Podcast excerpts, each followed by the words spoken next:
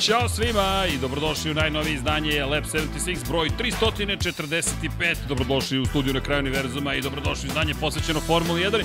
Japansko izdanje, posle ću vam pročitati na japanskom kada otkrijem gde mi je tekst koji mi je nestao, ali to je gospodin Japanac, da ne kažem čovjek koji se vratio na fabrička podešavlja u crno-beloj majici, Pavle Živković. Je ti je lakše sada? Pa lepše se osjećam. Lepše mi stoji zato. Za, sada otkriješ svoje prave boje.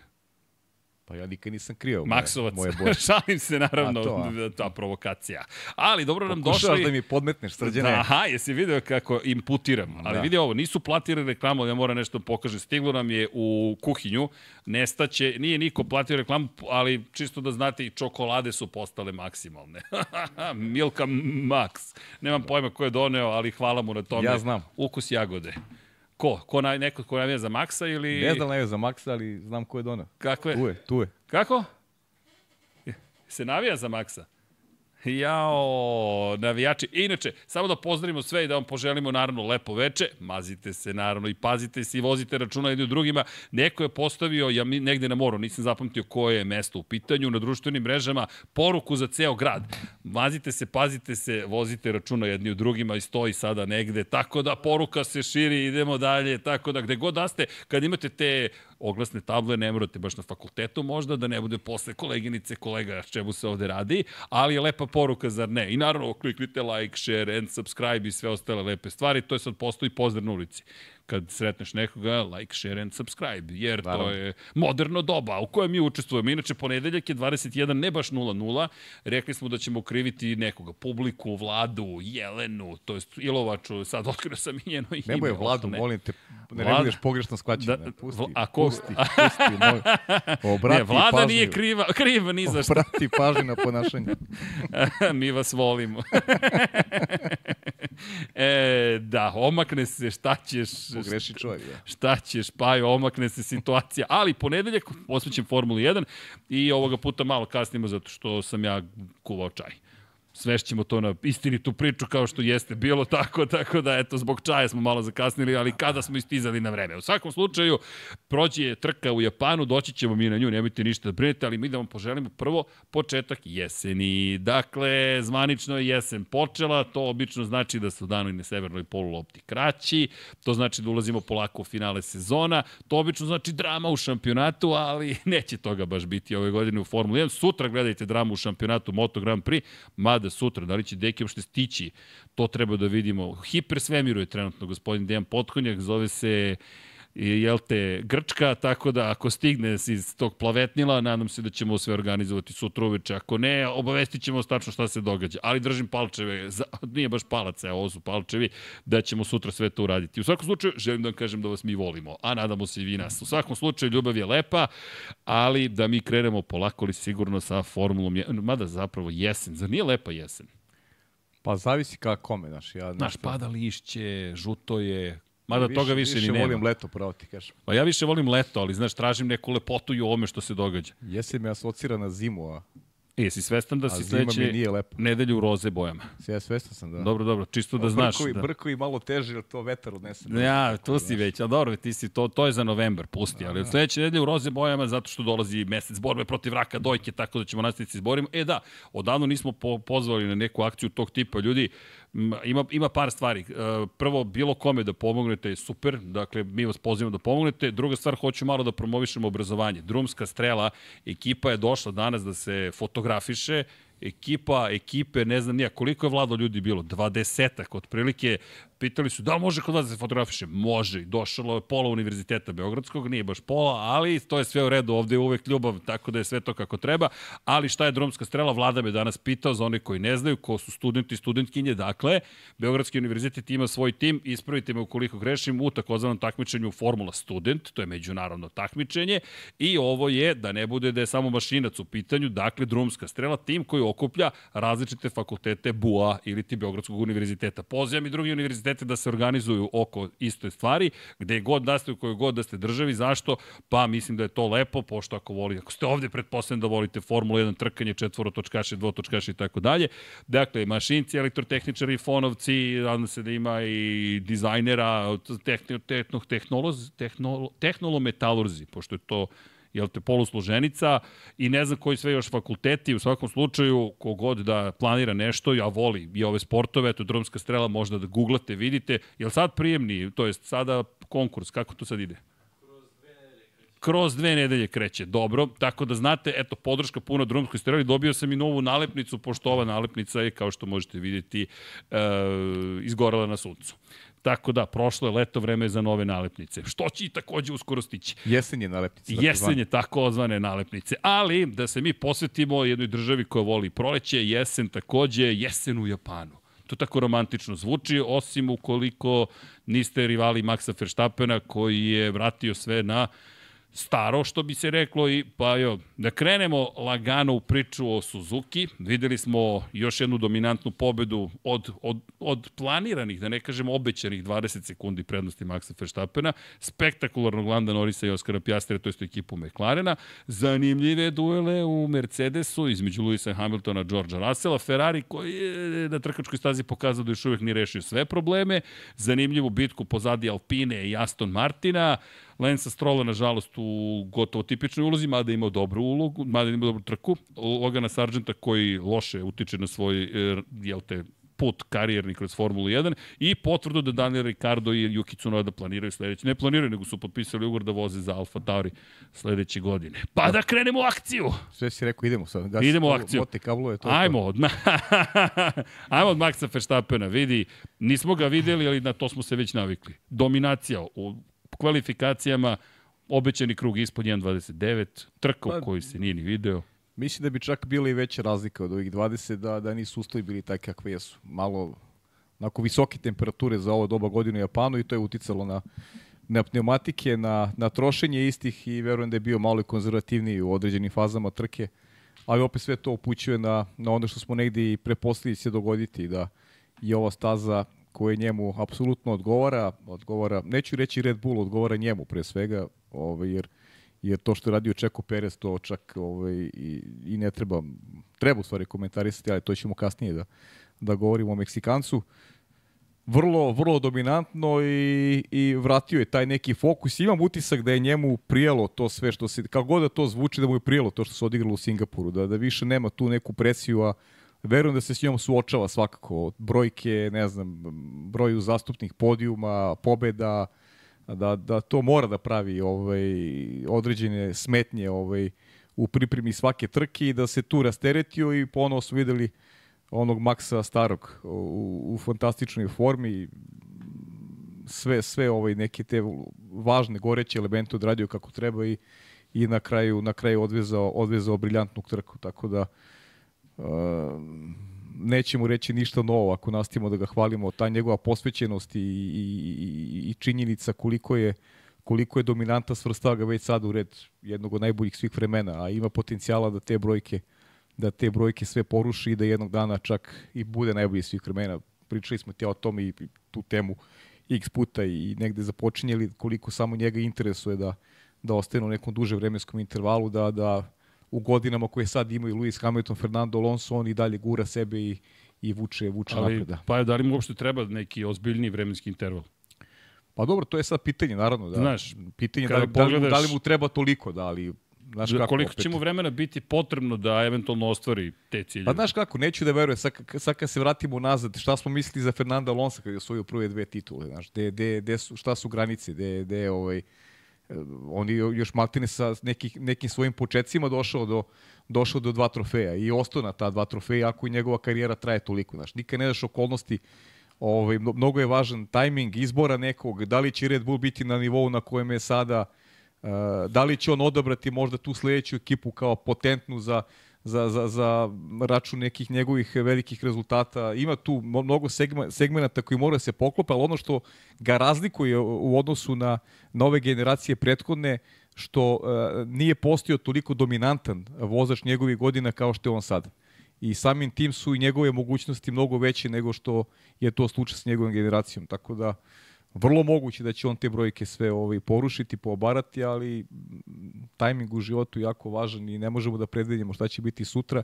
I ja se iskreno nadam da, da mu put neće biti ovakav, jer to bi značilo da iz godine u godina ponavljamo istu priču da rivala nema, a to realno za sport nije dobro. neka on osvaja titulu, ali neka se pojavi ekipa ili vozač koji možda mu parira na adekvatan način. Ovo, ovo što je ova godina, apsolutno je pokazatelj njegove moći i njegove i Red Bulla naravno, ali pogotovo njegove moći. Ja mislim da ti nećeš pojesti šolju na kraju, pravo da ti kažem, niti da će se tetovirati, pošto kada spomenješ rivala, polako se pomalja jedan rival, ali to je neko pitanje do kojeg ćemo doći, mada polako, možemo i odmah da, da postavimo pa to možemo, pitanje. Ajde, možemo. ali pazi ovako, ima par stvari pre nego što krenemo tim putem ka Landu, Norrisu i McLarenu. 16. trka ove sezone, 13. pobeda, mi imamo još šest trka do kraja.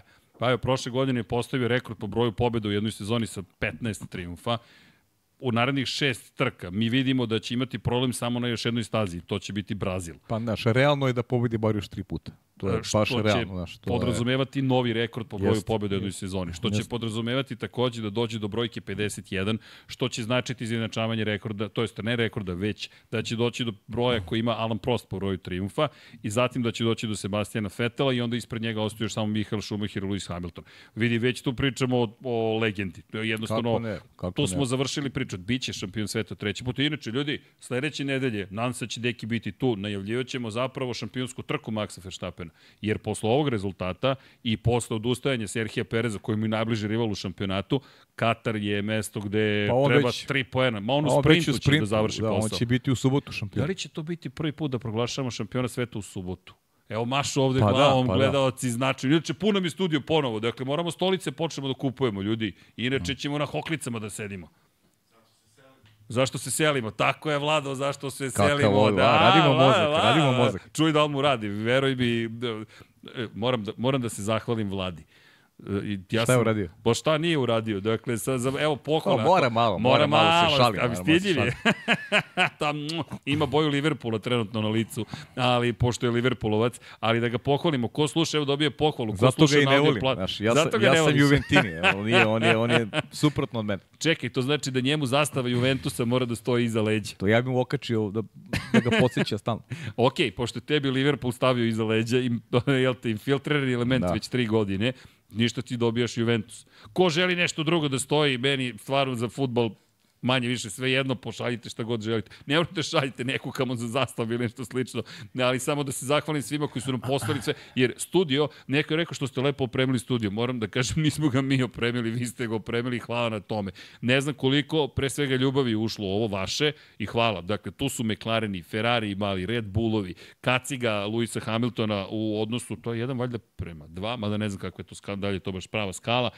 Tu su lopte, dresovi za NFL-a, knjige, ma nemam predstavu šta sve nije stiglo, avioni i tako dalje, a da i trofeji za one koji su u fantaziju pobeđivali. Dođite po svoje trofeje, ljudi, aman. E da, čestitam ti na fantaziju. Da. Kako ti se vernost isplaćuje. Pa, Jao, Došao sam pa do neke 2832. pozicije, sigurno. Vidi, Napredujem. da citiram našu anarhitekticu Danku. Paja nešto kaže, zvuči ti potpuno nelogično. Kada ono, šest meseci kasnije, to se dešava. Tako da, Čika Paja, kada prognozira, ne moramo ti napravimo segment. Ja, javilo mi se. To ti kaže. ja, umesto prste na minjušu ti nabavimo, znaš, da. kao, da, ono gusarsku, razumeš vrtiš. Pa dobro, imaš taj styling. E, obrio si se, čekaj. Nisam. Dobro, brzo primećujem. Ne, ne vidiš dobro. Ne, ovo, ne vidio sam ovog vikenda. vetar danas. danas. Ali, da ga pohvalim, znaš zašto? Audio zašto? platforme, neko je rekao, ne znam, sad ne mogu potom više ko je šta, ta, hvala. dakle, dobio si pohvale, na Spotify se pojavljamo odmah. Zašto? Zato što vlada noći ovde i onda on ostane kada mi završimo u pola 1, 1, kada već. Rt, u MP3, podigne, sredi i čao. Prevedeno, čovjek radi svoj posao. Profesionalac. Zamisli, čovjek radi svoj posao. Zamisli, neverovatno. Da. I ne hvali se svako jutro. Ne, Srki, ne. znaš šta sam uradio da, sinoć? Da. Svoj posao. Da. Jel ti radiš za Red Bull? Ajde, da. kreni sa podcastom. da. Već smo mi krenuli, Vlado. Vidiš da smo pričali o Maxu i nisi ispratio. Da, da, da, da ali povatao je sad strategije, znaš, više nema te momente kad, šta, koga ide i zašto. Ali, da se vratimo upravo na to, 13. pobjeda, pa sad je to postalo već fakat. Jednostavno, i citirat ću mnoge na planeti Zemlji, a i vas, flaster staviš na poziciju broj 1 tokom trke i gledaš šta se zbiva tamo ispod. Druga, treća, četvrta pozicija, dosta je uzbudljivo. Da, da, Max drži svoje mesto. Ljudi, moramo da ga pohvalimo, zato što je zaista fascinantan. Pa Jednostavno, ne, mislim, pogledaj kvalifikacije. Pa ja bih se vratio na kvalifikacije. U krajnjem slučaju, ljudi, samo uporedite sa timskim kolegom i, i, i sve ovo i sve jasno da nije to samo do bolida i ja stalno se vraćam na tu priču Zeka Brauna, da imamo dva Pereza u šampionatu, mi bi danas ovde bi ludilo, bilo bi 100 ljudi, jer ne bismo znali ko će biti šampion. I da. to je to, znači nije, nije samo do bolida. U poslednje vreme mi se javlja Eddie Vedder. Znaš kad visi sa, sa, sa trasa, dok snima, ne znam koji je to bio, negde u Britaniji je to bilo, je li Britanije beš ili nije, ne znam gde je bio, ali stari, i za Even Flow spot još kada su snimali, pa visi gore po trasovima, mislim da bi ljudi ovde isto visili pa, da. otprilike koliko bi bila gužva. Bilo bi drame, sigurno. Što je sasvim u redu. Ali, znaš, znaš, znaš hoću da nas vratim, samo na, na milisekund, a to je zapravo na kvalifikacije. 1.28 je bio cilj. To smo saznali kada je odvezao krug brže od 1.29. Kad je rekao, evo, izvolite, krug 1.28 i gde je opet bio cilj da se postavi dominacija. Ja moram Borislavov jedan A, da iskoristim. On je, on, je, on je oborio rekord u subotu koji je na Suzuki, koji je imao Mihael Schumacher. Mihael Schumacher imao najveću razliku do sada u kvalifikacijama. Nešto oko, oko pola sekunde, recimo prednosti, sad sam zaboravio u odnosu na koga. Max je sada tu razliku povećao i on je rekorder, je tu u tom segmentu. Ove, ovaj, to je definitivno najveća razlika između prvog i drugog kvalifikacijama.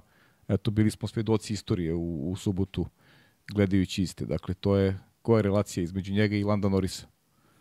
Pola sekunde u, u, u Suzuki, više pola sekunde, to je zaista ozbiljna prednost. I onaj, onaj posljednji krug, dva posljednja kruga, To su oni momenti kada je vozio prvi sektor ispod 32 sekunde i kada je vozio treći sektor ispod 18 sekundi. On je tu radio u dva kruga, poslednje u Q3. Oba puta je vozio prvi sektor ispod 32 sekundi i treći sektor ispod 18 sekundi, što je Neverovatno. Za ove, za ove bolide zaista je neverovatno. Neverovatno, za tenkove ove, da. To Bukvalno. Je... Ali, ali me to dovodi do, do bitne stavke. Mi smo se oduševili tim krugom ispod 1.29 zato što ga on najavio. Što on rekao, to jest nije ga najavio, ali smo pa, na kraju pa, saznali da mu je to bio plan. Sve što je rekao, sve je ispunio. On 20 sekundi prednosti. čovjek od reči, dobro, nije baš 20 bilo, ali tu Koliko? je 20. 19,4. Pa kažem ti, bilo bi to i više, sigurno da da nije bilo tih e, uslova koji nisu tipični za Suzuku za, za ovo doba godine. Dakle, ekstremne neke vrućine i sva tri dana je to pratilo i znali smo da će strategije biti jako važne, da će biti više promene tematika tokom trke i sve je to uticalo i na njega da bude kogod je on agresivan, sigurno da je dobro čuvao gume, bio je malo konzervativniji, nije ni mora u krajnjem slučaju da da nešto ovaj juri posebno, a bilo mu je bilo mu je važno pobedi upravo zbog onog što se dešavalo prošle nedelje i eto činjenice da je Suzuka domaća staza što je Red Bullu doneo titulu ti kad, kad pogledaš, on je Red Bullu doneo titulu šampiona, danas sam neki priča vezano za to, on je stvarno, on je doneo Red Bullu titulu. Dobro, on je završio posao 400, sa osvajanjem titula pa, sada. 400 poena je doneo Red Bullu. On ima više poena od, od svih ekipa ostalih. On sam ima više poena od Mercedesa, Ferrarija, Ne treba mu Perez, on bio svoj tituli bez Pereza. Da ima samo jedan bolid Red Bull, on bio svoj tituli konstruktorski. Samo ne sada. Samo ne, ne to, sada, samo bi pa, to, to potrajalo. bi se, ali osvojio bi sam, bez drugog, bez drugog bolida bi Red Bull osvojio titul. Ali pa ja moram da iskoristim ovu priliku da, da, da se pozabavimo jednom ozbiljnom stvari, a to je da je Red Bull ovom šestom titulom došao na domak pazi sad ovo, Lotusa, koji ima sedam titula u šampionatu konstruktora, Lotus koji je sada zaboravljen, ali ljudi, Lotus Kolina Čepmena je bio dominantni jest, tim. To je tim jest. koji je promenio Formulu 1 u dva navrata. Imao je zaista revolucionarne bolide, revolucionarne modele. Ljude koje je Colin Chapman angažovao, pa je koji je nažalost i gubio kao vozače koji su živjeli u jedno vrlo tragično doba, smrtonosno, je nešto što je promenilo u potpunosti Formula 1. 1978. je osvojio poslednju titulu Lotus. Od onda oni stoje među najuspešnijima svih vremena, od 1978. Nije se tada tim ugasio, ugasio se 90-ih, ali to je bio tim koji je bio oličenje uspeha u Formuli 1. Sa osam titula imamo Mercedes, koji je, jel te, dominirao od 2014. do 2021. i McLaren. McLaren takođe ima osam titula kao Mercedes. Poslednju je osvojio 1998. godine McLaren. Sada govorimo o tome gde se polako približava Red Bull. Govorimo malo i o istoriji Formule 1 kada su dominirali McLaren i Williams. Spaja se sa pričom o McLarenu. Williams ima devet titula, 1997. je osvojio poslednju i dolazimo do Ferrarija koji ima 16 titula. Poslednja osvojena 2008. godine.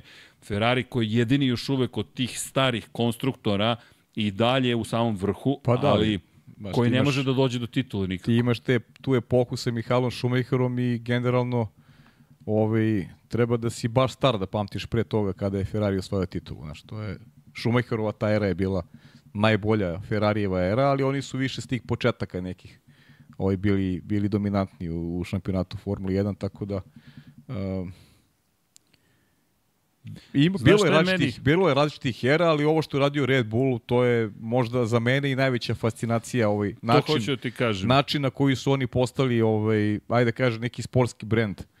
Znaš, jer, jer ja sam ih doživljavao kao što ih i Alonso doživljavao. Znaš, sad neke konzerve mi prodaju priče o, o sportu, o Formuli 1, znaš, to je onako iskreno, a došli smo do toga da danas te konzerve su ovaj, u formuli pojam znaš, ovog nekog novijeg vremena. Stvarno su postavili visoke standarde i to sad imamo već dve ere sa Sebastianom Fetelom. To sam htio da ti četiri kažem. Četiri titula, ovo je sada druga era. Znači oni nisu, na, oni su imali... To je velika stvar. Tako oni su imali i pad. Pritom, se, da ne zaboravim, imali su onaj period kada niko nije htio da im dostavlja motore.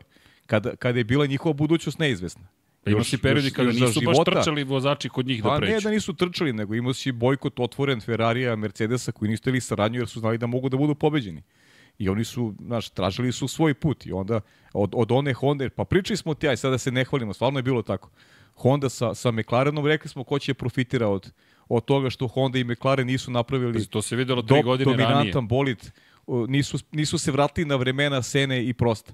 Znali smo da će Red Bull da iskoristi te resurse najbolje i da opet napravi nešto što je što je moćan proizvod. Ne, ne, Red Radili Bull je vratio vreme Sene. Upravo jer to. ovo je novi šampion koji će osvojiti treću titulu pa, čo, sa Hondom. Tako je, treću, što je radio kao, samo Sena. Samo Sena, da. Samo Ayrton Sena je došao do tog broja titula sa Hondom. Dakle, sve tri titule Ayrton Sena osvojio sa Hondom. Dakle, mi govorimo o legendi koja, jel te, sad polako za neke nove generacije možda je više mitsko biće nego što se sećaju njegovih trka, ali mi imamo sreću da se sećamo, pogledajte njegove trke, pogledajte dokumentarce, Artur Seni zaista je bio poseban, ali kada je reč o Red Bullu, zašto imam potrebu da, da, da ovu njihovu šestu titulu posebno pohvalimo?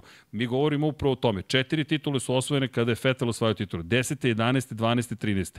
I onda pauza od skoro 10 godina, da. pre nego što ti osvojiš sledeću petu titulu, sada osvojaš, braniš titulu, osvojaš šestu, i sad to deluje, pa to je tako jednostavno, ali ovo je podsjeti koliko nije jednostavno. I sad, Mercedes koji je zaređao osam titula, bukvalno imao eru gde niko drugi se nije pitao, ali šta i vraća se na Dekijevu teoriju zapravo, da je Red Bull poslednji mohikanac kada je reč o nezavisnim konstruktorima, jer Red Bull ne proizvodi svoje motore. Koliko god da trenutno pravi nešto što će postati postrojenje koje će praviti njihove motore, Jeste. Honda proizvodi ove motore, što je direktno nasledđe Formula 1 koju smo nekad imali. McLaren pravi šasiju, McLaren pravi bolid i onda imaš proizvođača motora koji ti da motor, da ti pa eventualno ono, danas, danas smo imali ovaj, thumbnail McLaren kao, Jeste. kao neku, ajde da kažem, priču o fabrikama. Priču o fabrikama, znaš, uh, imaš i Red Bull je takođe priča o, priča o fabrikama, tako da i to je, kako bih ti rekao, lepo u sportu, definitivno, što, što kad se okupi dobar tim ljudi, kad postoji neko zajedništvo, vera u ono što se radi, uh, ne treba zaboraviti, naravno, ni pokojnog Matešića koji je zaista imao jasnu viziju i i ovaj, okružio se ljudima koji znaju i pustio ih da rade. To je ono što je najvažnije, ono što stalno volimo da potenciramo, ovaj, da okupiš ekipu i da im veruješ. Znaš, da, da, da ne bude sad ja dajem novac i sad ja hoću da odlučujem. Ne, doveo sam ljude koji, koji znaju, njima verujem, njih sam pustio da, da nešto što meni nije poznate teritorije, ali hoću da ih podržim zato što, zato što mi se priča dopada i zato što vidim da tu i moja firma može, može da raste. I to je on uradio zaista sjajno i, i, i kapa dole za sve koji funkcionišu na taj način jednog dana, jednog dana ovaj, to može da bude, da bude isplativo, a, a Red Bull je danas eto, doveo sebe do, do toga da su uzori drugima i da konkurencija, makar se izvala Ferrari, McLaren, e, Mercedes, svi teže da, da ih skinu sa vrha, to je proces koji, koji sada neće ići tako lako. Pazi ovako, oni su ekipa koja je nastala kupovinom Jaguara. Oni su kupili Jaguar Racing koji je zapravo nastoji Stewart Grand Prix. Jackie Stewart je sa svojim sinom osnovao redko novi tim 90-ih godina, čak zabeležio jednu pobedu zahvaljujući Johnny Herbertu. Dakle, došli su do toga da imaju čak triumf, prodao ekipu, Jaguar je ušao u celu priču. Jaguar koji inače pokušao da dovede Adriana Njuja bezuspešno, Bobby Rahal je tu i pokušao da odigra svoju ulogu.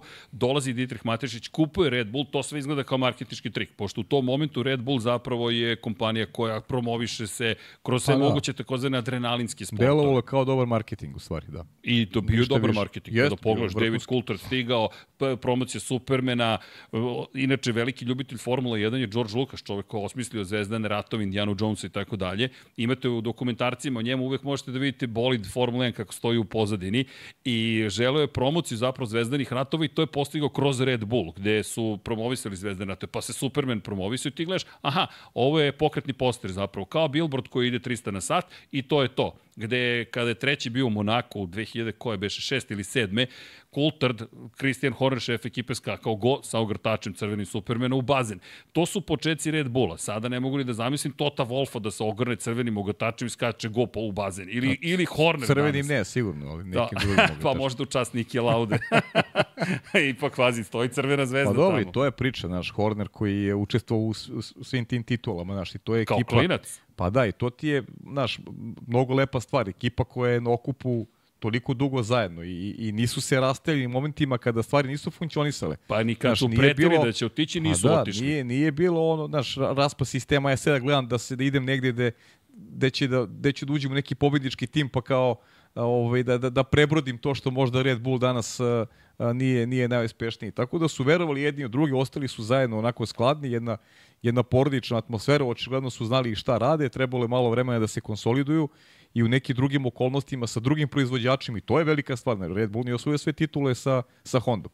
Čekaj, Znaš, oni su krenuli, je- sa Cosworthom su krenuli Tako uopšte je, u trkanje. pa- Inače, sa veze sa, su Fordom krenuli, postoje ali- još od ranije, ali, Ali- tako je krenulo. Ali nisu osvojili sve titule, znaš, u eri Sebastina Fetela nisu koristili Hondu. Ali pazi, priča se da, da je Dietrich Matešić pokušao preko svojih veza da dođe do BMW-a. Da, da je pokušao s BMW-om da uspostavi saradnju, to mu nije pošlo za rukom. Nisu mu prosto Bavarci verovali i došao u situaciju da zapravo nema, na ko, nema kome da se okrene. Čak su u jednom trenutku sarađivali s Ferrarijem. Ferrari im je davao motore, ali u, apropo tvoje priče, opa, idemo, apropo, prvi večeras, čekaj, u kom minutu? Stani, Lado, pola sata skoro, nisam rekao, Za malo, za malo poluvreme da izdržiš. za malo, ali dobro, jedan žuti karton po polovremenu. Ja. Ali vidi, došao je do toga da Ferrari je tada davao motore, sada nema šanse da im da E, motore, pa sad, sad- su sad- sad rivali, ali Sad to ti niko ne razvoj. dali, zato hoće ovi koji imaju namer da uđu u Formulu 1 i znaš, oni vrlo rado daju. Opet Cosworth, da ne kažem Ford, da vidi kako se krug zatvorio. Pa da, pa mislim, znaš, oni su sada ti koji njih zovu. Da, i namerno Ne moraju, posvećujemo... oni, ne moraju da traže, ne moraju da, da traže nekog, ne, nego sad sada oni njih tebe, zovu. tako je. To je Ali, izvini, zato namjerno posvećujemo ovu priču večeras i Red Bullu, jer osvojiti titulu šampiona konstruktora nekako je postalo, ha, kao ok, Mercedes će osvojiti, ok, Red Bull će osvojiti, ajde da zaborimo. Ali ljudi, to je okosnica zapravo šampionata. Bez tih timova ne, nemaju vozači gde da voze. Ne postoji Pa dobro, šampion znaš, bez Zbog ekipe. toga imamo i razumevanja i to mori svi da imaju. Ovo je kolektivni sport. E, To stalno ističemo. To jeste kolektivni sport. I mora postoji ta saradnja koju vozača sa ekipom, jer, jer ekipi je važno da na kraju dođe do, do konačnog cilja, to je osvajanje titula. Ostalo videli ste kako se e, kako se raduju na kraju trke, to im je Max podario baš tamo gde treba. Suzuka, Honda, sve to ima, ima simbolike. I, i Honda eto u neku ruku slavi još jednu, još jednu titulu. Taj povratak sa McLarenom je izgledao katastrofalno. a Onda su došli do pozicije da rade sa Red Bullom i da se ponovo vrate da se ponovo vrate na, na, na, na prestoj. Ne znam koja je ovo Honda titulu. Ovo je, Honda ima Da nisam baš- siguran tačan broj. Da, Da, da. Proverit ću, moram da ti kao proizvođač motora, ali mislim motora, da da. je sa prostom su osvojili jedno, je li tako sa beše? Senom tri. Sa Senom 3 i 3 sa Maxom. Ti sa Maxom, to je. To Treba, ti je sedam. trebalo bi da je 7. A inače, znaš s kim je Honda počela? Se sjeća, ovo znam zbog motociklizma, inače verujem da ne bih to zapamtio. John? Sartiz. John Surtees, John je tako? A viš, ne bi, ne bi znao da kažem na keca Da, da, da, je. ali to je veza. Da, da, eto. Da. Sartis koji je inače vozio za MV Agustu, osvojio šest titula šampiona sveta u, konkure, u motociklizmu, Motociklizmu, i onda da. otišao u Formulu 1 i dalje jedini vozač svih Tako je, vremena da. ikada koji je osvojio titulu u Formulu 1 i u takozvanom Moto Grand Prix. I Sartisa je Honda zvala zbog njegovog iskustva zapravo iz motociklizma gde su ga mnogo bolje poznavali da joj pomogne. I onda je na kraju, ne se šta je radio dalje, Matru, Matra i, Matra i Honda, to je spojio i to je postao šampionski bolid. A onda je Matra, Matra, to je sa, to je, ko je to koristio? Ne mogu da se sad setim, čak mislim da je Ken Tyrrell kombinacije te koristio sa Jackiem Stewartom, ali I digress, što bi rekli amerikanci, da ne kažem oddoh ja A, apropo. u, jel te, tangencijalnu digresiju, apropo, da. jel te, ali, ali je mnogo lepa ta priča, zapravo kako se sve spaja nekako, i ti sad kada pogledaš Red Bull, koji je 2007. potpisao sa Renaultom, uspostavio saradnju sa jednim ozbiljnim proizvođačem, vremenom postoji fabrički tim Renaulta, koji je odustao od Formule jeste. 1 i imao je veliku podršku iz, iz Francuske. Šta se dešava? Dešava se da je početkom hibridne ere tu popustila saradnja, Pa, McLaren otišao u redove Honda yes. i potom smo dobili situaciju koju smo tek tija negde osetili, namirisali, nismo imali nijedan podatak, nego ne šta se dešavalo McLarenu kada je sa Hondom uspostavio tu dominaciju krajem 80-ih. Williams je razvio celu tu priču i nikada nije profitirao od saradnje sa Hondom dovoljno, nego je Honda preskočila u McLaren, Ron Dennis je organizovao šef McLarena da to Jest. ne dobije Williams više motore, to jest oni su rekli nećemo sa Williamsom pa, zvanično sarađujemo. Pazi, čak smo dobili neki obrise e, boljitka i u McLarenu. Čak smo dobijali obrise, Sad, pa ne, obrise boljeg McLarena u onoj vreme kada su bili sa Hondom. Ali tada je već bilo dogovoreno da se ta saradnja prekida, da oni, oni odlaze pod okrilje Red Bulla i Red Bull je samo... A misliš na ovu novu su Tako je, tako ne, je. ne samo, u stvari zna se ko je, to je Franz Tost je, je onako bio pionir kada pričamo o, o Red Bullu. Toro Rosso. Toro Rosso je koristio Honda agregate i tada je već bilo jasno da će Red Bull da napravi, ne da će biti dominantni, ali, ali da su napravili za sebe jednu fantastičnu priču nisu bili podrž... potpuno logično, kako bi ti ja da sam u Ferrari, da sam u Mercedesu, nikad ne bi dao Red Bullu u agregate, to, to da se razumemo, nikad im ne bi dao agregate, zato što zna da mogu da im pobede.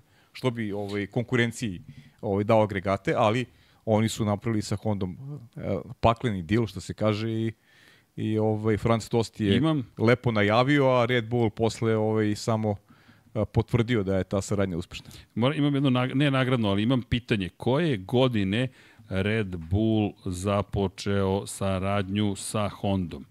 Evo, pitanje sa Hondom 2000, 2000, ove 2000, taček, tačku na redni broj da stavim. Zašto? Zato što me zanima kako vam deluje, to je koliko dugo traje ova saradnja. Evo, stavili smo... Ili računaš i onu prvu godinu Honda i, i Toro Rosa ili ne? Zoran Cimeša samo doniraju 100 norveških kruna. Pozdrav svima u studiju, idemo Max, eto ga navijač Maxa Verstappena. Hvala Zorane za donaciju, hvala za sve, za cijelu podršku. Kad nas stižeš Zorane nazad? To je ono što je pitanje. Mirina Zonta, pozdrav za Mirinu Zontu, postale svečevičar početnik. Hvala za podršku. Zoran nam je bio prošle godine na Red Bull uh, show runu. Ne znam kome je rekao, pošto je došao iz Norveške specijalno za to i neko se žalio da, da je iz ne znam kog dela grada jedva došao. Gleda, kaže, ja sam iz Norveške došao da bih gledao Red Bull show run u Beogradu. E, da, i nadam se da me pomogla informacija da u Solunu bio, nisam znao ranije. Sad u subotu da, da. u Solunu bio Red Bull show run. Nisam da smo ja znali, ranije isto. rekli bismo vam, nije, nije, nije nešto što, što često spominjemo, to ne dobijamo ni informacije, niti smo ambasadori trenutno, niti sarađujemo sa Red Bullom, tako da znate, prosto mislimo da to treba da dobijete kao informaciju. To je lepa stvar. Dakle, evo ima tu zanimljivih pitanja. Baš me zanima koliko će se ljudi setiti kada je započeta saradnja. Pa čekaj, nisi mi odgovorio. Se računa, šta, šta? se računa ta prva godina 108 ili ne? Ne. Red znači, Bull baš. Znači Red Bull baš. Baš Red Bull, baš, baš, baš, baš, baš Red Bull. Mada činjenica, to je sad pipovo pitanje. Slippery slope, što kažu u Americi. Pa mislim, to je važna godina bila. Jeste. U smislu, po smislu nekih podataka i, i svega onoga što je značilo i tekako Red Bullu.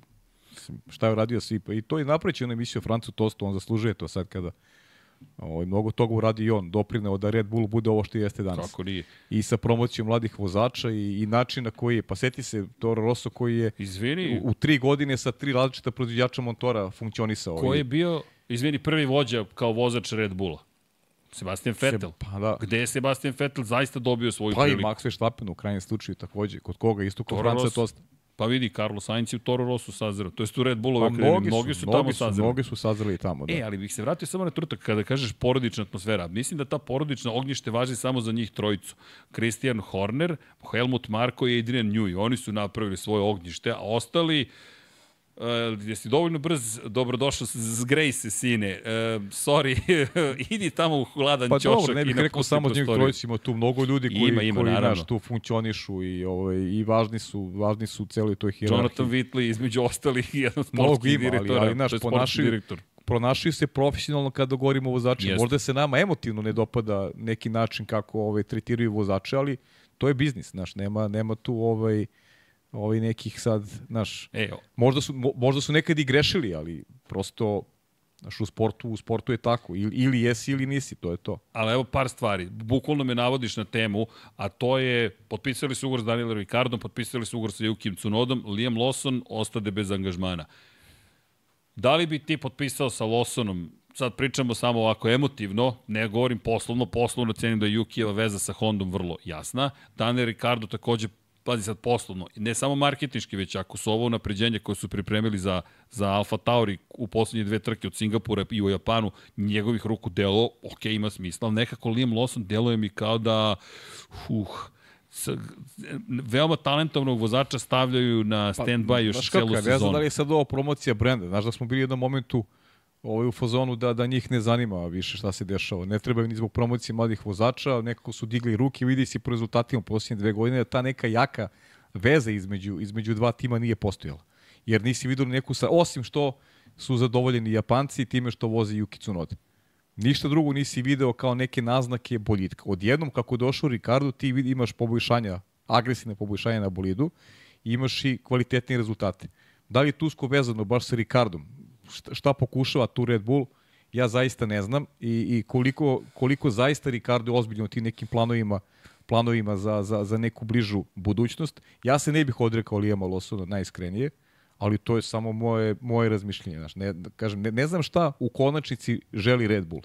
Uh, da li zaista vide Ricarda, ja ne mogu, ne, ne mogu da, da se pomerim s tim da Ricardo a, želi da se vrati u Red Bull i da, da radi ono što nije, radio, nije želeo da radi pre 6-7 godina. Koliko ima već vremena. Kada nije hteo da bude u senci Maxa Verstappena, ili se on rukovodio isključivo finansijskim motivom, pa je hteo da zaradi, pa mu je sad ok, kad je zaradio, pristaje i da bude ovaj da bude u senci Maxa Verstappena. Prosto, prosto ne vidim, ne vidim šta, je, šta je neki motiv Ricardov o, o, o, to, o tom potencijalnom prelasku Red Bull. Pritom, za, Red Bull za pravo mu daje ono što je uradio Čeko Perez ovde u...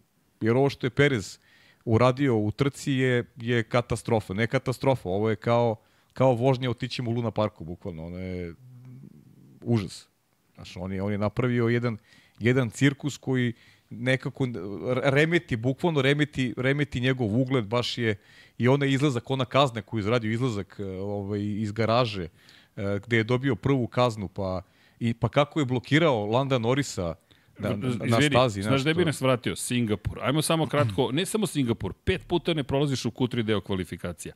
Dakle, dolaziš u situaciju da čak Q1 jednom ne napustiš.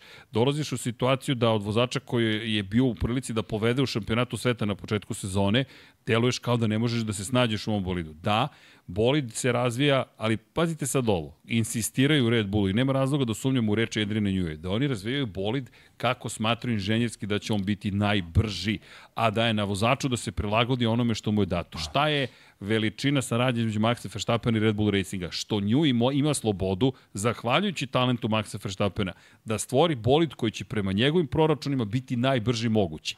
A Max Verstappen će se snaći u tom bolidu. To je bukvalno razvoj. Da, svakako da Max daje svoj input i to su i prihvatili, to, to ni ne kriju, ali nju i takođe kaže, ne, ne, ne, mi nismo ograničeni Maxom Verstappenom u kontekstu, on želi takav i takav bolid. Mi mu kažemo, daćemo ti ovakav i ovakav bolid, jer je to najbrži bolid koji možeš da dobiješ. Max kaže, važi i prevaziđe to izgleda kao da je stvoren za njega. Čeko koji kaže ja ne mogu da se prilagodim tako lako. Čeko je dobar, na primjer, u sporim krivinama, na uličnim stazama se to jasno vidi. Međutim, u poslednje vreme se vidi sve veći zaostatak i ne samo to. Rasuđivanje, pritisak je ogroman. Izbacio je Cunodu iz trke u Singapuru, izbacio je Albona iz trke u Singapuru, sada u kvalifikacijama loš i onda kreće potpun haos. Prvo je udario Hamiltona na početku trke, dakle Hamilton koji je manje više na travi, gde Čeko skreće u njega, Hamilton silazi na trenutak sa staze, međutim Čeko ostaje opet bez prednjeg krila. Pa incident, pa se vraća na stazu, pa još jedan incident s kim? Sa Magnusenom beše ili sa, sa Hulkenbergom? Sa Magnusenom, Sa Kevinom Magnusenom, njega je okrenuo.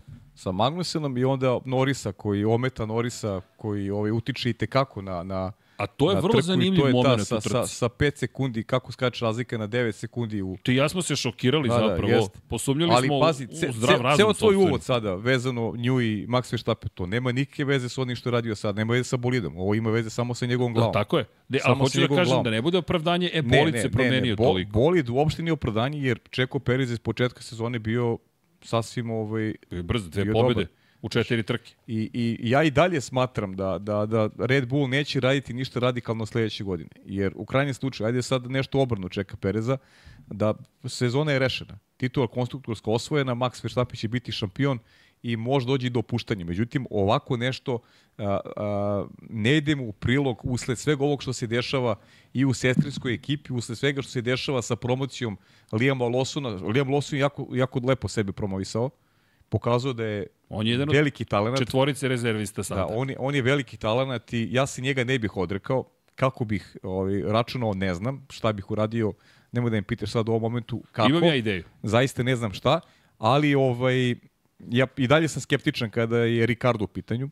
Ajde vidimo kada se vrati na, na stadu šta će se dešava sa Ricardom. Kažu da možda to neće biti Katar nužno da i dalje osjeća posljedice povrede, da mu tek prestoji rad u simulatoru i ekipa će tek odrediti ovaj, da, li, da li ide u Katar tek neposredno pred u oči trke. Tako da tu ima ozbiljnih, ozbiljnih dilema. Očigledno da Red Bull sada razmišlja o tim vozačima. Videli smo i Ayumu i Vasu takođe u garaži. Bio je prisutan. Dakle, on je bio prisutan, ok, Japan je. Tako da ima tu mladih momaka koji, koji imaju potencijala. E sad, Red Bullu svako treba vozač koji može da donosi poene, ne može Max u suštini kad je konkurencija jaka. Sad konkurencija ne je bila jaka, evo Max može sam da osvoji titulu konstruktorsku i on će imati, verujem, više poena nego ostale ekipe uh, zajedno. Mercedes zajedno, kad spoji pojene dva voda, neće imati koliko Max. Ferrari isto neće imati koliko Max. Ali doći će siguran sa godina kada će konkurencija biti kvalitetnija i kada će Red Bullu biti neophodan čeku iz 2021. Otvorio si mi, izvini, mnogo tema. Ajde jednu po jednu Ajde. da pokušam šta mi je sve u glavi da ti, da ti Ajde. predstavim. Prva stvar, moment kada sprečava Landa Norisa da ga pretekne. To je period za virtualnog vozila bezbednosti. Dakle, gde je problem za Landa Norisa? Landa Noris vidi Red Bull ispred sebe. Ne zna da li je to Max Verstappen, ne zna da li je to Sergio Perez. To su njegove reči. U tom trenutku ne možemo pogleda žuta kamera, to je dakle Max, to je to je Perez, ne, nemaju registarsku tablicu.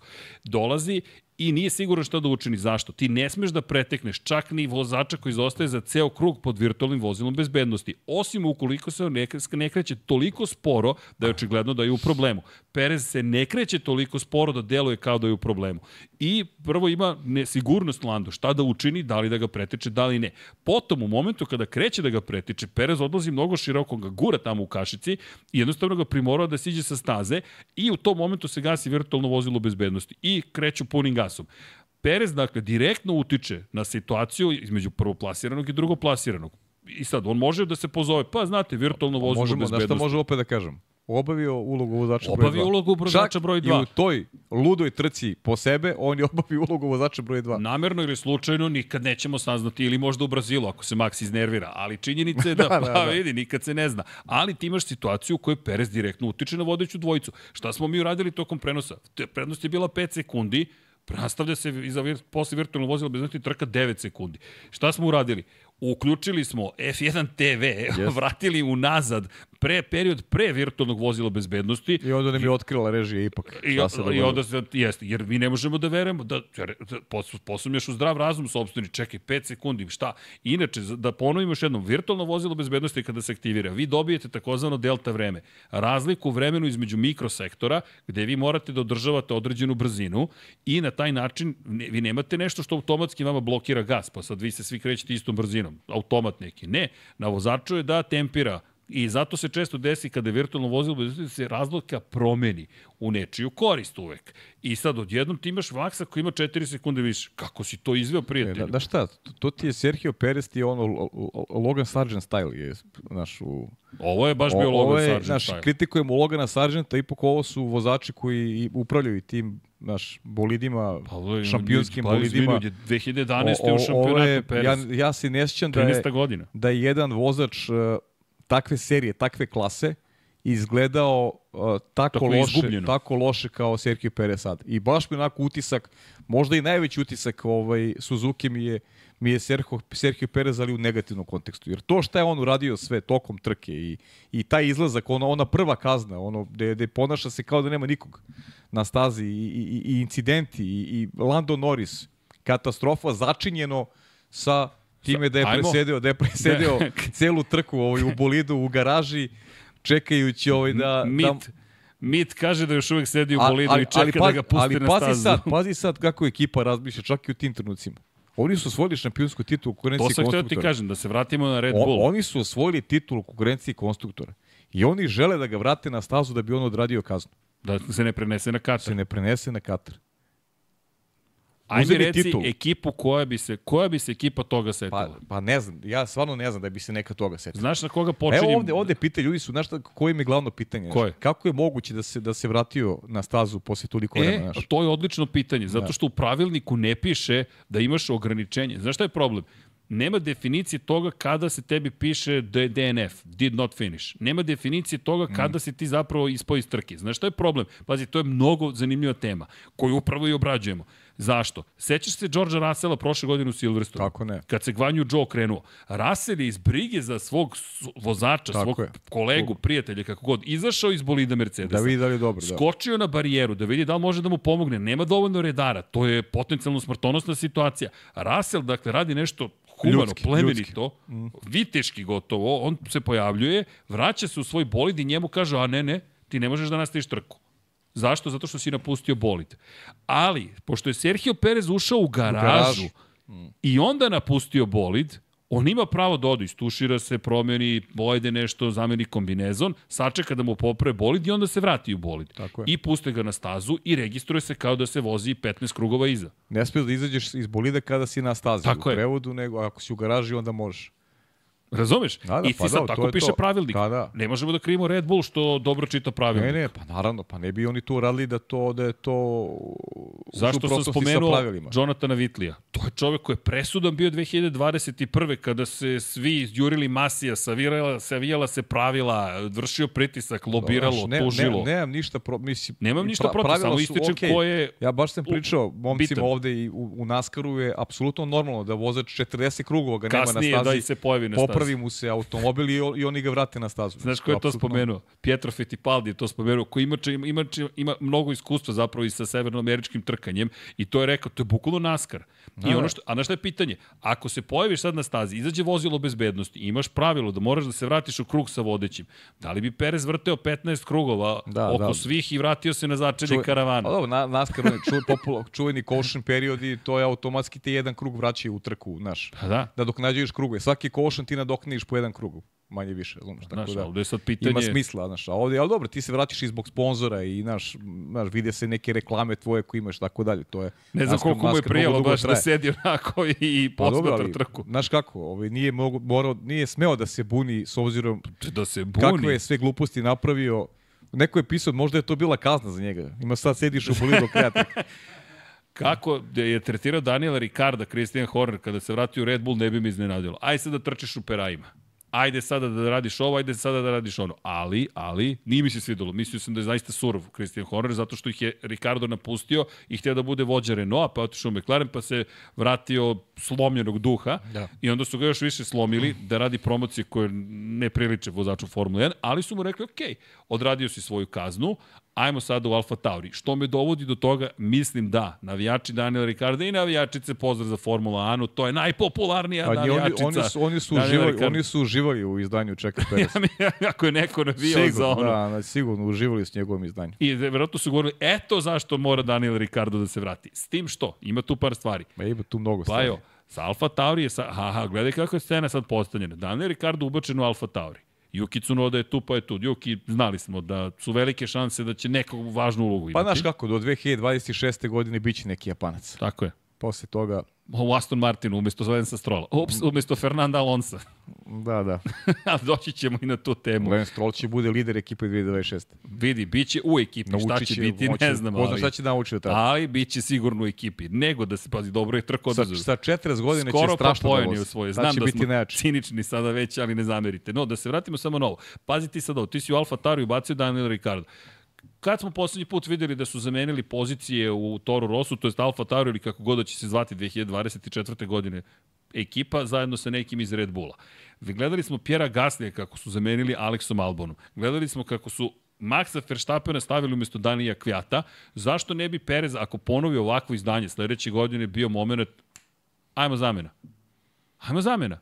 I to uradiš na pola sezone. Ricardo ne može da se bori za titulu, zna se šta mu je uloga, izvoli, evo ti sada to, prilika. Mislim da to zavisi od dinamike Zavisi, šampionata naš. ali si postavio mogućnost da se to desi. Pa dobro, Mnogo lakše si, nego ima, sada. Imaš, imaš ti široku lepezu mogućnosti ovaj, generalno kada, kada je taj tim u pitanju. Ima oni još tu nekih potencijalnih izbora koji, koji mogu da, da, da, da, da, ovaj, da, da promovišu, ali ukoliko konkurencija bude bila slaba kao i ove godine, to nužno bi moglo da se dogodi. Ali zaista. čekaj, šta ako ne bude slaba? E, to je onda veliko Ajmo pitanje. sada hipoteza, To ne bude onda, slaba. To je onda veliko pitanje. A šta, ti, a šta ukoliko, Lando a šta ukoliko, šta ukoliko uh, do kraja godine Yuki Tsunoda redovno bude pobeđivao Daniel Ricciardo? Sledeće godine. Ne ove godine. Ove. Kako ti onda gledaš u pravcu Daniela Ricciarda? I dalje isto. Zato što je premalo trka. Jer pa ako on ne bude vozio Katar, on će imati pet trka. Šest trka, pa to nije mali uzorak za nekog ko treba, za nekog za koga se veruje da je, da je, Složit ću se. da je ozbiljan kvalitet. Složit ću se, ali mislim Ne da... zaboravi, e, Perez je u pet trka, završnih pet trka, sebi kupio e, poverenje Red Bulla. Jeste pa, ali kada imaš Pritom podršku i- ekipe. imamo, ima, ima, Ricardo ima maksimalnu podršku. Zato ti ekipe. kažem, kod Ricarda moje mišljenje će desiti sledeće. Šta god učinio, naći će se opravdanje. Ima, pod, ima mat- maksimalnu podršku ekipe, mislim, Alfa Tauri. A, ali ne samo Alfa Tauri, ima Kristijana Hornera, ima i Helmuta Marka. Ja mislim da su oni stali uz njega u potpunosti. I to nije kritika, samo konstatujem. Evo sada kad su pitali Hornera kakva je bila trka Serhije Pereza. Opisao ju je tako politički korektno da je to, pa, desio se incident u prvoj krivini, desilo se dobro. ovo, desilo se ono. Znaš kako, ne treba zaboraviti, ima, postoji nešto se zove stare zasluge. Ne treba, da, Postoji. ne treba da živiš na račun starih zasluga, oni su vrlo poslovni. Ovaj, se, Zašto Sergio im je doneo, govorio loše o uveo- svom vozaču? Pa ne, ali Sergio je, Sergio je, Sergio je jedan od, od vrlo važnih segmenata početka te nove dominacije Red Bulla. 2021. godina svi smo se oduševljavali Sergio. I prošle godine je bila vrlo korektna. Početak ove godine takođe. Prva trka u kojoj Čeku nije iskoristio Maxo hendikep je bio Singapur prošle nedelje. To je prva trka u kojoj on nije iskoristio Maxo hendikep. Jeste. Znaš, on, Činjenica. on, on, on ostalim trkama nije bilo potrebe da bude u, u centru pažnje. On je broj 2. Jasno broj 2. Ali- Seti se počet godine. Šta smo pričali ovde? Mislim, ti si Ja potencirao sam malo potencirao, ja da sam. se bori za titul. Ja sam on potencirao. Prosto, on nije vozač to kova. Evo, smeju mi se. O, on nije vozač to kova. On je daleko od, od tih elitnih vozača. Smeje mi se. Jedna osoba, Da, izvini. on je daleko od tih elitnih vozača. Ali neko ko je, ko je završavao ali, posao. Ali, znaš. pa, nije mi, znaš šta mi je poenta veća? Christian Horner je i tu pokazuje kakav je šef ekipe. On će vršiti pritisak kad mu to odgovara. Trenutno mi deluje da mu Sve to ne okej. treba. Nema potrebe vršiš A naravno pritisak mu ne treba. Perezom. Uzo si titulu, kakav Uzo- pritisak? Ne samo to. Tebi treba u Kataru dvostruka pobjeda. Tebi sada treba Perez da se iskupi dvostrukom pobjedom, da proslave titulu Maxa Verstappena na najbolji mogući način i da se spremiš za šta? Za odlazak u Meksiko. Meksiko treba da bude velika žurka. Ti ideš u Meksiko, šta će ti sad da govoriš protiv svog vozača i da te u Meksiku dočeka pa nema, pa ne, nema neprijateljska potrebe. publika? I što bi govorio, mislim, to bi stvarno bio potrebe. nonsens, znaš. A da onda si pričaš- mala ekipa. Pa da, pričaš loše o svom vozaču koji ti je dao toliko puno. I da ti nije dao ništa. Suštinski. Pričaš pozitivno jer to ti je posao. Ja samo ne znam, ja, znaš, znaš šta jedino Zato ne, bi, znaš da ne bih volao? Jedino što ne bih volao da se da Lando Norris završi Red Bullu. To ne bih volao. pa, Nikako. Produžio ugovor, ne, ne, produžio ugovor. ne bih volao niko da bude u Red Bullu. Što Za- misliš zarad, da- zarad njegovih šampionskih ambicija, mislim da treba da se drži nekog svog pravca. Znam da se mnogo priča, ko će biti drugi vozač u Red Bullu, to znamo da će ekipa biti podređena Maxu Verstappenu. E, žao mi je ukoliko Ricardo, najiskrenije, ja zašto kritikujemo Ricarda, on je došao do neke faze, prosto ne vidim čoveka da nije mi on taj da bude negde da igra ulogu, da igra ulogu drugog vozača. Ali on njegova karijera je išla tako neko kako je išla, nije opravdao očekivanja u Alpini, nije se složili, nisu se složili kockice ni, ni u McLarenu, on je realno bio lošija polovina tima u odnosu na Landa Norrisa i tu se videlo koliko je Lando talentovan. I ti sada naš, ideš u, u opciju da budeš ovaj, ne znam, nekako, nekako, mi to, nekako mi to ne ide i teško možda prihvatam to, ali ne Ali- verujem da, iskreno, ja stvarno mislim da se to neće dogoditi. A, ajde gledaj ovako. Evo, druga hipoteza. 2024. u Alfa Tauriju. 2025. godine dobija sedište u Red Bullu. Zašto? Da bi se pripremio za 2026. Ko zna šta donosi 2026. Možda on duboko u sebi, a siguran sam da veruje, da i dalje može da bude neko ko je toliko brz da može da parira Maxu Verstappenu. Konačno, on je jedan od redkih klubskih kolega Maxa Verstappena koji je uspevao da ga pobedi. Činjenica, pre nego što je postao ovaj Max Ok, Verstappen, e sad pričamo, ali... sad pričamo da o njegovoj veri. Ok, Tako je. njegova vera. A da li ti misliš da Red Bullu treba neko ko veruje da će bude bolje Maxa Verstappena? Ne. Da li misliš da Red Bull traži profila vozača Ne. koji veruje da će biti bolje Maxa Verstappen? Ne. Mislim da, da to Što me dovodi apsolutno ne, ne na žele. pitanje. Pajo, Lando Norris, Oscar Piastri, McLaren, čudesni McLaren, ozbiljna tema, ali pre nego što dođemo do te teme, ima tu još jedna tema. Ko je vozač broj 1 u McLarenu? Jel se zna? Će se znati sledeće godine sigurno ko je vozač broj 1. Pa pazi, u McLarenu se nikad nije znalo ko je vozač broj 1. Okej. I, I zato ja i mnogo poštujem McLaren. McLarenova filozofija je, je onako, možemo da ih volimo, da ih ne volimo, to je najlepša sportska filozofija u automoto sportu od kad postoji McLaren. Kada si ti znao McLarenu ko je vozač 1, ko je broj 2? Nije se znalo. Nego izvolite momci na stazi, pa ko se nametne, to je to. Čak i kad ih je koštalo titula. Čak i kad, se, kad ih je A koštalo. koštalo ih je. Drugo pitanje, izvini. Ko je vozač broj 1 u Ferrariju? Vozač, pitaš me lično ili... Ko je vozač broj 1 zvanično, i to jest i za koga će ekipa sledeće godine to, da stane? To, to ne znam. Ja mogu ti kažem ko je za mene bolji vozač, to je Charles Leclerc za mene, ali za koga će ekipa da stane? To. To ko se ko...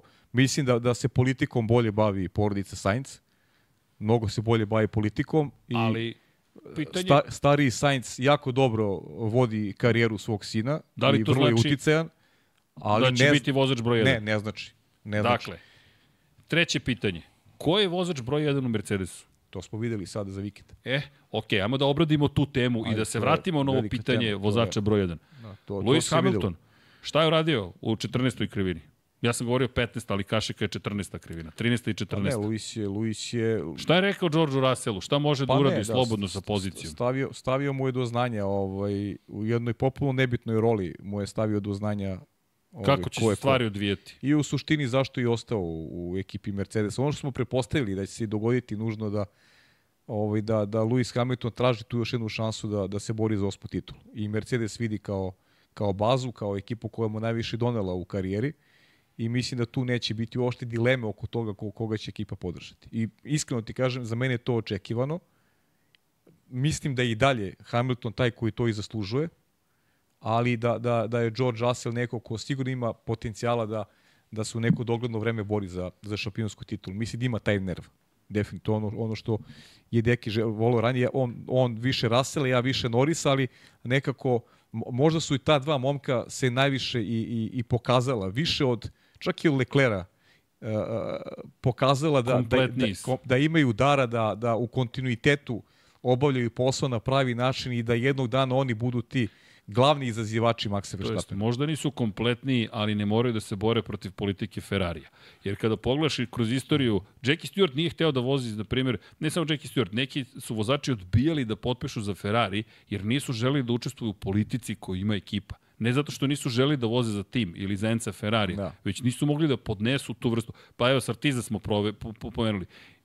Njega i dalje obožavaju, Il Grande John ga zovu u Italiji, ali on je čovek otišao iz ekipe zbog politike. Pa to je ono što smo pričali svima koji vole, vole Ferrari, vole, vole formu, da pogleda onaj film Put u besprtnost. Ovaj, jedan sjajan film, sjajan dokumentarac koji i dan možda se preslika i na neko vreme današnje, način na koji je funkcionisao taj duh Enza Ferrarija lebdi i dalje u unutar ekipe i to može da se, mogu neki elementi, neke stvari da se prepoznaju vrlo jasno. Zato mislim da Charles Leclerc možda je i kompletniji, ali ne možeš u Ferrariju tako da funkcionišeš. Ferrari je zver za sebe, bukvalno. Juan Manuel Fangio, sad sam se setio, je imao problem i kada je osvajao titule s Ferrarijem i rekao nisam dobio poštovanje koje je trebalo da dobijem, pa da, on je- način odnosa prema On meni je nije otišao, kad je osvojio tu posljednju titulu, on je otišao u... A i kako ju je osvojio? Je, pa da, tako što mu je poklonio Collins. Tako je, Peter Collins je odbio zapravo duele koje, koje je inicirao Enzo Ferrari, dao mu je svoj bolid i omogućio da osvoji još jednu titulu šampiona sveta. Jeste. Tako da Ferrari... Enzo Ferrari je sta, stalno želeo da drži te že, vozače na žerevici nekoj, da stalno budu u nekom, nekom nesporazumu, da budu u nekom, ajde da kažem, uh, u, u, u haotičnom, da kažem, U sukobu, odnosu, uvek u u haotičnom sukobu. odnosu koji, koji bi prosto terao da budu bolji jedan od drugog. Nikako nije želeo da ima harmoniju unutar ekipe. To je, to je, to je Neverovatno neki... zvuči, ali tako je. Tako je bilo, da. Prosto je tako bilo i ti sad imaš evo, eki- ekipa koja uporno odbija. Evo, prvi put smo čuli u Singapuru nešto se zove što se zove timski rad, još iz ere Mihala Šumihera, ali da podsjetimo, Mihala Šumiher tamo Italijana u ekipi nije bilo. I to je neki drugi Ferrari. Da. Da. To je izuzetak od cele istorije Ferrarija. Ali, dakle, imamo Hamiltona u Mercedesu. Složit ću se da je on vozač broj 1, to je da je Mercedes, to je Toto Wolff rekao, ovo je naš vozač broj 1.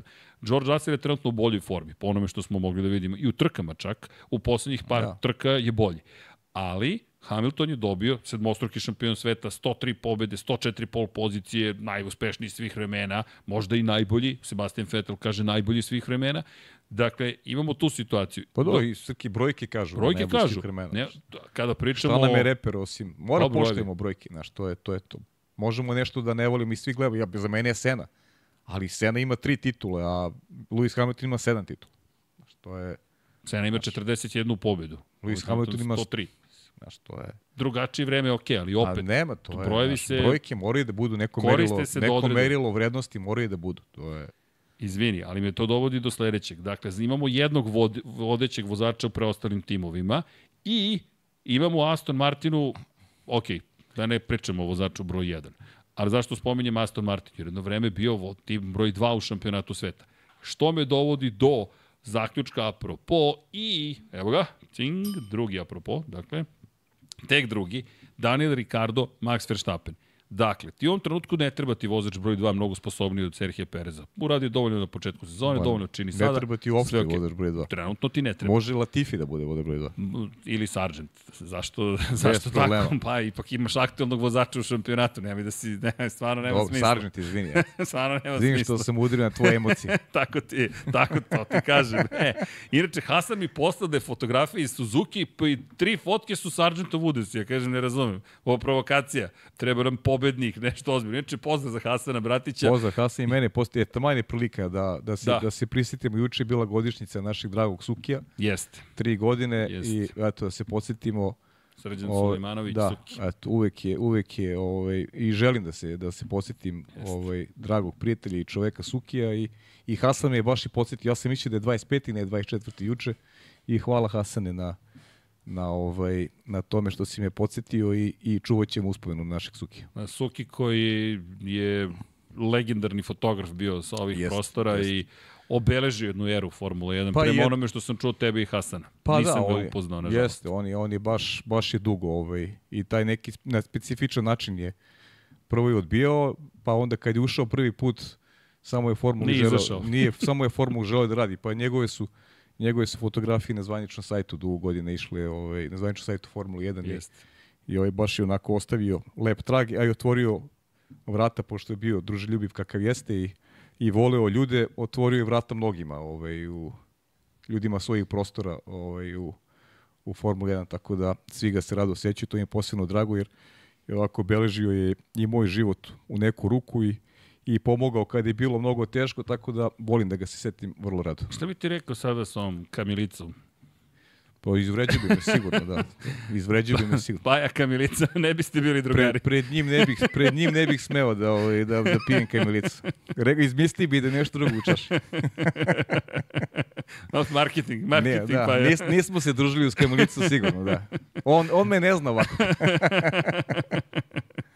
Ali da, Hasan Bratić, Andrej Isaković, trenutno Vid Voršić, da, da podsjetimo samo na ljude koji su sa ovih prostora u Formuli 1 redovno, jest, pa eto, pozdrav jest. za svu trojicu. Za pozdrav za Zapratite ih na Instagramu, pozdrav. zaista to njima mnogo znači, to stalno ponavljam, ali verujte, bez obzira da li rade za agenciju u slučaju Andreja koji radi za AFP ili samostalno Hasan Bratić koji radi za Hasan Bratić Press, to je čovek agencija, legenda naravno, ili Vid Voršić koji je takođe čovek koji, koji inače fotografiše Luisa Hamiltona, dakle, to su sve ljudi koji verujete, vredi zapratiti zbog njihovih, njihovog rada, ali mi vas pozivamo da ih zapratite kao podrška zajednice. I cela ta priča, ta, mislim, svi ti ljudi, ovo, ja sam ih i kroz, ti, upoznali smo ih obojica ovaj, kroz, kroz posao, fotoreporteri, baš su ovaj, specifična yes. sorta ovaj, dobri ljudi, onako ubije da se ponašaju gospodski i da, i da ovaj, baš onako prezentuju lepo što svoje yes. firme, što sebe na pravi način, tako da Tako da je ovaj ja baš imam lepa iskustva, eto Suki je jedan jedan od ovaj specifičan u mom slučaju, ali ali i ovi drugi momci koji si nabrojao zaista su zaista su fenomenalni. Momci kako to lepo zvuči. Da. da.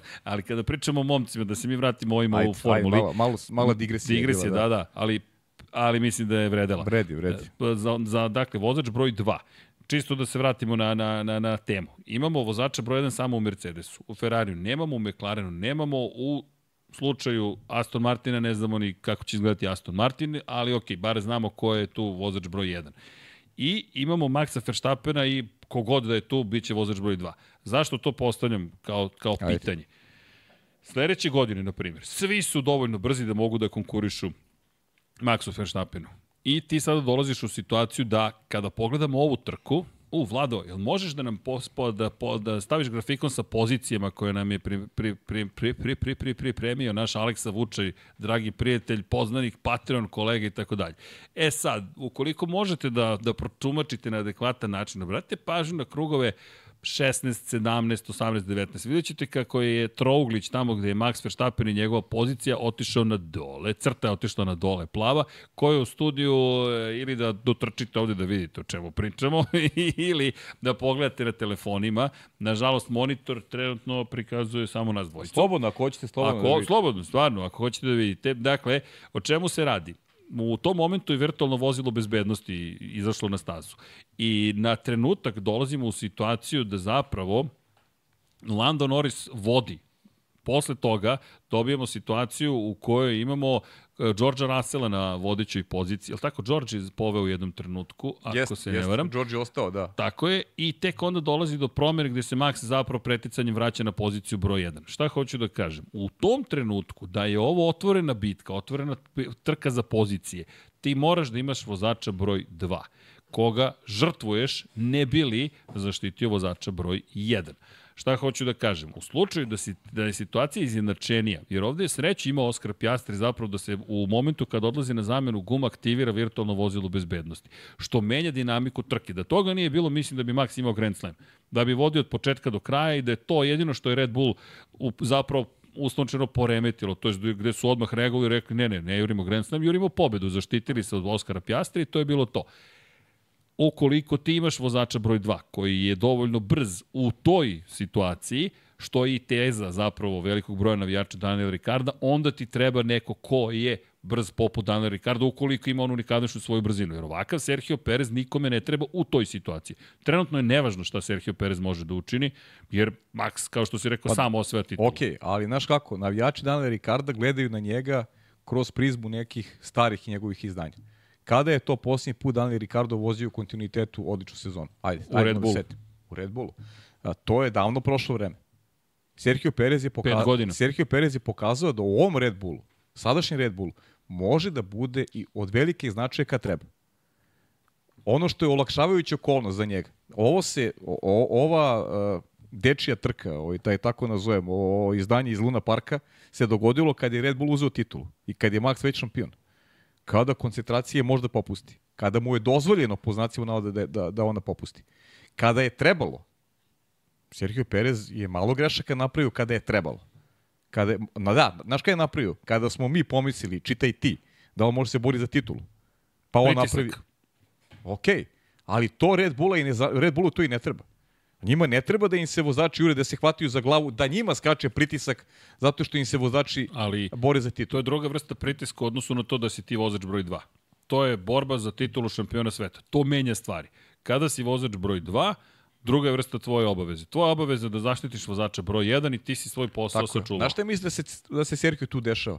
Da on sam sebi pravi Da, da, da, da ne projektuje kaže njemu ekipa, šta. e, ti se boriš za titul, ajde sad pogore, idemo da pobedimo Ne, Max. on čita novine Pa ne, on čita, no- ne, on čita ili čita novi, i čita novi. i gleda Lab 76. i gleda to, prevode mu i ima onaj, onaj unutrašnji nemir. Jer sam sebi kaže, aha, zašto ne bi, šta ako on sada nešto otkaže, ja, ajde da guramo, mo- možda bi i mogao. I onda tu dobije ovaj, po ušima i, i ovaj, tu se onda strasti, u stvari dobijemo pravog. Ovaj, čeka u momentima kada pritisak raste. Imam tu teoriju vezanu i za ono, pričali smo ti ja za Leclerc i za Sainz. E, ovo je sezona u kojoj e, Ferrari nema neki imperativ. Videlo se na početku da je godina će biti loše nego prethodna. I u, u takvoj instalaciji snaga, vozač koji ovaj, nije to kapaciteta, neko ko uh, nema, ne, nema osjećaj da nekog velikog uloga, to je Carlos Sainz, ima bolje izdanje. Onog momenta kada se ulog bude povećao, ukoliko ta dvoja vozača i Ferrari zajedno dočekaju da se ulog poveća, ja garantujem da će Charles Leclerc biti bolji od Sainza. Pa vidi, Charles već sada bio bolji. Suzuka, odmah posle Pa da, Japan, trkačka odmah posle staza. trkačka staza i još jedna stvar. Trkačka staza. Šali, šali u Monci napravio veliku grešku, oni, oni završno, oni mogu i u U kvalifikacijama. kvalifikacijama napravio Kvalifikacijama. grešku. Napravio grešku i Singapuru takođe. I još jedna stvar, izgubio je Singapuru i bio primoran da bude vozač broj 2. Verujem I- da mu to nije prijalo Nije, ni malo. Ali šta je uradio? Odigrao je vozača broj Jeste. 2 bez pogovora. Jeste. I mora ti priznam, ja taj stav volim. Ja, meni je, to je, to je, pokazuješ odnos prema ekipi. Ja nemam Nema tu ego, znaš, nema tu ega. Ako ekipa hoće pobedu, a jedina mogućnost je takva da pobedi neko je lider, ti mora da se povinuješ i da odigraš ulogu vozača broj 2, jer pokazuješ da si timski čovjek. Znaš, Vidi, ja nemam problem sa stavom. Samo mislim da će ga taj stav skupo koštati u Ferrariju. U, I u, u Ferrariju vrlo moguće. posebno. Sad rekli smo zbog čega, ta njihova filozofija. Da se ne Kažem, vraćamo, pogledajte ali ljudi film, bit će vam sve jasno kome, to kome mislim nije da je je- za njega, a ne to što činjenica, njemu ali- služi na čast. Ali, Ali vidjet ćemo, ako počne sledeća sezona tako da je Ferrari konkurentan i da Charles uđe, jer pazi, u ovoj modernoj Formuli 1, mislim da bez te podali 1 i 2 ne možeš do titula. Ja se iskreno nadam zbog Ferrarijevih navijača da će je napraviti. Kogoda, koga god da izaberu, pazi, i da Sainz izaberu, ali izaberite ga, jer u suprotnom ne vidim da Maxa mogu da Ja, pobede. ja se slažem s tobom kad neka počne sezona, nemoj to da uradiš u, prvom, u, u prvoj trci, u drugoj. Ali ako se iz prve dve to iskristališ, pa u trećoj već Evo, ti mora to već da moraš pa u trećoj i četvrtoj, inače ne, Max ode, ode, svojim putem. ode Ode, svojim pa putem. Nije to neko ko će u petoj da počne svoju borbu za titul. On će do pete da ima Iskreno stop. ti kažem, ja samo jedan, poena, samo 104. jedan tim ovaj, vidim kao uh, tim koji će ostati dosledan sebi, istorijski ostati dosledan sebi i neće to da radi. To je McLaren. Da. E, ali to je u redu. To je McLaren, pa je to McLaren. Da. Samo što, ajde da se nadamo da će se nešto desiti iz te perspektive, jer suprotno, kad kažem nadam, da bismo dobili bitku, Max sa Red Bullom, ovakvim kakav jeste, od ekipa koja pa je zaista je za divljenje. Ti imaš dve ere u kojima si se vratio na vrh. Ti Jeste. imaš period kada 10 godina te nigde nije bilo i ti si ponovo tu. I ti si dalje privatnik. Ti nisi proizvođač automobila, Privatnik. kao što je Ferrari, kao što je Renault, iako se sad zove Alpina, kao što je Mercedes. Mercedes. E, Izvini, to su sve proizvođači automobila. Ko nije, Aston Martin, i oni su proizvođači automobila. Jesu. Ok, koriste Mercedesove motore, ali to je druga priča. Ok, i McLaren je proizvođač automobila, ali to je više posledica. Nisu oni krenuli od proizvodnje automobila pa došli u Formulu 1. Oni su iz Formule 1 napravili biznis od toga da se bave proizvodnjom i to što su Gordona Mareja zaposlili da im napravi F1. To je ljudi izuzetak, ta F1 i dan danas možda najsavršenija mašina tog tipa koji je ikad napravljena, ali to je druga priča. Ovde imamo nešto što su bili proizvođači automobila od uvek zapravo. Red Bull to nije. Još, možda će oni ući u to sa hiperautomobilom, pa se takmiče na 24 časa Le Mana ili ko zna šta će tek da rade. Ali, Poenta je da je Red Bull tu drugačiji. No, da ne pobegnemo od Ferrarija. Ferrari imao i ovde naređenja. Skar, nije naređenja. Carlos Sainz je duže čekao sada za zamenu guma. Nisu oni njega stavili na prvo mesto. On je rekao na kraju trke, ali mislim da je njegova izjava da je žrtvovan izvučena iz konteksta, jer nije on žrtvovan na klasičan neki način. Ja mislim da je to opet inkompetencija Ferrarija u pitanju, koji je za, prosto zaboravio na njega tri kruga, jer to je neverovatno. Ti vidiš da će on da izgubi poziciju šta, šta, i, i nema smisla. Nije da ćeš pobediti Leclera zahvaljujući tome, nego ćeš samo izgubiti od Mercedesa. Znaš šta, mnogo je, Nelogično pogrešno je, pogrešno je ako, ako vidimo svi mi ovde prateći rezultate, ti ja u kabini, da, da on gubi poziciju odnosno Hamiltona, a da oni ne vidi, meni to nije jasno. A, ok mi je, čak, znaš šta mi je ok? Da su možda ostali i duže na stazi, pa da su tu nešto kao, Kao George probali Russell, jedno sa stajanje. jednim stajanjem, pa naš, ok, mogu da razumem, ali ovo, ovo ne da ne mogu, ovo je suludo. Baš kada, sulud. Kada pogledamo strategiju, kada pogledamo ko je kada... Poklonili, poklonili su poziciju Luisu Hamiltonu. Pa evo, pogledaj ovo. Ti imaš Verstappena koji menja u 16. krugu. Norris menja u 17. krugu. Piastri je promenio u 13. među prvima virtualno vozilo bezbednosti pomoglo. Leclerc menja u 17. Sainz odlazi u 18. krugu. Hamilton je promenio u 16. krugu. Da. I ti sad imaš situaciju u kojoj z- mi znamo da ako Hamilton prvi povuče potez, ti moraš da odgovoriš. Idi na double stack, imaš dovoljno prostora. Radio si double stack u momentu kada je to gotovo nemoguće izvesti u Singapuru, sad odustaješ od toga. Neću da kažem tri kruga da su, ajde, dva kruga predugo su čekali. Ti si Sainca morao da odvedeš i da ga zaštitiš zapravo od Luisa Hamiltona. Ti to ne činiš. Ja zaista to svodim na opet lošu strategiju Ferrarija. Ne na to da su ga, jer ako su ga žrtvovali, o, Le, glava me Lecler, boli. Lecler je imao veću prednost u odnosu na, na Hamiltona nego što ima Hamilton u odnosu na Sainz. Ima i toga, znaš, u momentu kada odlaze na, na zamenu guma. Ima i toga, tako da, znaš, Aj, ti si imao Sainz, prostora da- Sainz je trebao da bude čak i neki prioritet, bez ozira što je Leclerc ispred, Sainzu si morao da zaštiš poziciju od, od, od Hamiltona. Morao si radbiš tome zašto je bila mnogo manja razlika. Ok, to je sada pitanje proračuna i tako dalje. Ali dobro, mislim, to je Ferrari, znaš, ovaj, mora, mora neki put da se, da se neka greška, ovaj, da se neka greška da, potkrade. Svodim to na grešku, ne na poruku Il, Sainz. Ili je to, ili je to, na šta je to sad, ajde, ovaj, prošle nedelje kao podržali smo Sainca, pa Aj podržimo sad Leclerc. Ne, ali to, to je... A ulog, a ulog naš u suštini... Brinem se da si u pravu zapravo. Pa da, ulog nikakav znaš, u to je suštini, poruka, naš. kao, e, da ti vid, da vidiš, Et, Charles, evo, eto, vidiš kao, nije... Da, eto vidiš da smo i tebe sad podržali. Što me znaš. dovodi opet na isto. Ko će biti broj jedan? E, jedne nedelje si ti, jedne nedelje je on. Pa jedne to je, ti, to jedne je, on. to je Ferrari, ali kažem ti, moraju da shvate ukoliko zaista A Maxi naprave, Red Bull ovako. da, naprave konkurentan boli za sledeću godinu, oni moraju da, da, da imaju mnogo bolje strategije i, i rukovođenje trkama u odnosu na, na upravljanje trkama, tačno u odnosu na ono što su radili i što rade generalno ovaj godinama unazad. Na George Russell nije ni imao podršku, ne ekipe, klubskog kolege, jasno mu je Pa stavio ne, do znanja. tu, tu je baš, znaš kako, to, ništa. tu sam malo iznenađen, iskreno ti kažem. Ja sam šokiran agresivnošću Luisa Hamiltona. Pa da, pogotovo što je trka generalno, šta dobiješ ti Što trku? se bojiš za peto, šesto mesto? Zašto sada to raditi? Da. Znaš, šta se to događa? Inače, George Russell je odmah spustio loptu kad je izašao iz, iz Da, da, da, da, da, da njegove, Odmah, da, super. izjave su sada, bile- Izgleda se smirio, smirio ne, se na to vreme. Je, to je trenutak samo Da, da. strasti, u žaru borbe, Da, ništa, ništa loše. ništa rekao. loše, to je ekipa, to je sve u redu. To, mnogo mi se to sviđa. Baš, baš je spustio. Jer ti, spustio znaš, u loptu, četiri zida zatvori se i izbaci sve iz sebe. Znaš, Što ne uradi- sumnjam da će se desiti. Izbaci sve iz sebe, desilo. kaži sve što imaš, sve okej, ali ne moraš da iznosiš prljav veš u javnosti, to ne treba da se radi generalno. Sad ja, pazi, ja sad govorim, naš medijima svako interesantnije da čuju nešto što je intrigantno, ali, Pa da, ali- ali ljudi, pričamo, pričamo o tome kako se ponaša jedan mlad čovek u trenucima kada je, kada je izbačen iz takta generalno potezima starije kolege. I onda izađeš onako vruće glave, uspešnijeg. vruće glave i ti daješ izjave koje, stvarno sam rekao, momče Alalvera, ovo je, o tako treba da se ponaša. Vidi, ti protiv Luisa Hamiltona, da bi dobio bitku, ti moraš da budeš brz, pametan, e, tvrde kože, oklop mora ti bude mnogo snažan i da znaš kako da igraš politiku. Lu, e, me, meni je fascinantno koliko novih navijača Luisa Hamiltona pocenjuje i ovo nije, ne napisuje na loš način Luisa Hamiltona. ljudi- Samo želim da znate da je to mnogo dublji vozač nego što mislite. Lewis Hamilton, mi i dalje, mislim, verujem da je deliš mišljenje, i, evo, pričam u svoje ime sada, Lewis je dalje taj koji može da skine maksa. To je, to je Stoji moja procena. apsolutno. On je broj Ali- jedan, on je ali- broj jedan. Ali ja gledam Nika Rosberga. Ljudi, on je oštetio Nika Rosberga trajno. Taj čovek, ja mislim da je dalje sanja Luisa Hamiltona. Ne mislim ništa loše, ali zaista. Ali on je, on Pa je ne, pa žrtvovao ceo on je život. Pobegao, pobegao od njega. Pobegao od njega. Uzeo titul i pobegao od njega. Bukvalno je rekao, ja ne želim ovim da se bavim više. On nije viđao ženu, nije viđao dete. On je vežbao po ceo dan Formulu 1, analizirao trke, strategije, vozio simulatore, e, bavio se samo Ve- time da vežbao- postane šampion sveta. Gledao su ogledalo svaki dan da izgleda grubo, verovatno. Bukval, znaš. ne, ali on je radio na Kao da budem ljut. jeste, na Pa ne, medijskim radio na- na- nastupima. na svemu on je to i radio, pričao. I ti sad dođeš do toga kao Lewis Hamilton, pošto je Lewis Hamilton, meni to je fascinantno, pa zato što ima sad, aktivi, aktivizmom se bavi na milion mesta, zato što dizajnira odeću i obuću, i onda poceniš Lewisa Hamiltona na stazi. Poješćete ako ga poje. Pa evo, sad je George mogao da vidi bukvalno kako to izgleda, jer nije gledao, verujem, istorijske trke Lewisa Hamiltona. Lewis Hamilton da ti stavi točak na točak, nema nikakav problem.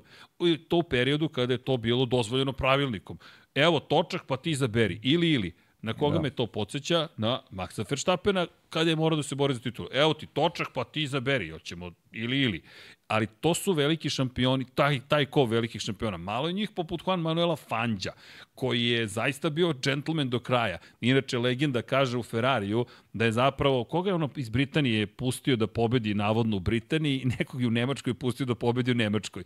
Dakle, ima dva poraza tipa te sezone, jedan u Britaniji, ja sad sam zaboravio s kim je vozio tih godina, ali bukvalno se desilo da ih je pustio navodno da pobede na svojim stazama i da je bio pola dužine bolida iza njih. I kao, ja nisam mogao da te pobedim. Ali to je bio Fanđo. Dakle, mi govorimo o nekome ko je tad bio legendarni vozač i to je tad i to je to. Dakle, i za Fanđe važilo i posle nje- njegove karijere trkačke da je zaista jedan veliki gospodin. Su ono beše Juan Manuel Fanđa oteli, ja mislim, Kubi, na Kubi. Jeste, njega su Jeste, čak i oteli i pustili su. Ne mogu setiti njove priče, znaš, pozna, Toliko ne je mogu bio fin ko da su, bio. su ga pustili, kao oteli smo Fanđe. Da, da, pa to svi pričaju njemu da je, da, je- da, je, da je bio baš... Šta jednog da je mirnog baš čoveka veliki. ste oteli. E sad, šta hoću da kažem, Hamilton nije taj miran čovek, nije on neko ko je rekao, ja, ja sad sam završio, ne, ne, nisam ništa završio. I Hamilton iz te perspektive moraš Ma da de, znaš ga kako da ga pobediti. pobediš. Nemoguća Ma i misija. na stazi i Ali George i mudar. psiho pripreme i svašta. Jest, jest. George ovo, ovo je mudro. baš ovo je baš bilo mudro i kažem jedna jedna njegova mala pobeda. Iako izgleda kao poraz. Izgleda kao poraz, ali jedna njegova mala pobeda unutrašnje pobede. I mnogo je Kao važno Tetris, gradiš je, mnogo je oklop. važno da sebe negde, naš, ono, ukalupiš i da kažeš ovo je, ovo je neki proces kroz koji mora da prođem. Jer, jer u krajnjem slučaju, srđene, neće Luis još dugo. To su par godina, pričamo par godina, on zna da ima još jednu, najviše dve šanse, ali mislim da se sprema za tu jednu koju će dobiti. Ja mislim da je uh, u modu Valentino Rossi. Čuvam energiju za moment kada bude mogao da Slažem se, napadne. po, odlično Do poređenje. tada- Odlično poređenje. Ja radim Tu svoje, sam, ali vidiš koliko mu je stalo da on ne izgubi Sad od, od. George. Koliko je njemu stalo i to peto sad mesto. se videlo. I još jedna stvar, izvini Paja, ako ulog postane najveći, boriš se za pobedu. Pazi, ka, pazi ja i dalje, e, posle svega ovoga, na Hamiltona ću donekle, neću da prebacim, nije to optužba, nego pritisak koji je izvršio na Rasela u Singapuru. On je visio na kičmi Raselu celu, celu završnicu trke je u. Singapuru. I to je tačno. Da si klopski kolega koji želi pobedu Mercedesa, da li bi mu seo bukvalno na leđe i pokazivao retro retrovizorima svoj bolid? Jer e, ti imaš ispred sebe McLaren i iza imaš Luisa Hamiltona. Imaš naj, najuspešnijeg čoveka svih vremena u formuli, tvog klopskog kolegu i znaš, znaš kakav Pa je. znam Srki, ali... I on ti sedi na kičmi i govori ti tu sam, tu ali sam, tako, tu sam, tako, tu sam. Tako voze šampioni. Ne, ne, okej, samo hoću da kažem Tako da si klopski šampiona. kolega ostaneš, znaš kako, ko Dani Pedrosa u Moto Grand Prix trkama. Šta im je uradio? Sekund i po je zaostajao. Spustio je razliku na dve desetinke i onda je rekao, okej, evo vam Zato- sekund i po prednosti, neću uopšte da učestvujem u mom Russell duelu. ne sme dozvoli da, da, da uđe u kožu Nika Rosberga, znaš. Ne, i- I zato ali- mora da se brani, znaš. Moraš te neke, te neke mikro pobede koje mogu da postanu velike onog momenta kada se Luis penzioniš. Ali da li Jer vidiš... kome ostaje Mercedes? Realno, Mercedes je u sigurnim rukama u Pa, budućnosti. Georgeu Russellu najviše. Mercedes je sigurnim rukama. Kogod da mu stigne, on je izgradio u svoju sigurnim je priču. rukama Mercedes. Sutra dode Lewis Hamilton, ima George Russella. Ali da li vidiš, kapital. izvini, novi rat srebrnih strela sledeće godine ukoliko budu konkurentni? Ili ostajemo pri onome, Lewis Hamilton je broj 1 i to je to. Ja mislim da će Lewis Hamilton biti broj jedan. Da je to ono čemu teži ekipa, mislim da to, da to George i zna. Vidi kako vrti se glave, podeljeno mišlje. U, čekaj, ovo je pitanje za publiku. Da li vidite duel? Čekaj, čekaj, moram ovo da... Moram da end poll, što kažu. Uh, Đura, Đera 7, izvinim se, očaravio sam. Znači, F1 treba da pazi šta priča i prvo već treba da se iznosi u četiri zida. Ajde ih klonirajte da budu što fini da se mazi i pazi. Propast. Đera 7. Pa, a, kada Ne, govorimo... ne, ne, ali ljudi, ja, ja to pričam iz konteksta, konteksta iz- ekipe, i ekipe. onoga što je njemu, za njega je. dobro, znaš, to, to ne, ne, svi mi volimo da dobijemo nešto, ovaj, da dobijemo nešto što je, ajde da kažem, uh, što se kaže ispod žita, nešto, nešto što je intrigantno, nešto što, zašto ćemo da se vežemo i da, i da možda pravimo neke nove priče. Nama svako medijima je tako nešto interesantno, ali ljudi, to je sad kao što ja evo govorim o ovoj našoj kući ovde. Pa možemo da imamo ovaj, i neke nesporazume, ali to ostaje između nas ovde i to tako mora da bude. Kada Imamo govorimo, nesporazume. Pa ne, kažem, možemo da imamo, ali to ostaje između nas i mi to rešavamo sami. Da, ne ono uplićemo, što, da. Ne upiremo prstom Ne, u vladu. ne, ne uplićemo, ne uplićemo u drugi u naše nesporazume, nego ih rešavamo u svojoj kući. To je nešto što treba da bude neki neki kodeks ponašanja. Mislim da je to normalan kodeks ponašanja u svim nekim odnosima koje, koji su ovaj, zašto mora Zašto mora komšiluk da mi zna za, za moje ovaj probleme? Dobro, ali je, razumijem i šta Đera hoće Pa da ne, kaže. Koliko razumem ja puta je Đeru. izašao Fernando Alonso i rekao ovaj je ovakav, ovaj je onakav. Sad je Fernando nežan, sad je fin. Mada nije bio toliko nežan Pa sad dobro, u Japanu. ali ovo ti govori i o, i o zrelosti Georgea Russella. Jeste. Uh, da, Nebojša Terzića, koja je to glava koja će Hamiltonu reći da ide u penziju? Neće njemu niko reći da ide u penziju, nego je samo pitanje kada će on reći Pa odoh da, ja u penziju. sam, da. Tu se samo on pita, ne Tako pita je. se niko drugi. A, Bukvalno, to je mega, hiper, giga zvezda Formula 1. Ogromna zvezda. Pitanje je koliko će telo i dalje da mu tu Mislim vrstu da to napora dobar. izdrži. Pa dobro, za sada je dobro. Znaš, ali, imaš trenera za spavanje. Pa sve je okej, okay, To nama za, treba, sada pa je sve dobro. za spavanje, ja da ti Ne, kažem. ne želim da Ne angažujem bismo mi radili u spavanje. 9 uveče podcaste, došao mi trener za spavanje, rekao, a momci, znaš šta mi je radili Ilovače malo Imam pre? svoj sistem. ovaj, Ja kulturno kuvam čaj, 9.01 je i ona dolazi ovako. Na sat. O, neki novi klient. Kristijane, ti li si? Nisam Dobro, te prepoznao. Disciplina. Disciplina. Znaš ko, alo dečko, to što si ti navikao da kasniš taj film, zaboravi. Neće da može. da, ali činjenica je da, da, da mene zaista zanima kako će se sve to dešavati. Znaš, jer- isto, naravno. Jer to utiče na Maksa, koji stoji sa strane, ima svoj bedem, tvrđavu, Red Bull, tamo je polnu podršku i ovi se svađaju, šta ja da radim, ja ću ovo svoje da radim i to ti je to.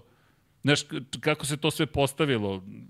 Botasov otkaz Pa dobro, iz i on Mercedesa, se, pazi, napeto. i on se svađao prošle godine i, i videli smo koliko su ranjivi. Ovaj, Znaš, ode u etar... kad se svađao, o- kad je već ode, titul. Pa znam, ali ode u etar zbog, zbog petog mesta i ne znam, ode u etar svašta nešto. Što me podsjeća na koga?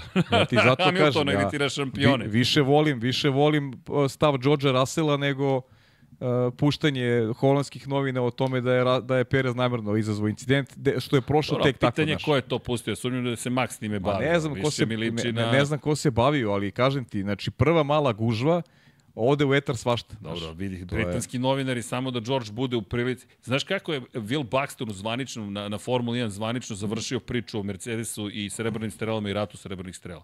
Ovako. Samo je bilo dobro, tu nema teme, evo George je rekao da tu nema teme. Ćao! Ćao! Gledaju ga e, Pietro Fittipaldi i ko je još bio, ne sjećam se sada sa njim, i nema teme. I svi ćute, kako nema teme? Gori tema. Nema, ne otvaraš temu. Da, to je kraj priče. Tako da, taj moment takođe postoji. Britanski mediji, kad ih dohvate, Znaš kako, meni je interesantno ti neki naš istupi ovaj, i medijski nastupi, znaš, malo ti otkrivaju onaj deo koji mene onako intrigira, zanima me, znaš, to ti je malo priča o karakterima, znaš, mi, mi ne poznajemo ljude, ali možemo na osnovu njihovih reakcija, što tokom trke, što poslije trka, što nekim intervjuima, da negde naslutiš o kakvim se karakterima radi. Pa tu malo onda kreiraš, praviš sam neku sliku o tome, znaš, e, ko je kakav, e, u kakvom sistemu Zašto? funkcioniše, znaš, ovaj, Rasela u Imoli kako je udario. Russell u Imoli, Da. Pa dobro, Botas Da. je čukao po kacigi posle toga. Dobro, svi, se, svi se oni pa da, pa... iznerviraju. Tako je, pa pukne ti, znaš, to ti je pri onoj brzini, ovaj, Šta ti je? Pa, pa kako? Pa šta, bio bi, bio bi opušten. a gde sam opušten, nisam opušten na, na malom futbolu. Pričali opušten, smo ne. o tome. Ali, e, izvini, ali prekinuh te. Ka, ka, Ne, kaže ti, samo mi je, znaš, zanimljivo mi je da tu malo, znaš, malo istražuješ i da je da malo, znaš, pošto onako zanima nas obojicu ovaj, psihologija, pa, znaš, malo ovaj, pokušavaš da tako neke razumeš stvari... zapravo šta će se Pa, dešavati. mislim, bukvalno, mnogo ti, mnogo ti pomaže da vidiš. Ovo je I ništa tu loše nema, znaš, to ti je ovaj, suda različitih karaktera, to je sport. Znaš, sueta, znaš, ega naglašenih i tako dalje. To je- Kompleksne, zato je lepa Formula 1. Tako je, vrlo je Kao, je kompleksno. Ti u suštini, sport. nije pojedinačni, ali generalno kad sedneš oni boli, ti si sam sa sobom, znaš, i to Evo, je... pa jo, izvini. Kad- Ko imaš još sport u kojem ti si klubski kolega nekome, a prvi cilj ti je da ga pobediš, a onda dobiješ naređenje da ga podržiš? da. Ajde, navedi mi sport u kojem smo ti ja klubski kolege, nosimo iste boje, sve isto, isti nam je poslodavac, sve, sve, sve, sve, sve, i ti sad dođeš i kažeš na terenu ste vas dvojica i kao, pa ne, moram budem bolji od njega. Molim, moram budem bolji od njega. Pa do, sad, e, ali ti sad trener kaže, daj mu loptu, daj mu loptu. Važi što ću da mu dam to loptu. sad imaš to, a ima, verovatno ima tih primjera i u Sam drugim pogodio sportima. nešto. Ima da igre u istoj ekipi, verovatno, ali da, da je ego takav da... Ali samo su dvojica želi, u Želi ekipi. da ima... Ali to- samo to su teško. dvojica u ekipi, ne petorica ili desetorica ili jedanest njih, nego samo od nas dvojica smo na terenu. Jel bi imao u MotoGP-u? Desilo se prošle godine Ducati nešto blago pokušao da utiče, samo što ih nisu razapeli, uključujući i mene, zato što to je poslednji, poslednji tvrđava toga da nema naredbi. Pa evo sad smo isto mogli da vidimo i kad pokušaš da namestiš Colin Ve, pitajte Colina Vejera, pokušao da zaštiti Ayumu Sasakija i na kraju on nije završio trku, jer mu je Ayumu jasno stavio do znanja, ja idem ispred tebe, ćao, i odjednom kontakt, trkački incident, so sorry for Colin, ali Colin nema prvi plasman na pobedničko postolje. Mislim da je naučio lekciju sledeći put kad se nađe u situaciji. Hvala lepo, Svako za sebe. Prvike manje više to je. Mislim da je Joan Zarko jedini koji nije hteo da pretekne nekoga, ali više nije u Ducatiju. Tako da, možda i to neka lekcija. Mogu si da pobediš. Banjaja bi i dalje svoju titulu. Ali to je neka druga priča. U svakom slučaju, u automobilizmu, ali inače, samo u Formuli 1 to od uvek važilo. 50-ih, 60-ih ste imali vozača 1 i 2. Nije to nešto što je izmišljeno u savremenoj Formuli 1. Bukvalno ste imali situacije da nekom kažu ti si vozač broj 2, ovaj mora da osvoji titulu i ti radiš za njega. Ma da, ma da. Da bilo Sainz. Je u VRC-u. Pričali smo, Carlos Sainz i Colin McRae. Jeste, jeste, kad su tražili McRae-u da pusti Sainza. I postoje svetski šampion Colin McRae. I ostao bez ugovora u Subaru, ali ne, ili je Sainz otišao. Ne, Sainz je otišao, Sainz je otišao demonstrativno, a Colin je ostao legenda Subarua. Bar neko vreme posle, Ford i tako dalje. Ali da, da, ne, ali i to su sad kultne priče, ko je odbio, ko nije. Ali mnogo, mislim da je tema važna, jer ova trka je baš bila dobra da se to vidi jasno. I Pjastri konačno je morao da pusti Norisa. Pa znaš kako, to da odbije da, ono, da, da ti neko kaže u posljednje tri ti možda bude šampion, ove, ali mora pustiš ovog, to je stvarno Ne, to, to se to je nije, baš to glupost, se nije znaš, to je dešavalo. Glupost, ali, ali da podržiš nekog u startu koji ima prednost objektivnu, znaš, Mada, Luisu su Se, rekli, se da je Mihael Šumacher isto koliko nije ovaj, podržao Edija Irvajna da bude šampion. ali seti se kada su Hamiltonu rekli protiv Nika Rosberga, studenti, doviđenja, Studenti mora spavaju. hvala vam za Ćao, podršku i momci. za sve, ćao ljudi. I, uh, šta se, ali šta sam htio da kažem, da, mm, sad sam zaboravio, ma nema veze, vjerojatno nešto... Pa ne, kada su Mudro. nešto Šumacher si Da, Schumacher, ne Schumacher, Hamilton, Hamilton, izvini. da. Hamiltonu su rekli da ubrza u poslednjoj trci sezone kada je Rosberg osvajao titulu i da ubrza tempo jer ih sustiže Ferrari, Vettel ih sustiže. I Hamilton kaže, dude, ja gu, čovječe, ja gubim titulu, ti mi kažeš da ubrzam. Znaš, koliko me ne zanima Rosbergova pozicija broj 2. Ali nije rekao, nadam se da će Vettel da ga pretekne, jer, u tom momentu jedina šansa za Hamiltona je da Vettel pretekne Rosberga, da se tu nešto desi, da dođe do promene. jeste. Ali to je jedina situacija koju se sećam da, je neko rekao, ej, ubrzaj da tvoj kolega osvoji titulu. Ha, važi. Evo, samo što neću. I nije. Tako da, dešavalo se svašta u Formuli 1. Da, Lewis Hamilton, bogata karijera. Mogao on i 10 titula da osvoji kako stoji stvari. No, u ovoj Pa situaciji, pazi sad za- završnicu velike nagrade Japana. Red Bull, dva McLarena, Ferrari, Mercedes, Ferrari, Mercedes, Aston Martin, jedan jedini, pošto je drugi Aston Martin bio zaista na kraju daleko, bio bi blizu osvajanja poena, ali otkazalo mu je zadnje krilo. I dve Alpine, gde smo takođe imali zahtev da se promene pozicije. Dakle, Oskar Pjastri je pustio Landa Norisa, bio je brži Lando, Videli smo da bi George Russell možda i mogao da ih ugrozi da to nisu uradili. Ne opravdavam, ali konstatujem samo. Pjastri je rekao, ok, uzao svoj prvi plac, plasirao se prvi put u karijeri Pa dobro, ali postoji. mislim da stvarno nije, nije tema, ovaj, Ne, baš ne, ne, je ispravno nije. sve. Ne, ne, ništa, samo hoću da kažem da se desilo. Da? Može pitanje. Što se Max, što se nije bacio ispred Maxa u prvoj u drugoj krivini? Što mislim da znam kako da zna kako bi se završilo. da.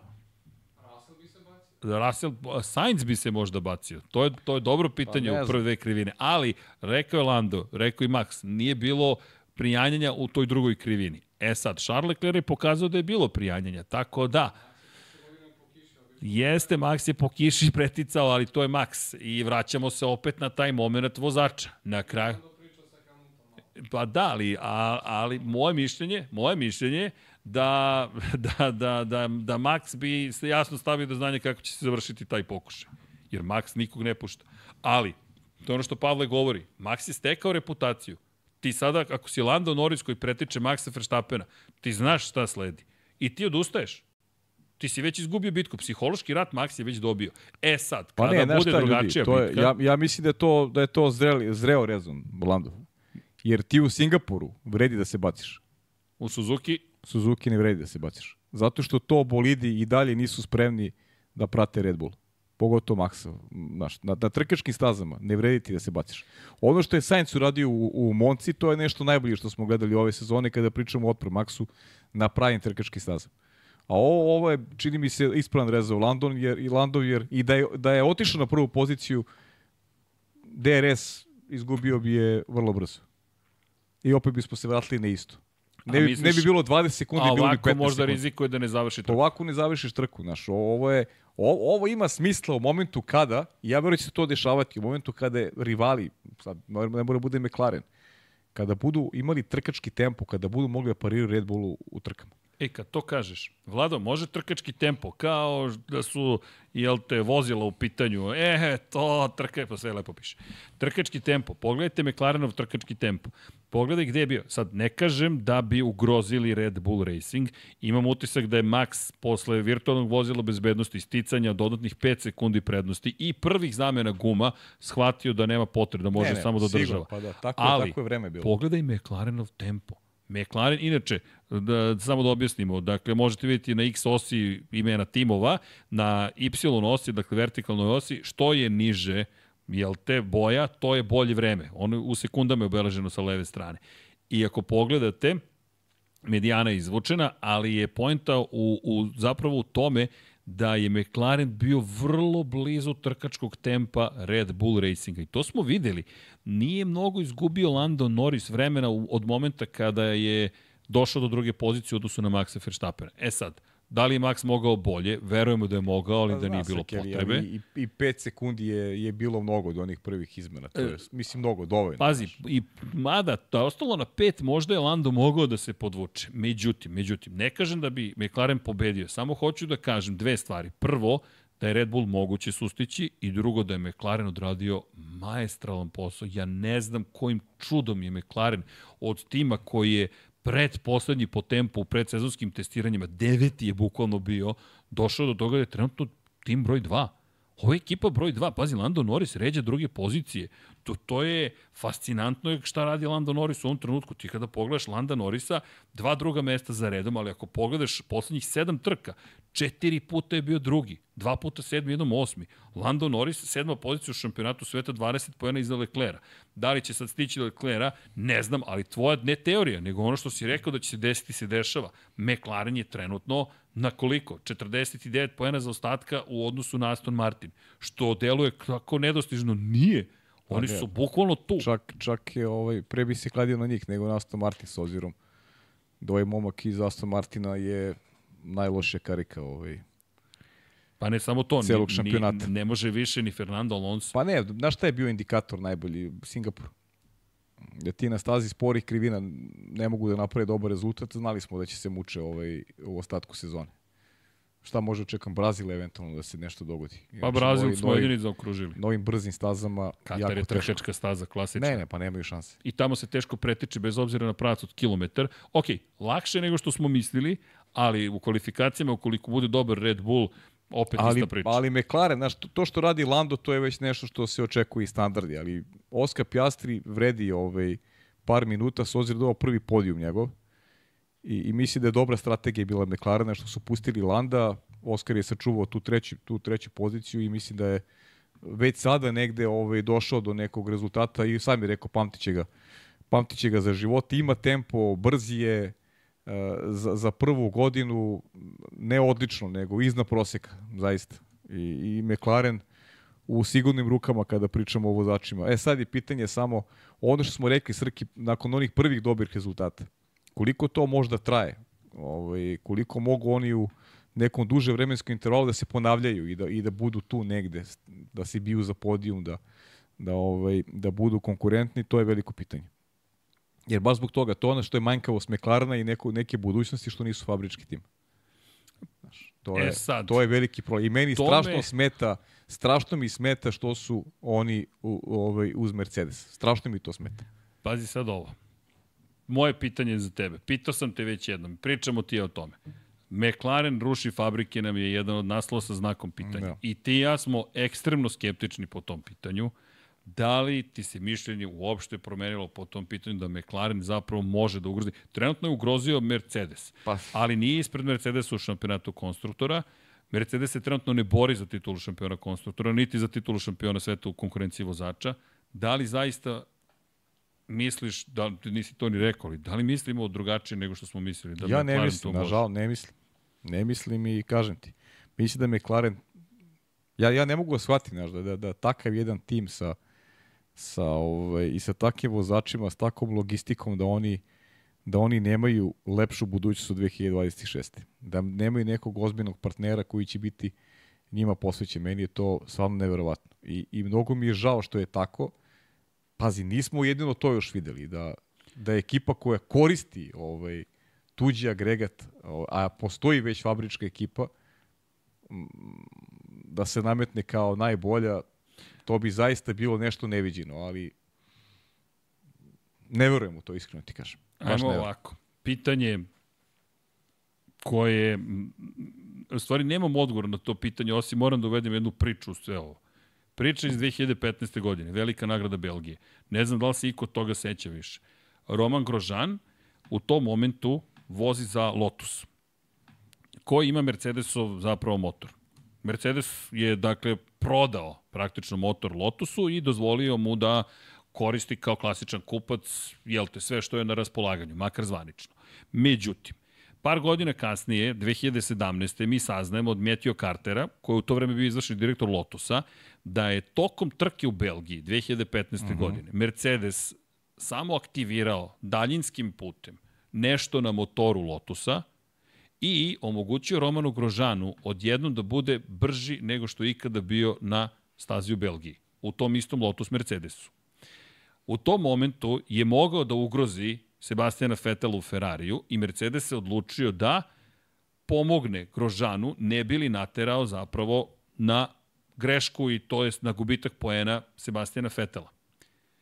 Prema izjavi Cartera, koja je to stara sada već šest godina, samo podsjećam na nju, nikada više nisu dozvoli takozvani party mode za trku, jer postoji, tada ste mogli da menjate modove motora od, i tokom trke, sada to je zabranjeno, pred početak kvalifikacije izaberete mod podešavanje za zapravo elektronskog paljenja, to jest kako ide generalno mapiranje motora, paljenje motora, to je paljenje svećica cilindara, nisu ni svećice, ali sad to je neka druga priča turbojet, to jest jet propulsion, da ne, ne propulsion, nego jet ignition, dakle palite zapravo mlazom koji se pali u predkomori, koji ima svećicu, koji ima svećicu, ali potom taj mlaz ulazi u glavnu komoru i tako se aktiviraju zapravo, tako se pali glavna smeša. No, Mercedes je tada kontrolisao zapravo šta kupci mogu da rade.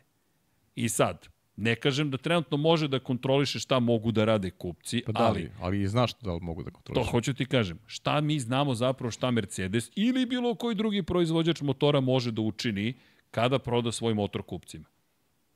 I zato naša skepsa postoji. Ne zato što mi sumnjamo u sposobnost McLarena da napravi dovoljno brz bolid, nego u činjenicu da Mercedes i zajedno sa njim svi ostali proizvođači motora imaju preveliku moć.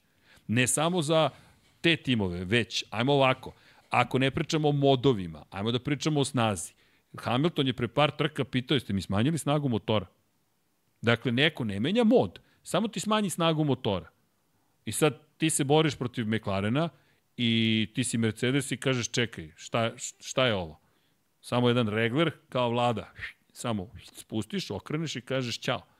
Ne kažem da to Mercedes radi. Regler je čudo to. Regler je čudo. Ako ne spustiš ali, regler, može svašta ode u vetar. Ne znam zašto bismo sumnjali u reči Matthew Cartera, koji je opisao tu situaciju vrlo Pa čak, jasno čak i da nema i eksplicitno. i da nema njegovih reči, ovaj možemo da znaš da razmišljamo na tu temu, ovaj vrlo opravdano je. Kažem ti, ono što što jeste problem što Mercedes ima toliko tih sestrinskih ekipa u u šampionatu i srećom neće ih biti u 2026. Ne samo od Mercedes, znači bilo ko, ok, da imaš ajde jedan tim koji je onako niže rangiran, ali ti pričamo sad, znaš, pričamo o Aston Martinu, pričamo o, o McLarenu, to, je stvarno previše. Da, Znaš, pričamo o ekipama koje, se, koje treba da se bore za neke velike uloge. Znaš. ali kako ćeš da se boriš kad ti kupuješ motore? Pa da, to Znaš, je. ako- ok, Aston Martin, Aston Martin je je, je sebe rešio, sebe Tako je. rešio 2026. Ali McLaren nije rešio. I to je, to je ve- velika šteta za McLaren. Kakva bi njihova pregovaračka moć bila da su ovako bili dobri s početka godine, to je veliko pitanje. Znaš. Inače, samo da, da podsjetim na tu 2015. Sebastijanu Fetelu je krug pre kraja trke otkazala zadnja desna guma. Zadnja desna ili zadnja leva? Otkazala je jedna od zadnjih guma. Grožan je zaista sustigao Fetela, bio na pola sekunde od Fetela, izvršio adekvatan pritisak, došao do pobedničkog postolja. Dakle, vrlo je e, delotvorno bilo to što je uradio Mercedes, koji je tada dobio 25 pojena pobedom Luisa Hamiltona, Vettel ostao bez bodova. Zamisli da nije imao party mod. Vettel je mogao da čuva tu gumu i možda bi imao 15 pojena više na kraju te trke. Dakle, direktno utičeš na ishod šampionata. Ti upravljaš zapravo i drugim timovima. Zato smo mi skeptični, ne zato što mi ne želimo da McLaren može da ugrozi. Pa zamisli, ali... zamisli sutra, sutra, figurativno. Sledeće sezone, da Mercedes postane konkurentan. A kakav, kakve partnere imaš? Aston Martin, Aston Martin, McLaren, McLaren. koji kao da su zamenili pozicije u šampionatu. Aston Martin bio Mislim najbolji sad na ovo malo početku, zvuči, ovo, sad je ovo McLaren. sad malo možda zvuči kao teorija zavere. Samo da maknemo Ljudi, ekipi. Ljudi, Ćao, ćao. Hvala vama. kliknite like. Ćao, ćao. Uživajte. Ćao ljudi, laka noć. Znaš, to možda bude da zvuči malo i kao, i kao neka teorija zavere, ali stvarno Nije. ima materijala za, za razmišljanje tu temu. O, o, ja više ovo pričam iz, iz nekog pogleda i žaljenja na, na, na, Što McLaren, nije fabrički nije tim. fabrički tim, jer to stvarno oni kao tim zaslužuju ovo što im se dešava, pritim imaju takva dva vozača, oni, oni po nekoj, po svemu onome e, što, što sada pružaju i što je neka istorija njihova, treba se bore za titul. A ja to ne vidim, koliko god da uživam u svemu onome što se dešava, ovaj ne vidim da da mogu do, do, do tog konačnog ovaj do konačnog cilja ovako i raspodeli snaga. Da, pri čemu u celoj priči Jo Hirakava dobije ugovor da bude Jeste. rezervni vozač 2024. Da, a- a- a nema. McLaren. A nema a nema. Honde. A nema I ti sad kao čekaj, potpisujete japanskog vozača, poštujem, inače brz vozač, čovjek koji Da, je pobedio Le na Manu, da, prošle godine pobedio Le Manu. Sa, ko je beše sad, da li je, ko je vozio? I tu dobri vozači su. Hartley je bio jedan od timskih kolega i zaboravio sam ko je bio drugi. ali u svakom Da li Boemi, možda Ja Boemi mislim čak. da je Boemi, ali Hirakava je tu. Dakle, on je čovek koji je zabeležio pobedu na 24 časa Lemana. Dobio je sada ugovor da bude rezervni vozač McLarena. Logika bi negde nalagala da ti želiš da sarađuješ sa Hondom, a Jest. Honda je potpisala ugovor sa Aston Martinom. A ti si lepo rekao, zamisli da je McLaren bio konkurentan ovako na početku sezone, Aston Martin ne. Da li bi Honda potpisala sa Aston Martinom? Upravo to. Opet, timing, vraćamo se Mi na smo- svoju staru priču. Mi smo svi iz, iz nekih i tih sentimentalnih razloga ponovo navijeli da McLaren ovaj, potpiše saradnju sa Hondom i meni je strašno žao što se to nije dogodilo. Baš.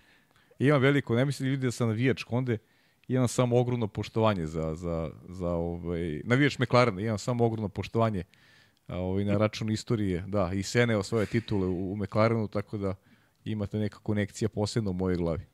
E, Smejem se, dobio sam od koleginice Jelte Ilovače poruku da moramo da prođemo i World Distractors Championship ili ti svetski šampionat uništitelja u kojem je Logan Sargent na poziciji broj 1. Ali doći ćemo do Logana Sargenta, nemojte ništa da brinete koliko je novca koštao svoju ekipu. Elem, da se mi vratimo malo unazad, dakle, McLaren drži, držimo fige, haha, nisam rekao palčeve. Moguće, moguće da smo dva sata tek zaključili sa McLarenom. Pa vidi, mnogo je zanimljivih A? tema. Pazi ti kako si dobio trku u Japanu. Dakle, da, Max znali smo da će da pobedi, ali nije to toliko važno koliko sve Da, ostalo malo što smo, se malo dešava. smo i Ferrari. Da, već smo pričali malo Pa o tome čekaj, šta je Ferrari, sutra. Mercedes, da. vodeći Jeste, da, da, vozači, kako je nastao Da, Red pre- Bull. počeo si Alpinu, da. Mislim, i E, to... pa i Alpina isto, Da. tu je bilo timskih naredbi. Pa Pierre dobro, Gasly je opra- lupao po volanu kada su mu rekli, on je u poslednjoj krivini pa znam, stao a- da propusti ali Okona. Okon je u pravu. Ali, i- Okon samo je da potpuno u pravu. Okon je imao prednost. Jest. Gaslija su pustili u pokušaju da zapravo sustigne Fernanda Tako Alonso. je. A, a, a Alonso nije sustigao. Jedini problem je što to nisu rekli ni Gasliju ni njegovom trkačkom inženjeru. I oni su bili ubeđeni da je zapravo sada to njegova trka, njegova pozicija. Da bi mu rekli u poslednjoj kriveni stani vrati Esteban u poziciju. E sad, Gasly je lupao po volanu, bio je besan što se to desilo, uopšte nije zvučao zadovoljno, ali Rekao je Okon, pravila su jasna u Alpini. Dakle, zamenili smo pozicije, vraća nam je pozicija. Pre čemu Okon, pukla guma u prvom krugu i sečena guma u onom incidentu. Čovek, ako možemo strategiju vladu ponovo da vidimo, Ma ne, čovek ne. odlazi u prvom krugu sa srednje tvrdih guma na tvrde gume. Inače, slušao sam neku analizu trke i neko je, stalno, i neko je ponavljao, Okon imao jedno stajanje. Nije, Okon je imao dva stajanja, samo što je ono prvo nevidljivo, jer ga je obavio u prvom krugu i zapravo je dva puta menjao gume. On je odvezao dva puta je bio na tvrdim Ma gumama. odlična, odlična trka Okona i ajde da, da, da okončamo ovu temu. Upravo je definitivno. Znači, ok da, da, se, da se prepusti pozicija, da dobiješ U ovoj situaciji. naredbi, ali, ali ovaj, vraćanje je se negdje i podrazumeva kad ma, nije se bunio Esteban, a znamo kakav je. Da, ajde se bunio da je rekao neću da dam poziciju, pa da, da se, da se gasli ljuti. Esteban ali koji ovde nema šta. da Rukama i nogama branio poziciju. da, ma da, sve, sve okej. E da, i samo jedna stvar, bili smo kod Piastrija da pohvalimo jednu bitnu stvar, i e, dve stvari zapravo, da se vratimo na tempo McLarena. Zaista mislim da, da je trkački tempo McLarena mnogo ozbiljan. Mnogo ozbiljniji nego što je delovalo na prvi pogled. Ne kažem da su stigli Red Bull, ali lepa je bila poruka i na kraju trke, da li Norisa ili Piastri, nisam siguran, idemo ka Red Bullu, stižemo ih. I to i mora tako da se gleda. I to ono što ti ja pričamo. Ako ekipa rezignira na, na to da će biti četvrta, peta, šesta, sedma i nema truda, pa nećeš nikad ni pobediti. Nećeš nikad promeniti taj stav da je nekoga moguće pobediti. Konačno, ponavljamo to stalno i ponovit ću još jednom. Red Bull da nije imao stav, možemo da pobedimo Mercedes. Nikad ne bi pobedili Mercedes na kraju priče. Moraš da izgradiš i veru u to, pobednički mentalitet, duh i to ono što trenutno se dešava u McLarenu. Andrej Steli, aplauz. Znaš šta je, meni, čast. šta je meni utisak ovaj, najveći? E, tempo u odnosu na Ferrari. Znaš, oni su na, na trkačkoj stazi bili, bili mnogo bolji od Ferrari. To mi, je, to mi je utisak. Ferrari nije mogao da parira uopšte. Baš ni jednog sekunde nije mogao parira i, i znaš, e, jednom momentu je uspeo Uh, ko je beš uvukao Evo, može ovde da se vidi. ko je beš uvukao uvukao Leclera u u u u Pa potencijalnu uvukao bitku je Leclera uh, Sergio Perez. Sergio tako Perez. što je usporio Landa Norrisa. tako je Sergio Perez Imao je uvukao. 10 sekundi prednosti u odnosu na Ferrari. Ne, ne, ne, samo to. Imao je, imao je Lando. Koga je pokušavao Lando da Russell. obiđe? Russell. Russell. Bravo, E. bravo. E, Russell. Imam tu pohvalu za Oskara Pjastrija. Da. Kako je pretekao George Russella? Svaka Jeste. čast i rekao je, i to i, jo, Ne, i ne, Russell ne rekao. Lando, bravo, nego Oskar Pjastri. Oskar Ra- Piastri Russell sa spoljne strane. I onda je uvukao da, da nije napravio taj manevar Pjastri. Napeto bi bilo. Bilo bi napeto, tu bi čak možda uvukli i Čeka u, u, i, i, i Šarla u celu priču, je.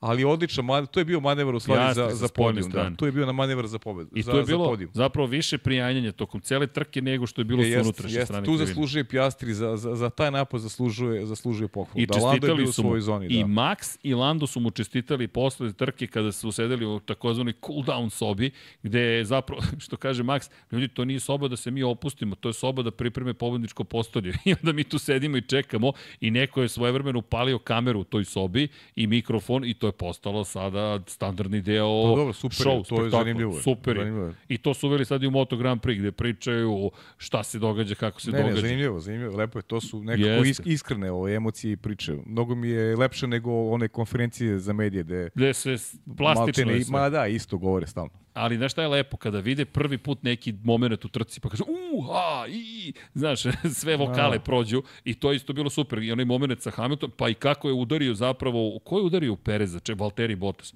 O njemu ćemo tek da doći ćemo do Bottasove trke. Katastrofa. Čika Potpuno. brka.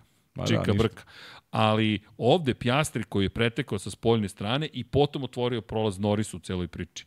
E, čekaj, hteo sam da postavim pitanje publici, sad sam zaboravio. Dakle, da li mislite da će doći do novog rata srebrnih strela između Hamiltona i Russella?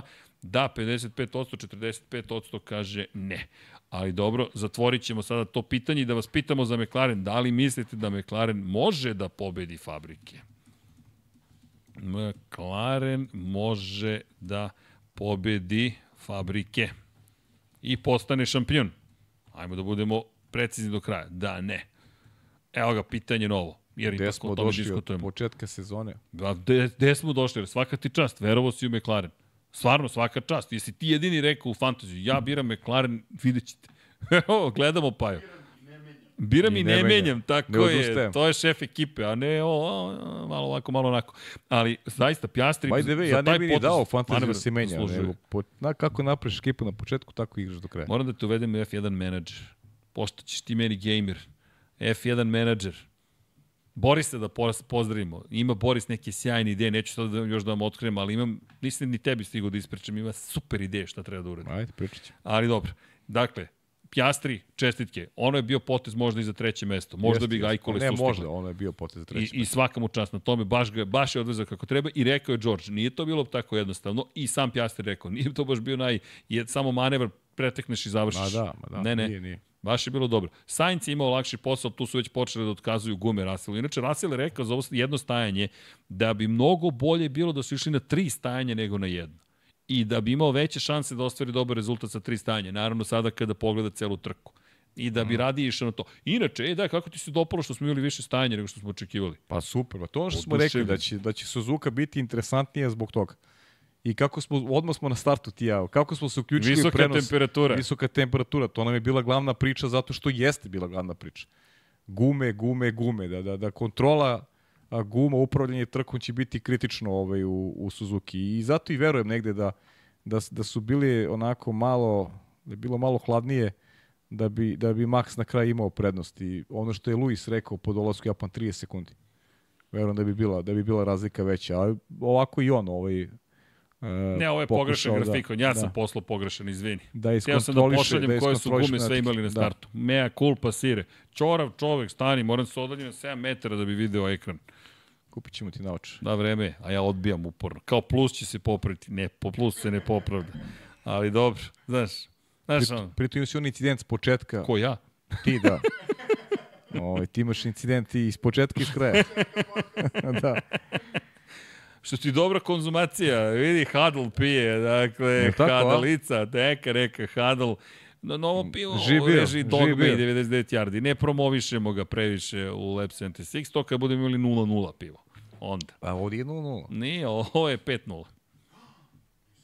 Vladimire, da, da. 5-0. A Sek je bio 9-9. Tako, i nemojte da pijete i vozite, molim vas. Ni kap alkohola, zaista nemojte.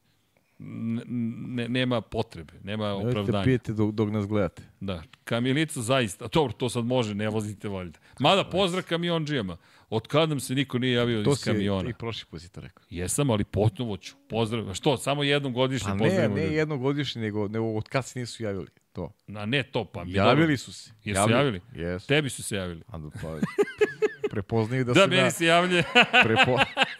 I tebi se javljaju, samo ti ne vidiš da si se javili. da moguće.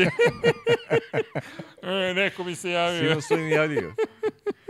Pozdrav na svima, gde god. Mora Dobri kupiš ljudi. ovaj telefon, ovaj veći. Ovaj, da Neću, znaš, znaš oni najgori što možemo pročitaš ekran sa 17 metara, znaš da je ćorav. Radije ću naočare da stavim. Dobro. Moram stavim oranž, znaš, moram da stalno nosiš sa sobom. Da, Da, a ja da, odbijam da priznam koliko godina imam. Nalastiš ono, nalastiš. Da, da. A ne urednički, Pa znaš. to, nalastiš. Da, olovka i Penzionerski. moram ćaletu da tražim. U, pozdrav za mamu i tatu. E, Oskar Pjastri, da zaključimo temu. Prvo pobjed, plasmano pobjedničko postoje. Uhu, bravo, Oskare. Produžen super, ugovor. super. To je inače Andreja Stella rekao da ima osobi, osobine ni manje ni više Šumahira i Alonsa i da to je ono što prepoznaju njemu. Staviš mu na Nadam teret, da- staviš mu na teret. ni manje i ni više ovo dvojicu, bum. Evo ti, devet titula. Andreja, Hvala ti. lepo, znaš. Pa možda zna nešto kako Svaka, to sad. ako jednog dana bude šampion, sjetit ćemo se Andreja. Andreja Stella, ba dobro vidi, Andreja Stella veliko poštovanje zaslužuje. Kako ne? Ja se izvinjam, potpuno sam pogrešno procenio situaciju, jer Svi u sam rekao, Andres Seidel kada da. ode, bit će problema kada oni procvetaše. A Alfa Romeo, na dole. Možda je Seidel bio problem. Vidjet ćemo. Nešto o E, čemu vredi. Da li da, nije, nije, problem? nije, polako, polako. Polako, Polako. 2026. Zajdl kuva nešto drugo, neki drugi ručak. I zadržali smo se na trenutak samo kod Gasly Okona da zaključimo, ej, poeni za Alpinu posle loših kvalifikacija, super trka. Znaš kako, oni su, oni su kao i i Aston Martin, oni su na ovim stazama spori krivina, tu, su, tu prave rezultate. I svaki onako dobar, dobar rezultat na trkačkim stazama je, je vredan i osvajaju poene. Kažem ti, Čekaj da se pozdravimo. Laka noć, znači da ćemo mi. A, Ćao. vidi znak, dakle, vra... nadam se da se Bavarci vraćaju. A sad su... kako, kako? KTM i Honda. KTM i Honda. O, dobro. sve najbolje, Svako dobro. vidimo se. ovaj, tako da dobar, znaš, Alpina, vredan rezultat i ono, pričali smo ti ja, ja, ja sam bliži toj nekoj teoriji da, da je sezona sasvim, sasvim korektna s obzirom na sve okolnosti koje se dešavaju i i ovo imaju imaju svoje duče pa u krajnjem slučaju ti Gasli Gasli sad na poen za ostatak odnosu na na Lensa Stroll uporedi Aston Martin i, i, i Alpinu ove godine Nemoguće. imaš poen manje a tu i negdje Esteban Ocon na kraju će vjerojatno i da preskoči Lensa Stroll obojica Pa, kako sada stvari stoji, idu ka tomu. A, da. Lance Stroll ne osvaja poene trenutno. Ovo je četvrta trka za redom u kojoj ne osvaja poene. I tu se sad već ređaju i odustajanje, ređaju se problemi, greške, kvarovi sada. svašta nešto Baš ima, baš ima mnogo problema za Lensa Strolla. Inače, ajde, sad kad spominjem Lensa Strolla, nisam ti poslao, Vlado, ne znam da li ovo smemo da objavimo ili ne, ali ću pročitati, pošto je mnogo ljudi poslalo, jel te, pošto smo došli ponovo do jednog važnog člana svetskog šampionata u uništavanju. Logan Sargent, pozicija broj 1. Kažu da je koštao ekipu 2 miliona 794 hiljade dolara. Možda ponoviš te Slušaj ovo, šampionat sveta u uništavanju. koliko košta ekipu Logan Sargent, pozicija 1. Ovo je posle velike nagrade Singapura. Singapur, ne znam gde smo Dobro. sada posle čekaj da vidim, World Distractors Championship, ali posle Japana, pošto je Logan tu takođe bio vredan. Realno. O, aktivan, aktivan, vrlo aktivan. Vrlo je bio, Pa ne, on tome što najbolji, on to, znaš, to, on je ko Max, on se ponavlja iz nedelju u nedelju. vrlo je pouzdan. Max, dakle, Max je Logan. Posle Singapura, 2 miliona 794 hiljade dolara. Lance Stroll na poziciji broj 2, 2 miliona 292 hiljade dolara. Znaš ko je na poziciji broj 3? Pa to je džeparac od tate potrošio što. Pa Jeste, samo što im ulazi u ograničenje budžeta. Tu su problemi, nije rastegljiv. Ko Znaš na- ko je treći? Čekaj, ja provam da vidim. Ajde. Na poziciji 3. Da, mene iznenadilo. Na Priznajem. poziciji 3.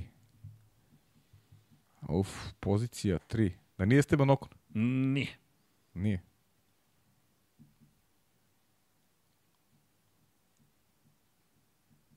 Kakva tišina je nastupila. A, kakva tišina, drama. Pa ne, pokušavam sada, znam da su imali Alpine, ta, Ne, ovaj ne. incident je bio baš ozbiljan u? Australiji. Čekaj, prvo. Pa ja kaži sad gotovo, ajde. Ne, ne. Sergio Perez. Sergio Perez. 2 miliona 109 hiljada. Moram ovo da proverim. Šta je sve to Sergio uništio da bi koštao ovoliko ekipa? Pa ne, ne bih rekao nikad. Moram ti pre, možda je skupilo prednje krilo, prednje krilo, Možda, možda, možda dva prednje krila koštaju. zadnje krilo. On je promenio dva prednje krila. Čudno sad. mi ali okej. Pierre Gasly milion 686 hiljada, Oscar Piastri milion i 600 i tako dalje, i tako dalje. Karl Schall. Navodno je najmanje para koštao ekipu Max Verstappen, 200 hiljada dolara. To mi ima smisla. Valtteri da. Bottas 225, koliko i Fernando Alonso. Hamilton, Norris bili su štedljivi, Russell i tako dalje. Ajde. Baš da, me zanima. to za Sargenta mi je ovaj, okej, znaš, ali ko zna koliko je posle Japana, ali ovo Perez baš pa To moram da, moram iskreno ti kažem, moram proverim to. treba Malo mi je proveriti. čudna ta informacija, ali dobro. Kaže čovek da ovo A, prati. znam. Na, Da. ke, na catering. Gladan čeko. Pozve drugare. Pa Red Bull i catering, to je, znaš, to je ta priča.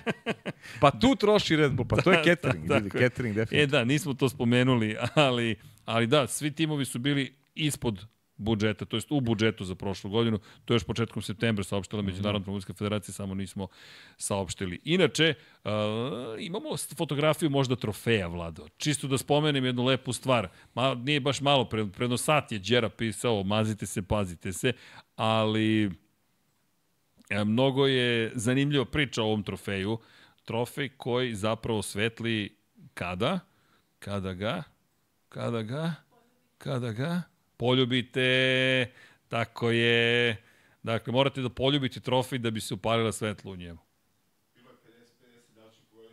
Da, I bilo je 50-50 da li ćeš pogoditi fotografiju. Vlado, ubosi, ja, Lagano. lagani poljubac za trofej broj 1 i onda počne da sveti u slučaju Maxa Verstappena u obojama holandske zastave. Eto. To je Tako, to. o, lepo je, lepo. Jeste. Lepo. I tako, zabavljao se Max posle pobede.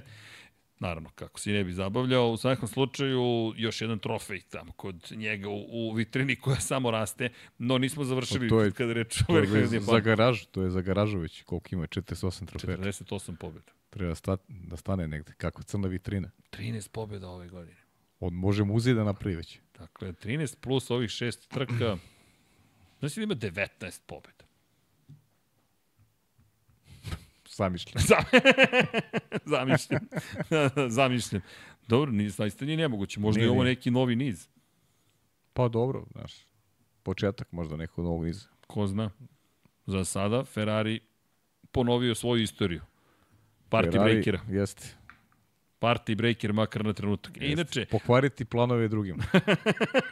U režiji Ferrari. da, sprečili ih da dođe do, do 100% uspešnosti u sezoni. Jeste. E, ne, ne zaboravimo Alfa Tauri. Alfa Tauri, počeli smo od Alfa Tauri i tih odluka, ali zapravo to je, to je zapravo porodica Red Bull, ali 11. 12. pozicija i sjajno trkanje, ja sam ih pomešao, izvinjam se, ne znam zašto svaki put prebacim Sargenta, na, ne Sargenta, izvinjam se, ali ima Losonu, izvinjam se Losonu, da je sa žutom kamerom kad je to uvek cunodina, ali sjajno trkanje na početku trke, razmenili su pozicije 3-4 puta i to bez greške, bez kontakta, baš je bilo lepo gledati. Dobro, oni su, oni su počeli na mekim gumama od petorice, šestorice vozača, oni su počeli na mekim i lepo su se lepo se trkali, ali ono što, što mene stvarno impresionira je, je Lawson. Eto, tri trkačka vikenda, u sva tri je dovezao bolid kući, napravio greške na, samo na, na treninzima i to par grešaka na treninzima, govorimo sva tri vikenda, osvojio poene, rekli smo 350 je vozač u istoriji Formule 1 koji je osvajao pene u ovom šampionatu je baš Liam Lawson u Singapuru. Štete što nije i ove nedelje na stazi koji dobro poznaje, gde se takmiči u super formuli Japana. Liam Lawson je neko ko, ko ima mesto u Formu 1 definitivno. Ako, znaš, uvek negde sa nekom skepsom govorimo, pa pritom, aj sad poređenje, Logan Sargent je prošle godine, 2022 ovaj, bio treći u šampionatu do Dubaja u Formuli 2. Liam Lawson ga je pretekao u Dubaju, u posljednjoj trci. Je došao, u Abu Dhabiju, pardon, je došao do, do, do te treće pozicije. Tada smo još srđeni, ajde da ne bude da se nešto hvalimo, ali smo uvek Liam Lawsona apostrofirali kao momka koji ima perspektivu u Formuli 1 Logana Sargenta realno ovaj, u, u toj nekoj priči. Zaista ga nismo ni, videli. Nismo ga videli, zaista. Uh, iako si ti neko ko je onako nepopravljiv romantik i neko ko ovaj, više hvala, iz neke želje da, da, da, da šansu ovaj, i, da, i da veruje u neke mlade mlade momke, ovaj, potenciram na Sargentu, ali ja znam jako dobro šta, šta generalno misliš o celoj priči, ali Liam Lawson neko koga stvarno vidimo i mnogo mi je drago što ove tri, ove tri trke pokazao da je vredan poštovanje. I možda će dobiti šansu i, i kada dođemo u Katar, pobedio je Juke Tsunodu, Uh, ok, u prethodne dve trke Juki Tsunoda nije uspio da započne ni drugi krug. Imao je zaista pehove. Ovde pred domaćom publikom bolja startna pozicija, međutim Liam Lawson je odvezao kvalitetniju trku i kapa dole Novozelandjaninu. Mogu samo da završim da jedva čekam da ga vidim u, u ovom šampionatu. I kada je reč generalno Liamu Lawsonu, ja mislim da je kupio sve nas na planeti Zemlji, jer nisam vidio ni jedan tekst ili analizu koja nije govorila o tome dajte šansu Liamu Lawsonu. Nadam se da ga ova godina koja sledi neće preskupo koštati i da se ne dovežem na priču o tome da je moguće zameniti Serhija Pereza Danielom Ricardom, takođe Daniela Ricarda moguće zameniti Liamom Lawsonom. Tako je. Ne vidim da će Yuki Tsunodu i kodirati, tu je politika u pitanju, tu će Honda uvek imati svog vozača, ali Ricardo ukoliko podbaci, a viđali smo sezone kao u McLarenu da može da se nađe baš u, ne, u nezgodnoj situaciji, da neko potrebim te, težu reč, može se desiti da Liam Lawson jednog momenta samo Srki, kao sada osvane u Toru. Krajnji slučaj, ajde, ajde da gledamo sa pozitivne strane, da gleda i Liam.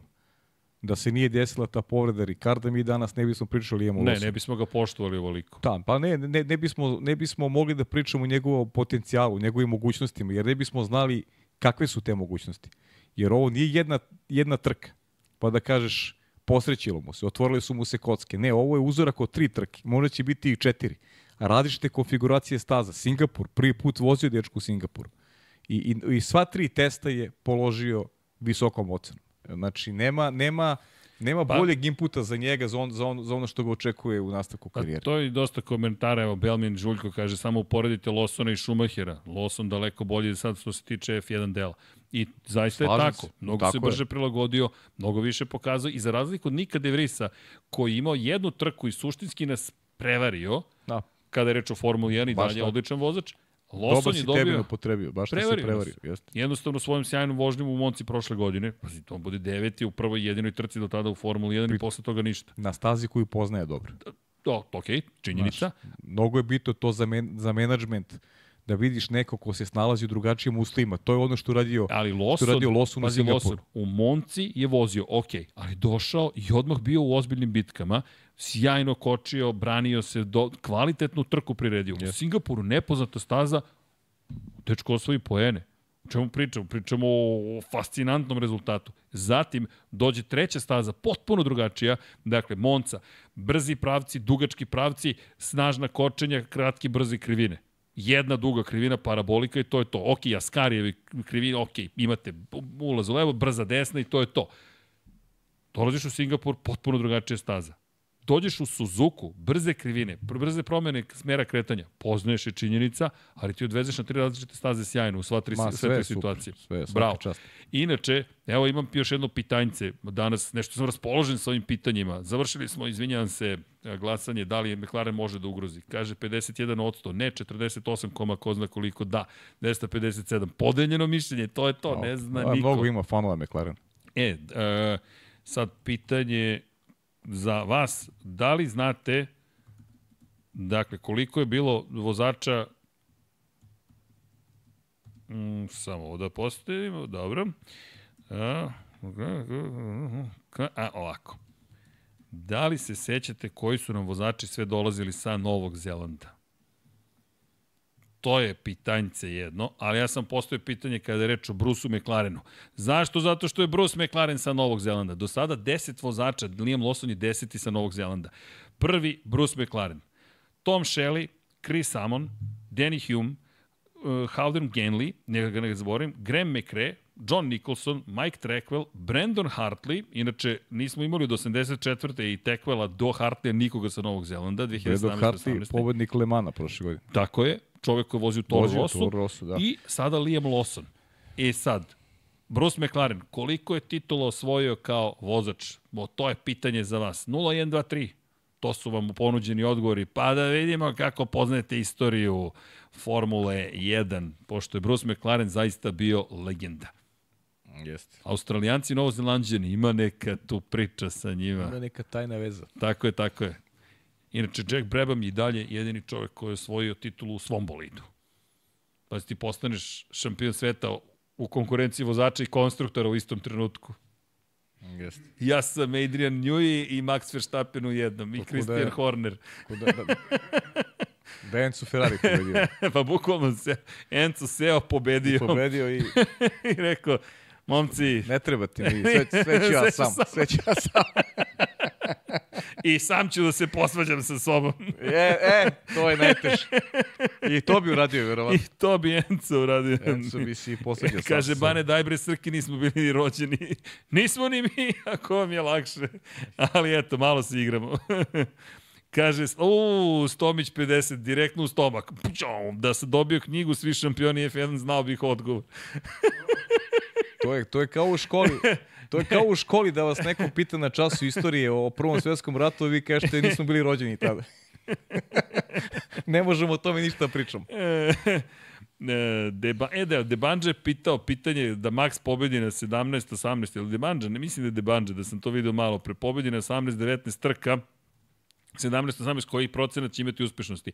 Ako pobedi na 19 trka, 86,36. Ukoliko pobedi na 18 trka, 81,82 od 100. Ukoliko pobedi na 17 trka 77,27 odsto i ukoliko pobedi na 16 72,73. Kako to utiče na rekorde? Ukoliko zabeleži pobjede 19, 18 ili 17, bit će najuspešniji svih vremena po procentu pobjeda u jednoj sezoni. Trenutno je na prvoj poziciji Alberto Ascari, kada govorimo o završenim godinama, 75% uspešnosti, 6 pobjeda od 8 trka. Na drugom mestu Mihael Schumacher, 2004. čuvena, 13 pobjeda na 18 trka ili ti 72,22 od 100. Četvrti je Jim Clark iz 1963. 7 pobjeda od 10 trka. Sebastian Vettel je peti, to je četvrti, izvinjam se, sa 13 pobjeda u 19 trka, 68,42 i prošle godine 15 pobjeda u 22 trke, 68,18 od 100 uspešnosti je imao zahvaljujući nije. sjajnoj sezoni. Baš i, i nije ovaj, Dakle, nešto baš lepo ovaj, za, za, za priču i rekordi naš Askari 6 od 8, znaš, ovde imaš 22 trke. do, pazi, ne, dobro, Schumacherov je tu najbliži zapravo, 13 pobjeda u 18 trka. Ali Da. ukoliko uspe 17 trka da zabe 17 Pa ne, pobjeda, to je- to to je to najuspešniji Pa svih to vremena. je onda, znaš, to je mnogo veći podvig, realno. I cenim da je to i cilj, pravo da ti kažem. Najiskreniji, mislim da je Pa to... ne znam, Srki, stvarno, ja ne, ne znam više da li Novi se... cilj. Da li se opterećuju sad s nekim ciljevima, da li razmišljaju, mislim da... Ali- ne, ne, ne znam, Znaš znaš, kako ja to gledam? Ja mislim stalno da... pričamo o tim nekim ciljevima, ali...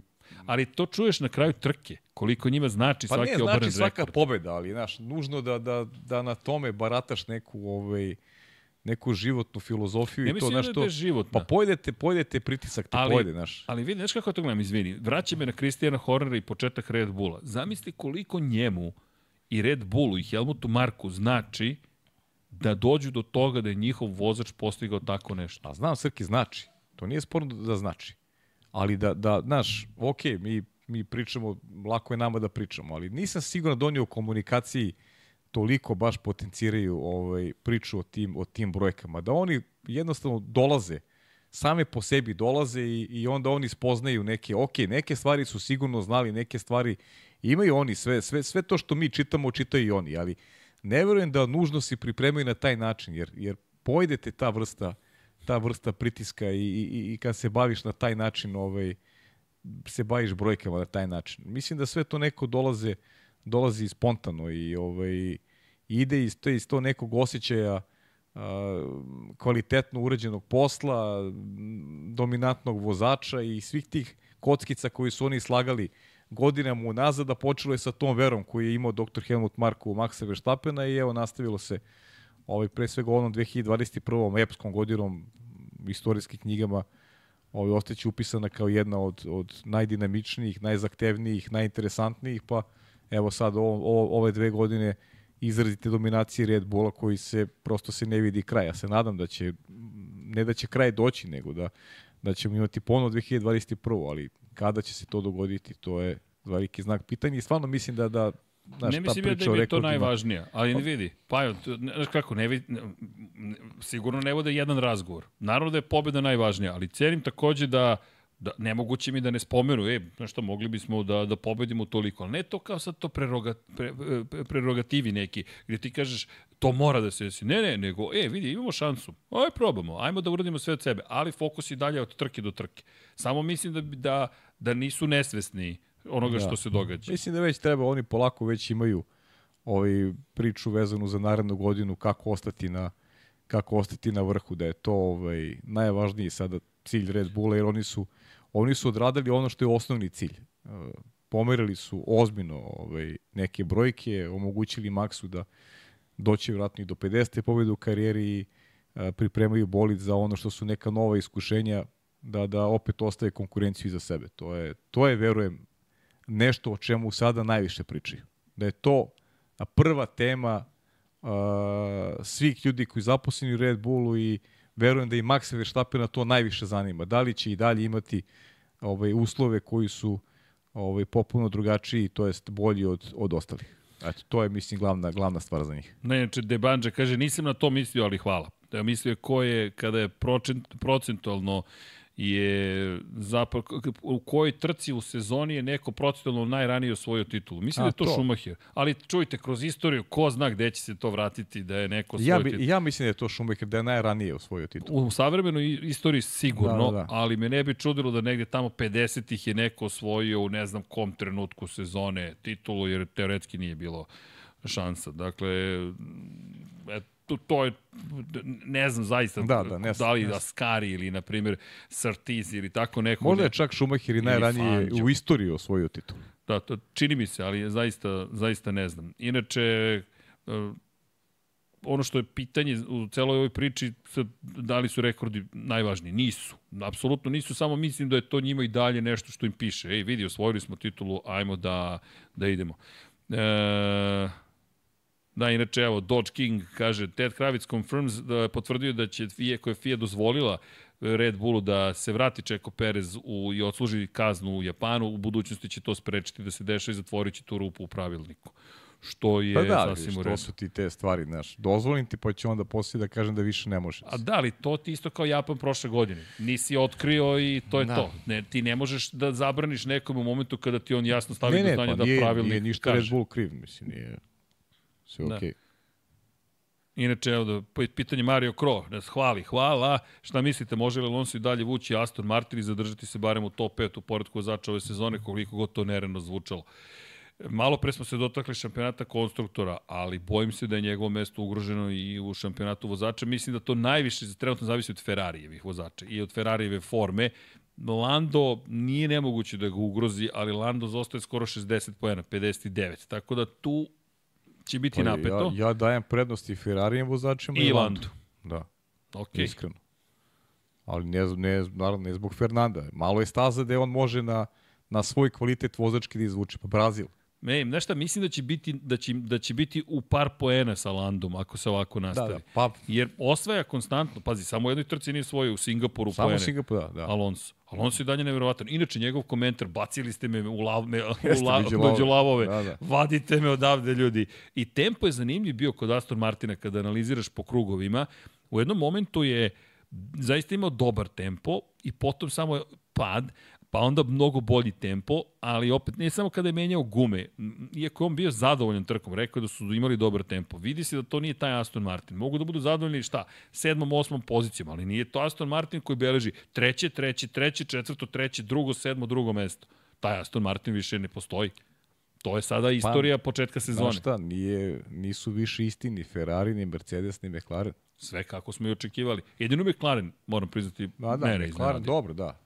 Ma iskreno, daj da budemo realni sređeni. I mene u ovoj meri. Znači, nisam zaista mislio da će, da će Landa ima četiri druga mesta nakon onakog starta. Da, verovao sam u ekipu, da će imati četiri druga mesta, ne. Ali da će Ferrari i Mercedes biti bolji od Aston Martina, to je nešto što smo, verujem, svi znali. Da, da. I, pohvalio bih još jednom Oskara Pjastri, sad je deveti u šampionatu vozača. Ma da, da, zaboravim ma i da, taj sve- deo. Znači, sve preskočio i Gaslije i Okona, sve je preskočio. E, d- Koga nismo spomenuli? Da, za- zadržam se na Alfa Tauriju. Juki Tsunoda rekao je da je bolid mogao više, prosto saobraćaj je učinio svoje, ali vidimo da Alfa Tauri definitivno funkcioniše. Da, da, funkcioniš sa tim, sa tim ovaj, poboljšanjima, funkcionisao je dobro i u Singapuru.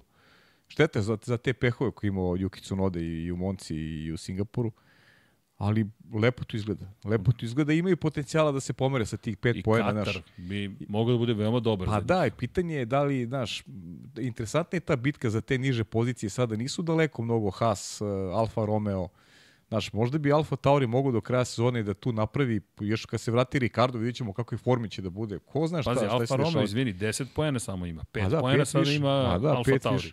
12 poena ima Haas, samo 7 poena beži. Tako je, sve, sve je tu blizu, to je Dostižno je to. dostižno, kako Znaš, ne. dostižno je čak i Williams sa 21 A poenom. tu Srkić sa, sa, sa, jed, nemoguće. sa jednom dobrom trkom mogu, Ti menjaš znaš, sve. Tako je, neko peto, šesto mesto i gotovo. ti Ti, menjaš si otišao ispred. šampionat. A pritom kad dođe sprint, e tu će Haas biti zanimljiv. Jao Haas, gledamo uh, rezultate Haasa po krugovima. Ljudi, oni imaju, na primjer, 10 sjajnih krugova. I onda dođu četiri gde oni moraju da izdrže na tim Kad gumama. bi, moglo, kad bi moglo na Felnama da se vozi, njima je bilo super. Bukvalno, ali oni izgube u momentu kada, presta, kada potroše gume. 2 A do da. 3 sekunde po krugu. I sad, ako vi morate da izdržite 14 krugova, ta četiri kruga u potpunosti anuliraju prvi Oni 10. možda su, oni su ekipa koja je trebala da, da, da ide na tu agresivnu strategiju sa tri stajanja. I, I bukvalno, i ne samo Oni su to. to morali da urade. I, I pazi, kao Alfa Tauri što je napredovao, Haas, ja mislim da je na korak od toga da otključa ozbiljan potencijal, ali ne uspevaju, jednostavno ne uspevaju da vladaju gumama. I ti svaku analizu koju pogledaš, govori ti u prilog tome da Haas ima brzinu u tom jednom krugu, stvarno imaju brzinu, ali ne vredi. Lepo si rekao, sprint, sprint je šansa. Ima još tri sprinta do kraja godine, eto šanse da, da poprave bodovni saldo. A to je, vraćam se na Hulka zapravo, na, na celu priču o, o Hulkenbergu i kako je zapravo poslednje pojene osvojio kroz sprint u Austriji. To je jedina šansa. To je Da. bukvalno jedina šansa. Jeste, jeste. Slažem se. Slažem se. Veći potencijal u, u trkama ima, ima Alfa Tauri. Mislim do kraja sezone. Za sada da. Jedino kod Alfa Romeo ne znam šta bih rekao. Pa ništa, Bottas, Alfa loš, Romeo. Ma Joe katastrofa. Loš. Bottas me, ono, razočarava iz nedelju u nedelju, zaista.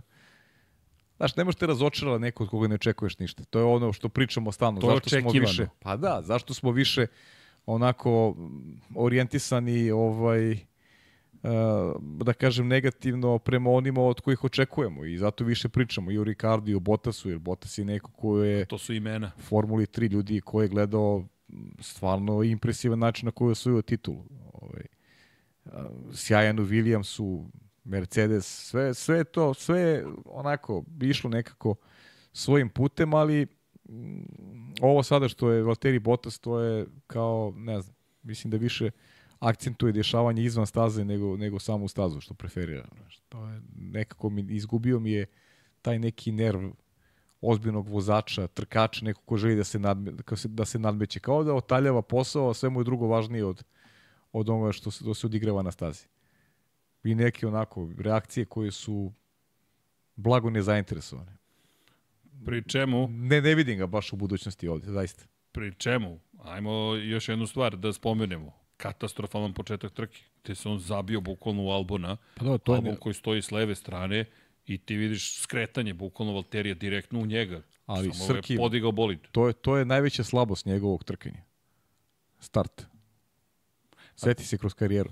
Da, ali, ali Start, najslabiji segment njegovih trkanja. Ovo, ovo, ovo je sad već ono, priča o Čeku Perezu je je start trke. Znam, ali nisi u poziciji da, zaista nisi u poziciji da, da sebi dozvoliš tu vrstu starta. Nisi, ali Znaš, i, i na kraju dana on opet samo kaže, i u kvalifikacijama, ne znam šta se desilo, opet smo u Pa Q1 to ti završili. kažem, delo je blago nezainteresovan, delo je potpuno onako odsutan. Nije, nije, to, nije to onaj vozač. Ne, ne znam, on, kažem ti, kao da, kao da doživljava da mu ovo sad neka, neka penzija.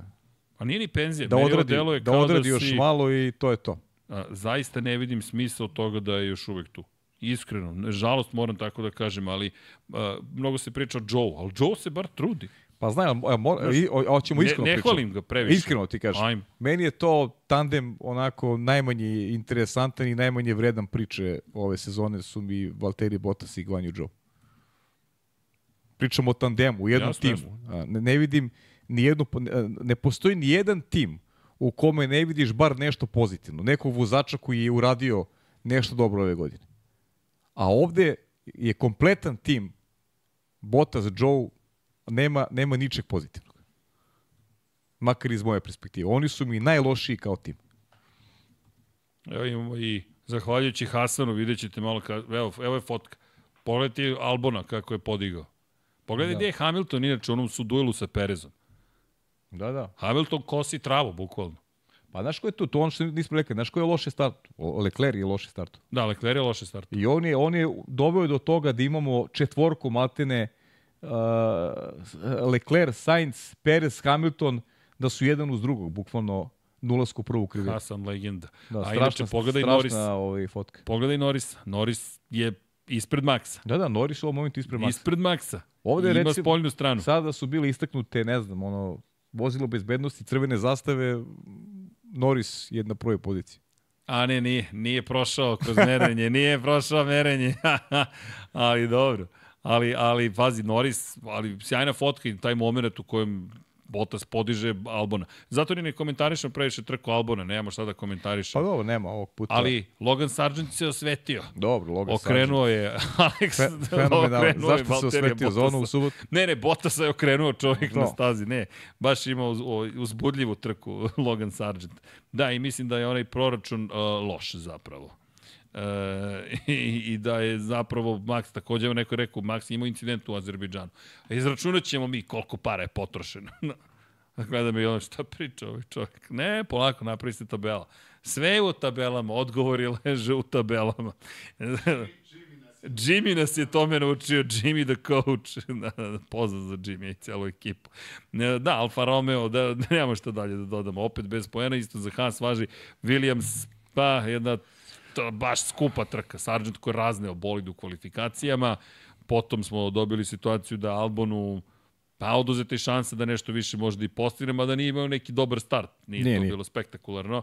Pitanje da li bi Williams uopšte izašao s poenima uz ovakvu Alpinu, čisto sumnjam. Iskreno, i. Alfa Tauri. Realno teško. To je ono što je negde najavio Albon, da će biti sve teže i teže. Očigledno je bio realan. Da, mislim da je baš bio realan. Mm. Pa je, ovog vikenda nemamo trku. Formula 1. Pa nema, ali dobro, ti, ti ćeš biti ovaj, Ja imam trku ti, u Japanu. Ti do kraja novembra imaš trke. Da, da, svakog vikenda. Svakog Ponovo si u Japanu. Dobro, Ponovo ti voliš Japan. Zašto, zašto da kvarimo kad valja? Vidiš da, pri čemu? Znači- 13 pojena samo razlike između Banja i Opet Martina. nespavanje noćne. Apsolutno nespavanje. Dakle, čemu spavanje? Kad je beš trkao? Koliko sati da znam? Da li, ili ne, da pa ću pustimo snimku. Evo, sad ću ti reći, mislim da je bolje da... Da, to ću da uradim. Mislim da, si ti zaslužio To ću, snimak. to ću da uradim, da. E, Zaista mislim da si zaslužio. Inače, sad ću ti reći tačno i kako glasi uh, timing, jel te? Kalendar, šta kaže? Ne, ne znam na pamet tačno, moram ti priznati kada je kada se šta dešava, kada je reč o Japanu, ne zamerite, moram pa i da odgovorim. Čika Paja kad pita, tu nema diskusije. Da, da znamo, eto, čisto i ljude zanima sigurno. Da, ovako. I ove formulaše. Samo nedelju ću da čitam. Dakle, jutarnji trening, zagrevanje u 3.40. Dakle, zagrevamo se zajedno s pekarima, zagrevamo peć. Tako je. Parada je u 4.00 vozača. U 5.00 prva trka Moto3 klase 17 krugova u Motegiju od 6 časova i 15 minuta. Druga trka Moto2 Znači u osam je. 19 krugova. Tako je, u 8.00 24 kruga, pa možeš čak i da se onako malo rano. Rano je. U, u snimku. Rano je. U snimku. Da, Odmah ako želi da se druži od 2.00 počinju petak, jel te, jutarnji treninzi, traju do 9.00. U subotu od 1.40 Dobri krećemo. smo, a onda Katar smo dupli program ili, ili samo formula sledeće? Ili? E, nisam siguran, moram ti priznati. Aj, Da mnogo li pitanja, ajde, sad treba neko drugi da program? pita. Ajde, završimo trku ovu. Čekaj, čekaj, e, nismo dupli program. Dobro. Za moj rođendan samo velika nagrada Katara. Tako je, zato i pitam. Da, da, da znaš da li idemo na Nedelja, žurku posle. nedelja je, znaš. Da, da, da. U, mogli bismo tad svečano otvaranje novog prostora. I torta. Opa, I torta. koli će budu u centru pažnje? Neko ko izbegava da bude u centru pitam pažnje. se.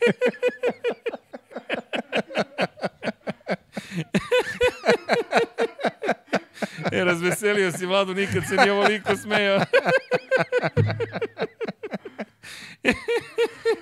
Evo, samo ti kaže, i, meni zvuči kao dobra ideja, I, znaš. I meni zvuči kao dobra ideja. Pa nije, zašto? Zašto? Zašto? Spojimo. Zašto ne? Bolje nego da otvaramo u 1.40 ujutru. A normalno. Pa bolje, bolje da otvorimo sad 8. oktobra. Kako, kako? Sad da organizujemo. Ko organizuje Ne. dve nedelje unapred? Ja, krenut ćemo od 7. u subotu. Krenut ćemo sedmog ujutro da organizujemo. Dođi na kvalifikacije pa ćemo da se dogovorimo šta kažem. treba da radimo. Dobro, obaveštavat ćemo vas u daljem razvoju događaja, ali dobro. Da, u razvojnom putu. Da. Jesi gledao naskar, da ti pitam? Jo, i mi veruješ, Srki, da sam malo... Ja nisam, da sam samo malo, znam Ne, rezultat. malo, s- ja ne znam ni rezultat, malo- gledao sam i onda sam zaspio na momentu. Ugasio sam se on, od onih ranih one, ustajanja i ugasio sam se i nije mi pola pamet ni da pogledam dok sam bio ugašen. sam zaborio pogledam jutros ko je, ovaj, ko je. A vidim da je bilo, bilo je dinamično. Mislim da je, da je Tyler Reddick vodio u momentu kada sam ja prestao gledati. Ja, sam, on, je, on je pobedio prošle godine. Ovaj, ja sam samo konstatovao da, da, je, da je pobed odneo William Byron, i, Ba- a, Byron je pobedio, a? Danny Hamlin je trenutno drugi, pa Chris Boucher, Christopher Bell, Martin Truex Jr. prolazi za sada dalje, Ross Chastain, Brad Keslovski, Kyle Larson, to je vodećih osam, pa Baba Wallace, Tyler Reddick, Ryan Blaney i Kyle Da, inače, Busch. trka je bila onako u, u znaku Sherry Polex, bivše Da. da. devojke Martina Truex juniora, koja je nažalost preminula, a seća se još one, onog Kako perioda kada smo, kada smo radili, kada smo komentarisali, ona je tu uvijek bila uz, pa ona titula jedina Martinova, Jeste, pa je bila i posvećena. bila je i posvećena, tako je, i ove, ona je bila tu pored staze i ovaj, vidim da se američki mediji bave sad ovaj, malo tim nekim intrigama iz, iz njihovog privatnog života, što je, Da. mislim, potpuno onako, onako pogrešno i, i potpuno nevažno, ovaj, tako da mi to nećemo da radimo, ali ali svakako svakako je to trka bila negde bila negde u njenu čast jer vidim da se onako potresla cela naskar zajednica i da da su svi ovaj onako e, pričali o njoj i o onako u superlativima i da je to bila da kažem neka iskrena emocija koju su imali ljudi u naskaru prema prema toj dami. Eto to je a eto i nama je i nas je ta vest dirnula, jer kažem iz razloga što smo taj baš period nas dvojici intenzivno pratili i komentarisali. i, i znamo koliko je Martinu značila ovaj, ta, ta ovaj, i njena podrška u toj godini koja je možda bila i najinteresantnija u toj eri koliko mi komentarišemo s obzirom da je Martin vozio za jednu privatnu ekipu, malu ekipu sad sam zaborio čak i kako se zvala ta ekipa nestali su bukvalno godinu dana kasnije, zaborio sam kako se zvala ekipa. Furniture Row. Furniture Row, bravo Srki, Furniture Row, oni su se i imali su i tragičnu sudbinu mnogi iz te ekipe, ovaj zaista neka neka neverovatna priča, evo sada se završilo i sa i sa ovaj odlaskom i Sherry Polex, zaista jedna uh, Furniture Row će ostati eto upamćen i, i, i po toj tituli veliko i po, po tragičnim sudbinama ljudi iz ekipe i Martin Truex je nakon što se ekipa ugasila a, postao deo Joe Gibbs Racing tima i nikada nije došao ni blizu šampionske titule, a stvarno jedan od najboljih vozača koji se pojavio nazad 20 godina u, u tom šampionatu. Eto. Da, to su te ljudske priče Jeste, koje zapravo ljudska su priča, jedine baš. bitne. Jeste. Sve je jeste. to pojenta. Dakle, kada pričamo i mazite se i pazite se i podsjećamo da vodite računa da drugima samo podsjetnik. Prekratko smo na ovoj planeti, zaista. Bukvalno tako. I nažalost se setimo obično u, u pogrešnim trenucima. I zato vam kažemo, budite dobri i prema sebi, i prema jedni, i prema drugima, i naravno, i kada reč o, o zdravlju generalno, i mentalnom, i fizičkom, povedite malo računa o sebi. Ima Malo ljudi koji vas malo više, malo treba i više. sebe da volite. Da. Da, Dobro. te priče nekako, pogotovo javnih ličnosti, malo podsjete vrate u, u, u fokus neke stvari, kao što ćemo u oktobru nositi opet roze majice, jednostavno od kancera je preminulo u 44. godini, Da, duga borba. Duga neki, baš je bila 10, bitka. 10 godina neka Jeste. borba, otprilike, tako nešto. Jeste. Ne da ne ulazimo u njihovu intimu, ali Ma, prosto da, to je, to je. je To samo i ona bila znaju. inspiracija mnogima, Da, ali mi ne možemo da znamo šta se dešavalo, zašto su se neke stvari desile u svakom slučaju.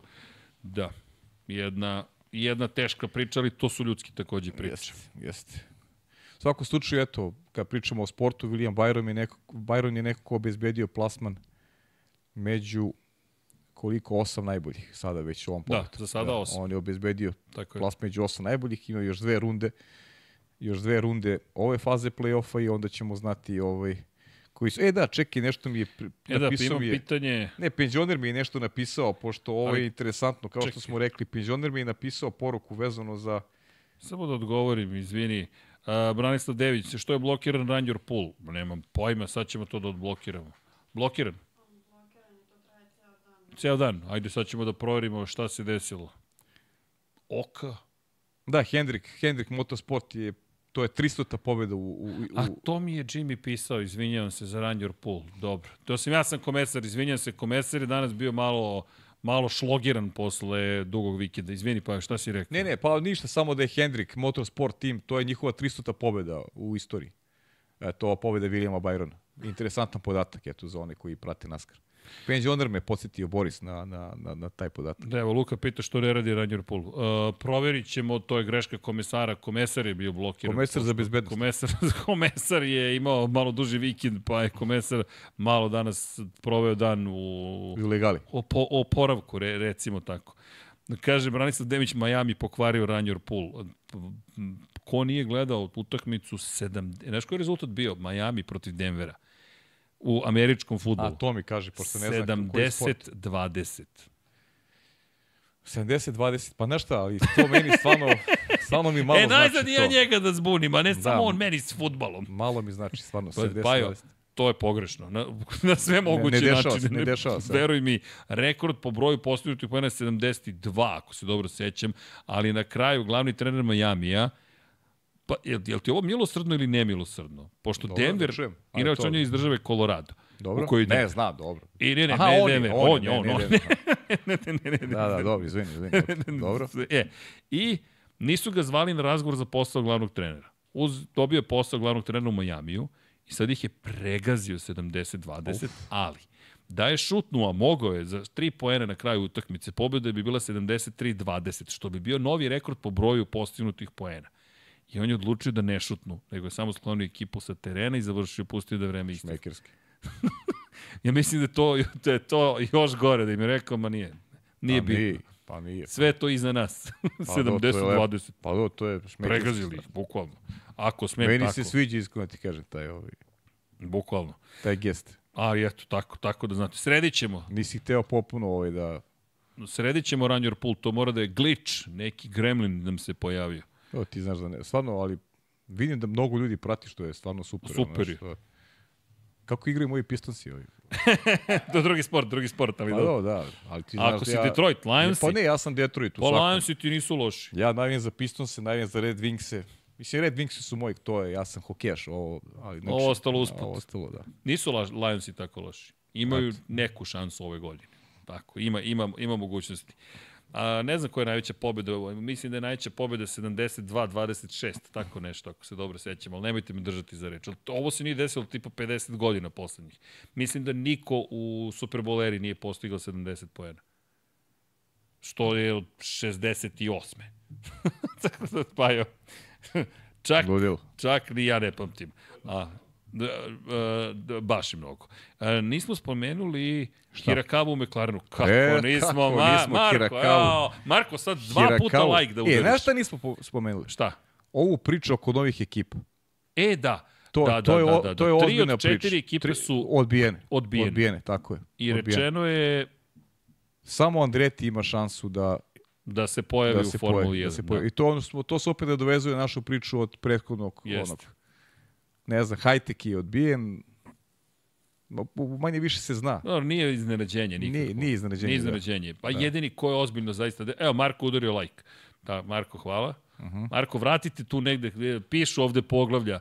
E, Pa, e da, na 99 jardi nismo poglavlje upisali, pošto svi, cela redovna ekipa je bila desetkovana, ali ćemo upisati, ali vidjet ćemo gde smo pričali o Hirakavi. Tako Da, da, ovo, bez je, brige. ovo je onako jed- jedina, da kažem, tema koja Pa- je, a opet nije nije iznenađenje Nije što iznenađenje. se da da ali Zaista opet eto možemo iznenađenje. ako da se o tome priča da se pričalo sada u tokom ovog trkačkog vikenda i da Pa čekamo nove da, vesti zapravo. Čekam, da, čekam, pa u stvari čekam da vidimo šta će biti sa Andretijem. Eto, sad bar znamo da, da jedini Andreti ovaj, ima neke šanse. To ne znači ništa nužno da će se dogoditi, da ćemo dobiti novu ekipu, ali znamo, o Hajteke smo pričali ovde često, da, da, da oni žele, da su se da su aplicirali praktično za ulazak u Formulu 1, ali eto, neće se desiti. Znaš šta još nismo spomenuli? Sad sam Šta? se setio.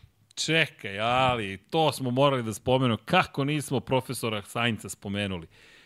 Kako se lepo smejao kada je Mercedes pokušao da njegov trik upotrebi A, protiv da. njega. Mnogo je lep bio Jeste, trenutak jeste. kad je Mercedes pokušao da da DRS, da jedan drugom daju DRS, ne bili ga Ali, pobedili. ali nešto je interesantno, smeli smo se i ti ja. I smejali smo A se. zašto? Zašto? Pa zato što se nadovezao, pričali smo o tome tokom direktnog prenosa Jeste. i onda kreće i on. Kreće Sainz koji kaže, ko koriste trik, moj trik protiv mene?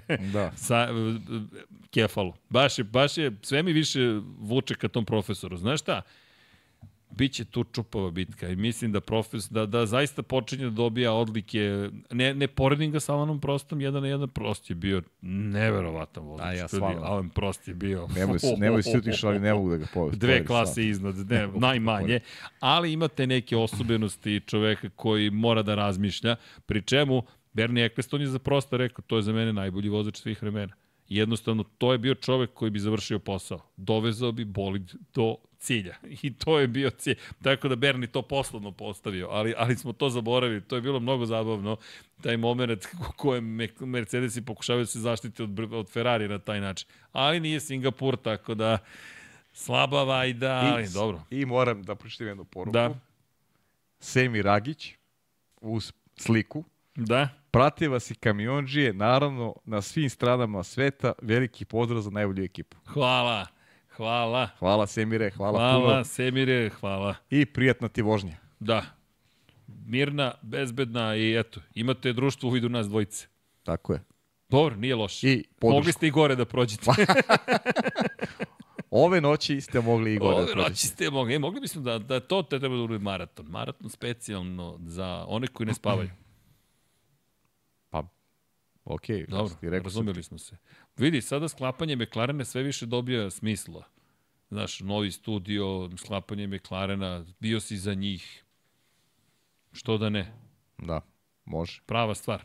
Prava stvar, da. E sad stvarno mislim da, da, da ne znam da li smo nešto još zaboravili. E da, i još jedna bitna stvar. Ferrari je mnogo bolje izgledao kada je reč o potrošnji guma nego u prethodnim trkama. Nije izgledao spektakularno, Pa- ali izgledao bolje. Nisam, ne mislim da je Ferrarijeva trka bila nešto, naš, loša. Prosto McLaren je odradio bolji posao, ali samo McLaren je odradio bolji posao. Ekipa je kriva što Sainz nije završio iza, iza Leclerc. Znaš, Leclerc i Sainz su radili ono što je, što je bilo do njih. Da, Sainz Nisu, inače nisu, rekao... mogli, nisu mogli bolje, realno. Da, da, Sainz je inače rekao da, da je napravio potpun zaokret u podešavanju bolida i da mu nije žao što je izgubio čak ceo jedan trening u pokušaju da sa potpuno radikalnim podešavanjima dođe do nekog boljeg rezultata. Tako da i, i Ferrari mislim da je bio svestan da ovde nema mnogo šansi, da da bi bilo bolje da pokušaju nešto, što opet tražimo od njih, pa su to i učinili. Ono što si rekao, možda da je jedan da je jedan od njih dvojici išao na, na, na, na stajanje više, možda bi tu dobili malo ne dob, dobili bi sigurno na brzini, pitanje je samo da li bi uspeli da u finišu budu toliko, toliko dobri da se umešaju za neku bolju poziciju, naš, pa da, da na svežim gumama ovaj, naprave neki pomak, ali opet to je sad do strategije, verujem da, da u Ferrariju imaju bolje podatke. E, a da, da li su ti mogli se- drugačije principirati A trku? kako ti se izvini dopada teorija Adama Coopera iz autosporta, da je angažovanje Hirakave zapravo otvaranje vrata Toyoti, čiji je on vozač za povratak u Formulu 1. Srki, mnogo bih volao da je, da je to u pitanju. McLarenu treba pouzdan partner. Zamisli McLaren Toyota. A- Jeste, a- potrošila a- je mnogo para bezuspešno pred 20 skoro godina, A ali ti i ja imamo, vreme. ti ja imamo ovaj, godina da pamtimo Toyotu i taj lepi boravak u Formuli 1. Ovaj, gledali smo skoro Tima Gloka u Porsche Superkupu, pa nas je to onako vratilo nas u neki period kada je Toyota bilo onako značajan faktor, igrala, ne, ajde da kažem, neku ulogu Force Indije u neko novije vreme. Bili su četvrta ekipa Pa čekao se njihov veliki uspeh. Jeste, imali su potencijala da se da se pojave na podijumu i Arno Trulli i Timo Glock je na vrlo interesantna postava u to vreme. Tako da Toyota u Formuli 1 zvuči vrlo zabavno. I sviđa mi se i, i razmišljenje vezano za Hirakawa. E, Kazuki Nakajima je Cooperu i rekao u razgovoru da inače savjetnik Toyota Gazoo Racinga, zvanične fabričke ekipe Toyota, da za sada to nije plan, ali da je to validna ideja, validno razmišljanje. Tako da su vrata ostala otvorena ka toj ideji da Toyota u jednom momentu uđe u Formulu 1. Mislim da čeka zapravo saopštenje o tome kako će biti pravila za 2026. i nadalje, ali uz dolazak Audija, uz činjenicu da Alpina kroz, zapravo Renault kroz Alpinu prisutan, da je Mercedes i dalje tu, Ferrari da će biti tu, da je Ford ušao kroz saradnju sa Red Tako je. Bullom i da je Honda u saradnji sa Aston Martinom, Toyota dodati na sve to, uh, i to s McLarenom, zamisli McLaren Toyota. Ma McLaren samo da se iščupa iz kanđi Mercedesa da postane fabrički tim. Kažem, izneli smo našu, te, ne teoriju, nego našu bojazan i argumente zašto imamo tu bojazan, da jednostavno deluje da Mercedes to baš neće dozvoliti. To je to nije tako davna istorija, 2015. nije bila toliko daleko, to i dalje isti menadžment, ista ta ekipa i videli smo, to jest prema rečima ljudi koji su vodili Lotus u to vreme, Mercedes nije baš tako lako davao punu snagu Jeste, motora. jeste. Što nas vraća opet na tu celu priču. Ali dobro razmišljanje, pazi, Toyota, bilo bi lepo. Baš, baš Zašto ne? Bilo bi, baš bi bilo dobro. Uzbudljivo. Dva japanska proizvođača. Ho, ho, ho, ho. I još stižu Amerikanci. I još ako uđe Andretti s Cadillacom. Oho. Aj, aj, aj. Aj, aj, aj, aj, aj, aj, sme mi se Nas neko tek ovde. čekaju prave stvari. Da, nas tek čekaju. Osi, sad ćeš sve mlađi i mlađi. ne, ne, zagrevam se. Aha, tek počinje. Sad počinje naše vreme. Pokušavam da dostignem radnu temperaturu. Pa vidi, Fangio, s koliko godina svoje? 46 godina svoje titul. O, naš, imam vremena do tad, do 46. Znaš ko je vozio sa 46? Emerson Fittipaldi. On je imao 46 kad je vozio u IndyCaru. Daj da se prijavimo za Indy. Za. Odmah. Mada on ima veliki incident kad te četir, sa 46 godina. Možda misliš malo problem sa refleksima. Ne, ne, ne, nije. Nije. Dobio je udarac. Ovdje Šalim se za malo, šalim se. Ganassi vozio, ali se ne sećam sad baš najbolje. Znam da je udario u zid u, u, u Michiganu. Chip Ganassi. Da, Chip Ganassi Racing. Joe Gibbs, Chip Ganassi. Cela ekipa je tu. Penske. Penske, Andretti, drama, stiže Las Roger Vegas. Penske dolazi, on, on, on posećuje trke i dalje, dolazi vrlo aktivno. Ma treba u Vegas ušao, da ide. Ušao u 90. Ušao u 90. U Vegas da idemo pa je. Vegas, da. Na strip, da vidimo kako ide Formula 1 po noći. Bilo bi lepo. Dobro. A sledeće nedelje, najav, thumbnail, e da, thumbnail, pokušali smo malo drugačiji da bude, dakle, ubacili smo, hvala Hasanu Bratiću, dao nam je čuveni točak u Suzuki, pa malo Max, pa karirana zastava. Da, meni, vidio sam, nedostaje mi je tu, moram ti priznat, nedostaje mi je na thumbnailu ovaj, Christian Horner. Iskreno. Jao, evo, pobedio je onaj prethodni da stavimo thumbnail. Da, oni sa, pa sa Onaj sa. Kristijanom. Promerit ćemo. Evo, zadovoljna koleginica u pozadini kaže, jesam ti rekla. I ona je bila za to. Samo ovako. I ona je bila za to. Eto, Eto ti. nisam znao da Jel je ovaj? koleginica. Da, da, pa to je, znaš, to je titula, titula ovaj, Red Bulla. Vlado, šaljem ti, aj stavite. Evo, evo ga. Titula Red Bulla ne može da bude bez, bez Hornera. A jel ti taj dobar ili ti je bolje onaj zagrljaj? Ne, ovaj se ipak. Je ovaj. Ne, to se ne vidi. Ne, klic. ne, ne, ovaj, ovaj, ovaj. Aj, ovaj. dobro. Ovo je super, ovo je... ovo je Promenit baš- ćemo thumbnail. Dobro. Pa ne, pazi, čovjek je na šest, svih šest trofeja i, i, Činjenica. pritom, i pritom, to je to. Zagrali sa Maxom. Mislim, Max je, realno je Max doneo tu, o- ovu titulu. 400 poena Pa Mercedes nema toliko poena. Nema ni blizu, nema Nema ni Ferrari, 300. nema niko. On će na kraju imati poena više od svih ekipa. Sam. No, neće baš imati, mislim da neće Ne, svi. pa ne od svih zajedno, da, da. mislim od ekipa pojedinačno. Ajde, Pa pa već loš, to loš već ima, već ima. Od Već ekipa, ima. svake ekipe pojedinačno.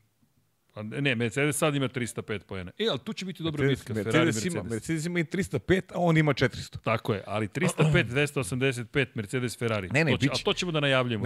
Ćemo, da, ima slede, ćemo pa da, tek, možemo sledeće nedelje da se bavimo time, ne, imat ćemo tih tema, ima interesantnih tih bitaka, kažem i možda bude Aston Martin McLaren, znaš, može tu da Ne bude. možda, to će sigurno. Pa da, bit će tu. I, i ovaj Alfa Tauri protiv Alfa Romeo i i, i Hasa. Biće Možda i. Williams. Mo, možda, Možda i Williams, Williams, ko zna. Ono što si rekao, jedna Da, trka ko menja sve.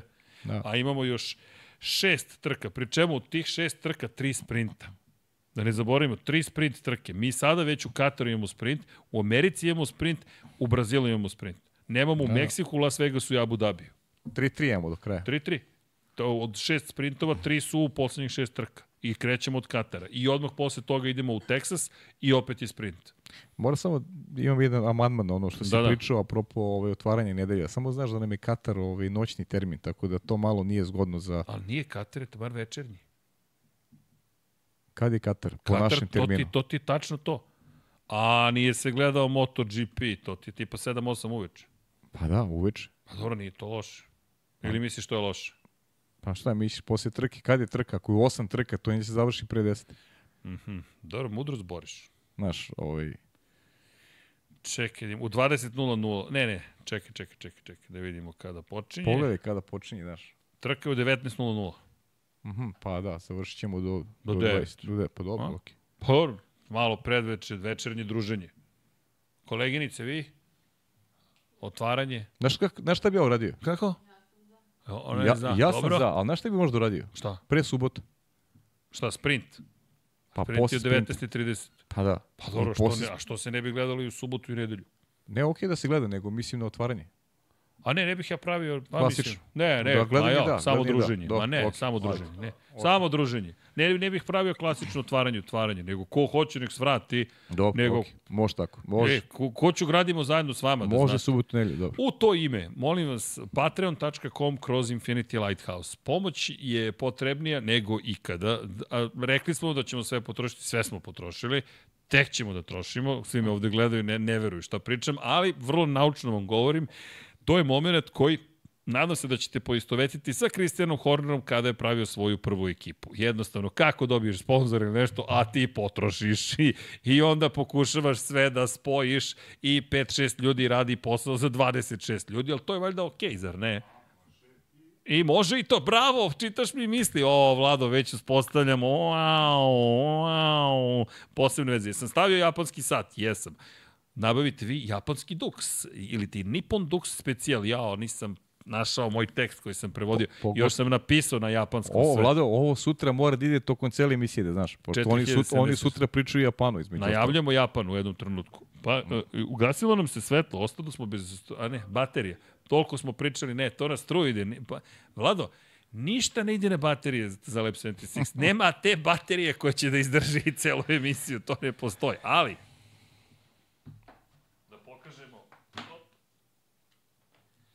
imamo mi rezervnu bateriju. Pada Ferrari. A Ruba, sad ćemo i to da namestimo. Gle sad. Aha. Aha. Šta kažeš? I vraćamo Ferrari. Jedna mala velika pobeda za nas. Pa dobro, već je ponoć. Witching hour se bliži ili već je počeo uveliko. Ne, znači, neki smo podcast završili u 2 sata 59 minuta. Vlado, to ne sme da nam se desi. Ako smo na, na domak 3 sata, šalim se, šalim se, Vlado, ne vidiš što Jesmo, nešto. stvarno, da. Jesmo, jesmo, na 3 sata smo. Aj dobro. Dobro. Lepo smo se ispričali. Jesmo, jesmo, Pa baš lepo. Lepo. Ima, Vrlo ko zna koju ćemo temu mi još da otkrijemo, koju smo propustili. Uvek ima neka nova tema. Vazda. Vazda. Ali dobro, mislim da je vreme da se polako pozdravljamo, da se najavljuje druženje. Dakle, podsjećam još jednom, sutra motograf, ne, u stvari ne, ne, ne znam da li je sutra motograf, s Dekim, gde je Deki? Deki je negde nestao, missing in action, ali se oporavlja. Deki nam je stvarno baš imao nezgodnu situaciju, dobro je, oporavlja se, ali antibiotici su morali da rade intravenozno, tako da je Deki baš bio van stroja, što kažu, ali vraća se u akciju, nadam se sutra uveče, trebalo bi, ako ne, onda se družimo u starom terminu u sredu, javit ćemo vam tačno, ne zamerite što ne znam, ali moramo da proverimo prvo zdravstveno stanje gospodina Potkonjaka, sad je našo da mi se razboli kad je šampionat ot, ovako otvoren. Malo stvarno, ja nemam reči. Neozbiljan je potpuno. Nemam reči Ne, ne, ne, šokiran sam. Ali dobro. Znaš, najstariji, to je. A nema ga da se Prvo- brani. Sutra, sutra kad dođeš, do- doznake ponesi. Oznake ponesi. Opravdanje. I tako, dobro. E, mislim da smo odgovorili na pitanje, da smo se družili. E da, McLaren, čekajte. Koliko je titula Bruce McLaren kao vozač osvojio Formuli 1? Nije osvojio Nije. niti jednu. Dakle, bilo odgovora 1, 2, 3, ali Bruce Ali McLaren za ostavština, ogromna. Da, nije nikada bio šampion sveta. Bruce McLaren je tragično izgubio život. Čovek je koji je obeležio, kao što si rekao, Formulu 1, ostavio iza sebe tim koji je zapravo Ron Dennis pretvorio u Jeste.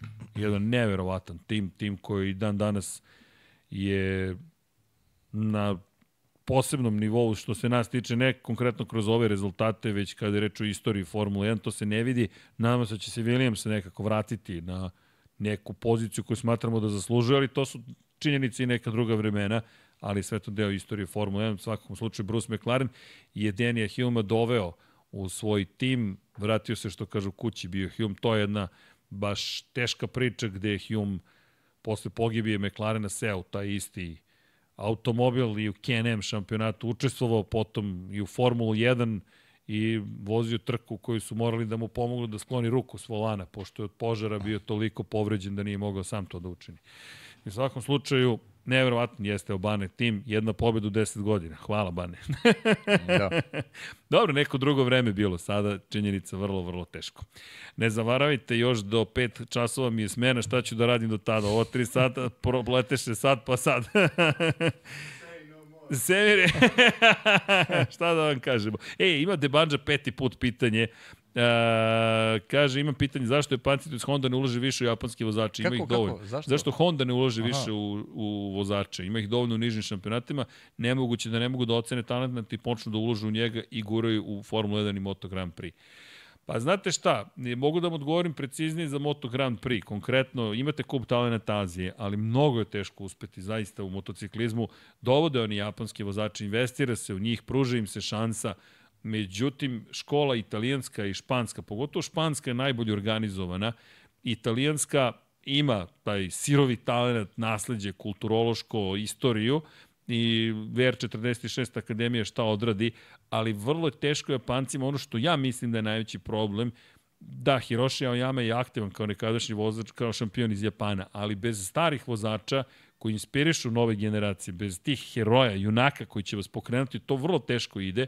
Konačno, Emerson Fittipaldi da nije osvojio titulu 72. Pitanje je da li bismo imali Ayrtona Senu, Nelsona Pikea i ostale.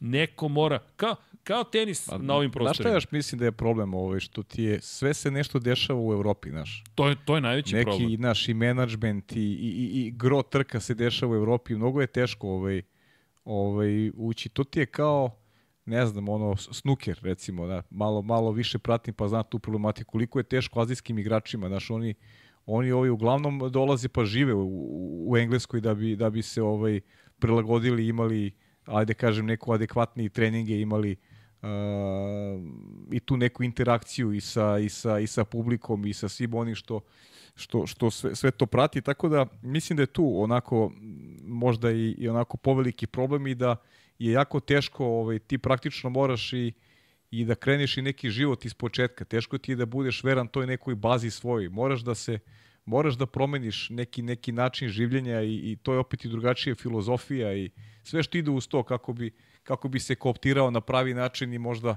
i možda ušao u, u, u tu problematiku na, na, na, na, na neki na neki ajde da kažem na, na, na kvalitetniji ovaj, po sebe sadržaj, način, šta god.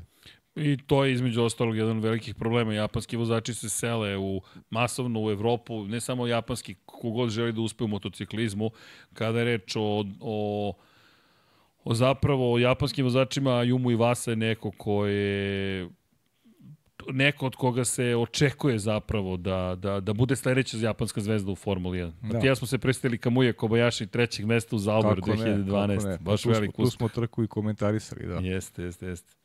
Inače, za kraj, šta bih spomenuo, da li znate da je Jos Verstappen pobedio na, Belgiji, na reliju istočne Belgije ovoga vikenda? Eto, tata i sin su zaobeležili ovaj vikend pobedama u različitim automobilskim takmičenjima. Jednom, jednom i Jos Verstappen da pobedi nekako. A pa ja u svom duhu polako li sigurno prevodi ovu emisiju. Kakav sin, takav tata. 345 kraju. ok, nadam se da ste uživali da ste se lepo zabavili.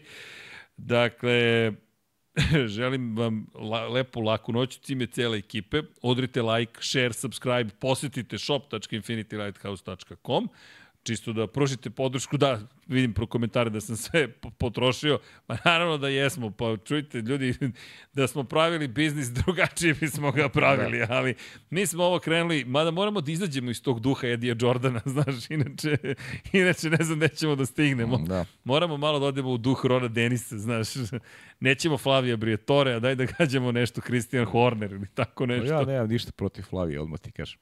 Opa.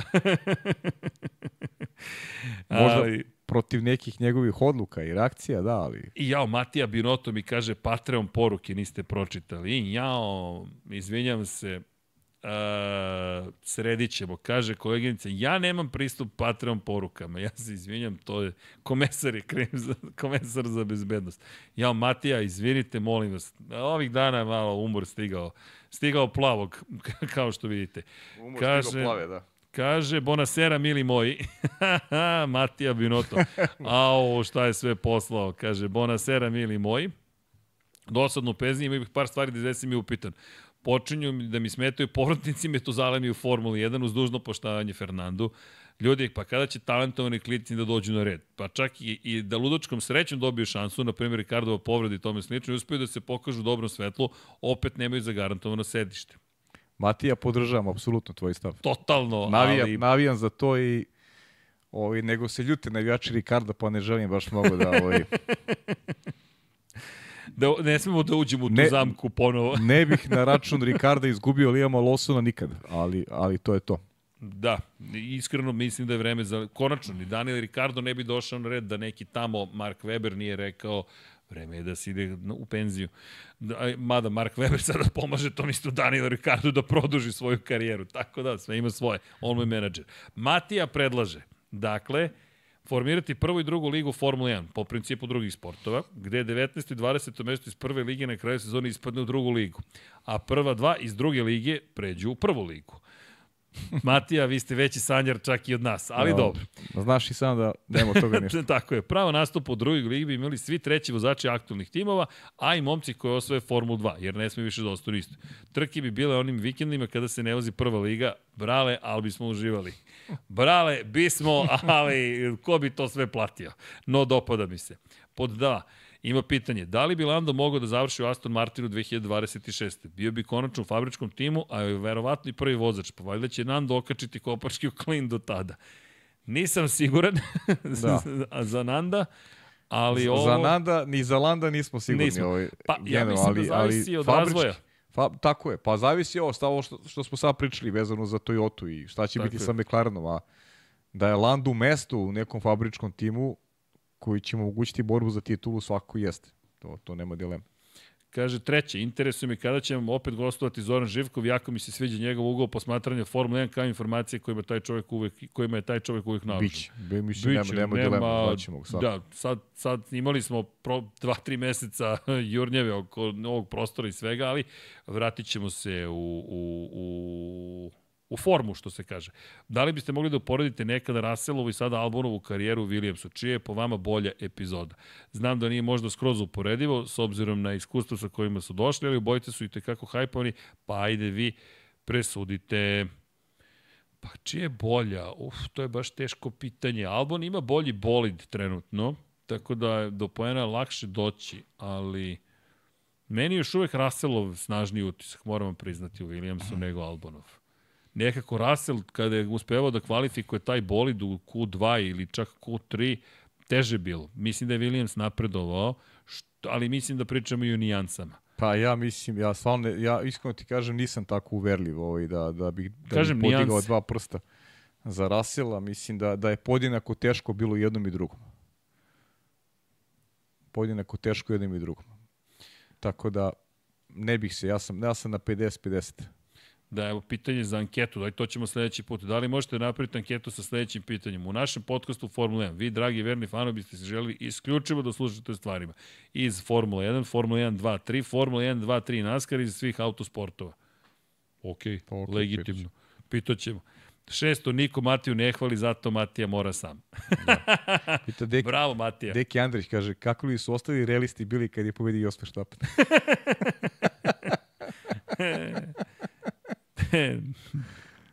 Suzdržat ću se. A, moj fantasy tim Matija Binoto 76 kidara, 24. mesto sa 4476 poena. Čim imate 76, to, to je vam To mi je... sad penzioner piše. Sad će Sredi kaže, jao, fantaz. Jao, fantasy. Jao, fantasy, opet sam ga zaboravio. Pa, Pajo, sad bi trebalo da podsjetiš, neću da Pa te ne, kudim, ali... Stvarno ne znam. stvarno Gracije, ne znam. gracije, mili moji, veliki pozdrav iz Švajcarske, šalje Matija čokolade za studio, sad će Pemzija prvoga. E, mi smo dobili samo Milku za sada Max. E, Čekam te čokolade vaše. E, pije, pe, e, PS, koliko vas je znalo da je Matija zapravo rodom iz Lozane? Matija Binoto iz Lozane? Moguće, da, je više. No, zanimljivo. Pa dobro, ima, ima mnogo italijana po Evo švajcarsku. vidiš, u Lozani zaista da, rođen. Pa da, pa dobro. Dobro, dobro, lepo. Dobro. I Matija, odgovori ti nama. Hoćeš preuzeti Alpinu ili ne? Aha, a, Ajde, ajde. Ajde, Matija, mi smo šest Da pitanja čujemo. ovde odgovorili. Jao, koliko Patreon odgovorenih pitanja. Izvinjam se svim Patreonima, uh, koleginica će to da gleda me uh, kao Dani Pedrosa što gleda konkurente. Poput samuraja. Katana je tamo, koleginice, tako da možete slobodno da, da pristupite Inauguracije. inauguraciji. Ćao! E, znaš da nam Hasan dolazi? Još malo. Stvarno? Da. Ništa mi nije, nije mi se pohvalio. Kako ti se nije... Kad dolazi? Pa jesi ti slušao podcast? Ne, on Kad? slušao da smo mi to pričali prošlog puta. Jao. Nis, kad se, u, u MotoGP-a? Da, nije, Nisam, nije, nisam smo u iskren. MotoGP rekli ili smo u Formula 1? Nije isto formula. u MotoGP. MotoGP, ne. U MotoGP. Čekaj, sad ću ti reći kad nam dolazi. E, dolazi nam ne, pa, mm, mm, 9. oktobra. I jao, taman posle 8. 9. Jao, Aruba, Bahama. Idemo like za Hasana Bratića. Svi jedan like. Idemo. I sada idemo, kako se to zove sada modernim rečnikom kada ide se nije hack, nego idemo svi na profil Hasana Bratića. Moram da naučim taj rečnik. Kako? Ma ne spam. Znam, ne, jao, znam ne pratite ga- ove mlade. znam gde vodim Hasana streamere. kad Kad streamer uputi ljude koji prate njegov stream kod drugog streamera i tako dalje. Hasan ne streamuje, on je stiljiv čovjek, ali instagramiše, tako da potražite Hasana Bratića. Jao, devetog stiže. Koliko nam ostaje, ček da vidim, jao, do 12. oktobra. Odlično. E, znaš šta bismo mogli da uradimo? Da mu organizujemo doček na aerodromu. Ono, tablo. Da, to se ne najavljuje. Hasan. Ako hoćeš, ako hoćeš nekog da iznenadiš, ne kažeš mu napred šta će da uradiš. Dobro, možda je zaspao čovjek. A Gde je zaspao? Gledat ću u reprizi. možda je zaspao. A, ili bolje, i, i pratimo ga. Hasan, Hasan. Povučemo veze na aerodromu. Je kad bismo znali nekoga ko radi na aerodromu ili je radio na aerodromu. Zamisli, zamisli tu situaciju da Hasan dobije poseban doček. Nikad nisam, ne, nikad nisam Ni- upoznao nekog ko radi na aerodromu. Ni, nija. A uvek mi je bilo potrebno. Znaš ona veza, kasnim, jel možete da zadržite Da, avion? Znaš, one Volao bih uvijek da se zna. priče. Da, Kao ne, da mogu nonšalantno da prođem granični prelaz i da uđem kao VIP. Ne znam, ne znam. Ali nit sam VIP, nit znam i tako. Šta ćeš? U red. Mada možete Fastlane da kupite. To mi je mali trik ko kupuje karte na Air Srbiji. Platite, doplatite 5 eura i Možda nas, možda nas se postreći i upoznamo nekog koja je Ako, po, ako nas se sete za dan bezbednosti kao Sete. komesara za bezbednost, Sete. sete. E, a u ime komesara bezbednosti idemo u ligu fantasy koju smo zaboravili. Ja sam sve gori i gori, 529. pozicija. Raven drži svoju prvu poziciju, Kaiser takođe drugu poziciju, Kaiser F1. Opel Šnjevka skočio je na treće mesto. O, da li Šnjevka ima sada McLarenovce? Čekaj, Lando Norris, Oscar Piastri i McLaren. A jeste ih imali od početka sezone da vas pitam? E. E, Max Verstappen, Carlos Sainz i Guan Yu Zhou. I Red Bull. Dobro. E, Gusio 1, takođe skočio na četvrtu poziciju i opet volšebno McLarenovi vozači su u ekipi. Zatim Ninja Ratnici skače na petu poziciju, Vratolomac ostaje šesti, Vozi Miško skače na sedmo mesto, Srkat Colorado dolazi na osmu, Lapčević 76 9. BH Speed Monster 10. Tarik 13. Stalno je tu negde 11. Arija Nebeska 12. pala. Snjoks napredovao na 13. mesto, Pavela D na 40. Znaš koliko ima skokova? Ovo su 100% McLarenovci, da vidim. Pa najverovatnije. McLaren svugde, da, i Liam Lawson, iskusno. Dobro, dobro. Pajo, tvoj pristup je doneo ozbiljne rezultate. Pa, dobro. Dobro, sve pohvale, ljudi, Raven, čini im Raven, drži prvo Ja mesto. sam neki 2800 ti nek sve. Slušaj ekipu Ravenovu, Verstappen, Norris, Piastri, Sainz, Albon, Ferrari i McLaren. Brukica. Out of sync. Out of sync ti je ostao veran verovatno Red Bullu. Gde sam te turo mala? Je li out of sync ovde ili je u MotoGP-u? Ovde, ovde. O, nema Ovde je. out of sync, je out of sync. Odmah ti kažem. Što nema te niže pozicije? Da se nađe. Out of synkovao se. Ispoji sinhronizacije. Evo ga, 51. I, jao. 4724 poena. Ljudi, ovo će biti neizvesno. Vrlo do kraja sezone kome će pripasti titula. Ovo će baš, pa možda čak i ja imam šansu. Koliko imam, 4375. E, malo slabije, ali dobro. Pa je li, mi nekog da ti pomogne da ti sazna koji si. Pa ne, evo, pitao sam, tražim pomoć prijatelja, ali Ko zna koji ti ekipu vodiš zapravo, da ti ja kažem. ti rekao sam ti šta. Paja bez jareta. Paja bez Jareta. Ja ne A, znam da. kako to da nađemo, zaista. Paja bez jareta. Ti si jare bez paje, ja sam... E, čekaj, Paja možda mogu Jareta. da nađem tim. Ajde. Paja, ne, uh, ti si Paja bez Jareta. Pa da. Paja bez Jareta.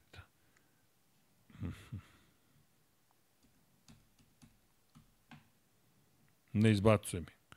Pa zato što sam dobro plasiran. E, suludo, ne mogu da te nađem.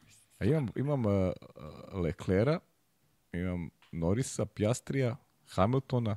Možda mora sve veliki, mora baš da se... Aj, našao sam te, moraš velikim slojem da kucaš. Ka, kakav, kakav je to? Ali samo mogu da te removujem, ne mogu da vidim koji ti je tim. Koji su pozicije? Ne piše, samo piše Paja bez Jareta remove, pa neću ti izbacim iz ligi. Nikoga još nismo izbacili iz ligi. Ne vidim izbaciš. iz lige. Ne, mada. Možda sam. Mada.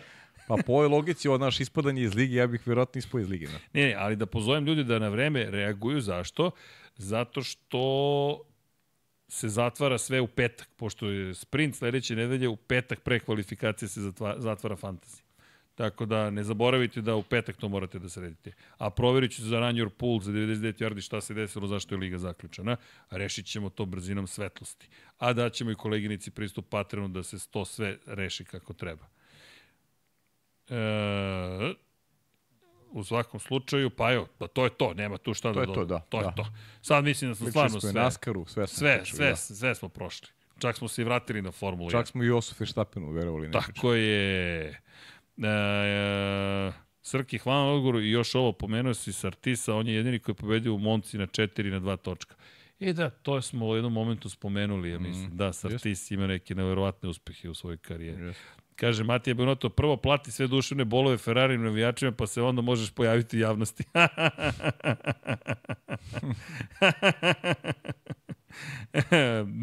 Šta da vam kažem? uh, Fi Džabl, zašto NFL pol zaključan? Nije trebalo da bude nešto se desilo, sredit ćemo to, nemojte da brinete. Dakle, tehnički, tehnički problem. Ne znam šta je posredi, ali rešit ćemo i čim rešimo, puštamo vam poruku svima na društvene mreže i na post na, na YouTube. E, dobro, govori se, kaže Barney, da će Honda potpuno preuzeti Aston Martin. Ne bi me čudilo da, da, će, da, da se to desi, pošto bi Honda ima i novca, a i drugo tako dobiješ celu ekipu, a Lawrence Stroll završi svoj posao, zaradi novac i kao biznismen bude uspešan. Šta će onda Lenz da radi? A on je produžio ugovor zato što je imao, zato što je pokazao, kako su ono rekli, rešenost. Ja ti pokazao Singapur da je čovjek rešen da uspe. Inače, Pokazao mi je da je, da je rešen da ne vozi trku. Uh, da, Mario Kro kaže, možda ste u prethodnim epizodama iz komentara se, ako niste, evo pitanje šta mislite o Wolfovim izjavama da su maksimum rekordi za Wikipediju. Pričali smo o tome Jesmo, i, on se, iz, i on se već korigovao. Ma. Među vremenu rekao, možda je to Smeš, bila smešna izjava. Da. Glupa izjava, ali... Eto, sam je rekao. Sam je rekao. Sam je rekao kako izjava je bila. Bukvalno, tako da, bez brige. I komentarisali, a i uh, kada je reč o kada je reč o, o, o o njemu samom i sam se korigovao. Kaže, da li znate ko je autor špice za Formula 1 koju koristite vi? Mi ne koristimo špicu. Mi ne koristimo špicu. Mi ne koristimo, mi imamo, na nama je Žarko Komar napisao, DJ Felonizi je napisao muziku za nas, za Lab 76, ako na to mislite. Tina, e, inače, Boško Desančić, pa je na odlično 3652. mesto od 4568. Kako, kako? Tako, 3652. si od 4568. Kako je, vidiš. A, na, polako li sigurno se napreduje. Napreduje tako se. To je bitno da pokažeš napredak. E... Dakle, ispadam iz lige. Kaže Marko Hektor, u pitanje, u sredu, sredinom dana, ukoli, idem uh, do Beograda, ukoliko bih svratio do studija da kupim užu majicu, da li bi bilo nekog od vas? Marko, ako mislite na nas dvojcu ili generalno a, živih ljudi, ima ovde... Živih ljudi će biti, biti a, sigurno. A, ja ću možda biti, Baja teže. Ja počinjem Liga šampiona u Waterpolu, da, tako da sam... Ali samo javite u koje vreme, pa ćemo, ću da se potrudim da budemo tu, tu, tu. Tu, tu, tu, tu. Tu, tu, tu. De Banja, da li ti treba trk, uh, krug za Motegi za sutrašnju najavu? Da, šaljite, lab76.infinitylighthouse.com. A kaže Boško, lupio sam, nije to istina. Ali dobro, dobro je zvučalo. Hvala. To je to. Bravo. Ovo je bio burn. Burn, baby, burn. Boško me spalio uživo. Ovo je sjajno. Ovo je sjajno. Sucker. Srki nije Srki, Srki je Secio, Vlado. Secio, Vlado. A ne može uživo smo. Imamo inače još jednog člana. Marko Pavić, dobro došao u svetioničar početnik. Mislim da ga sad rastežemo. Vreme je da idemo kući da spavamo malo, dragi ljudi.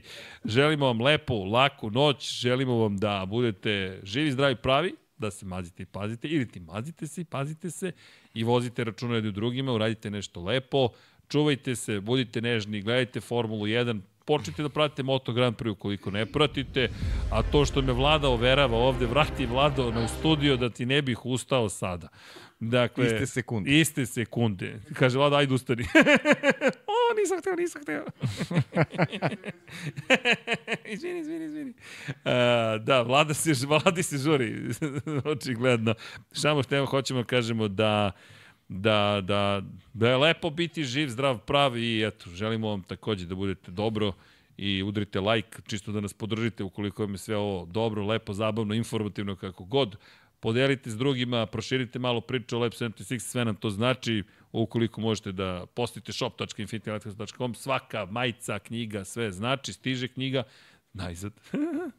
ali, ali dobro, to je neka druga priča i odgovorit ćemo na sve poruke Patreon. Ovo je knjiga koja je dalje u prodaji, svi rezultati Formula 1 do kraja prošle godine. Nastavit ćemo saradnju sa Žakom Dešenom, dobili smo informaciju da je dobio podršku Rolexa za sledeću godinu i tako.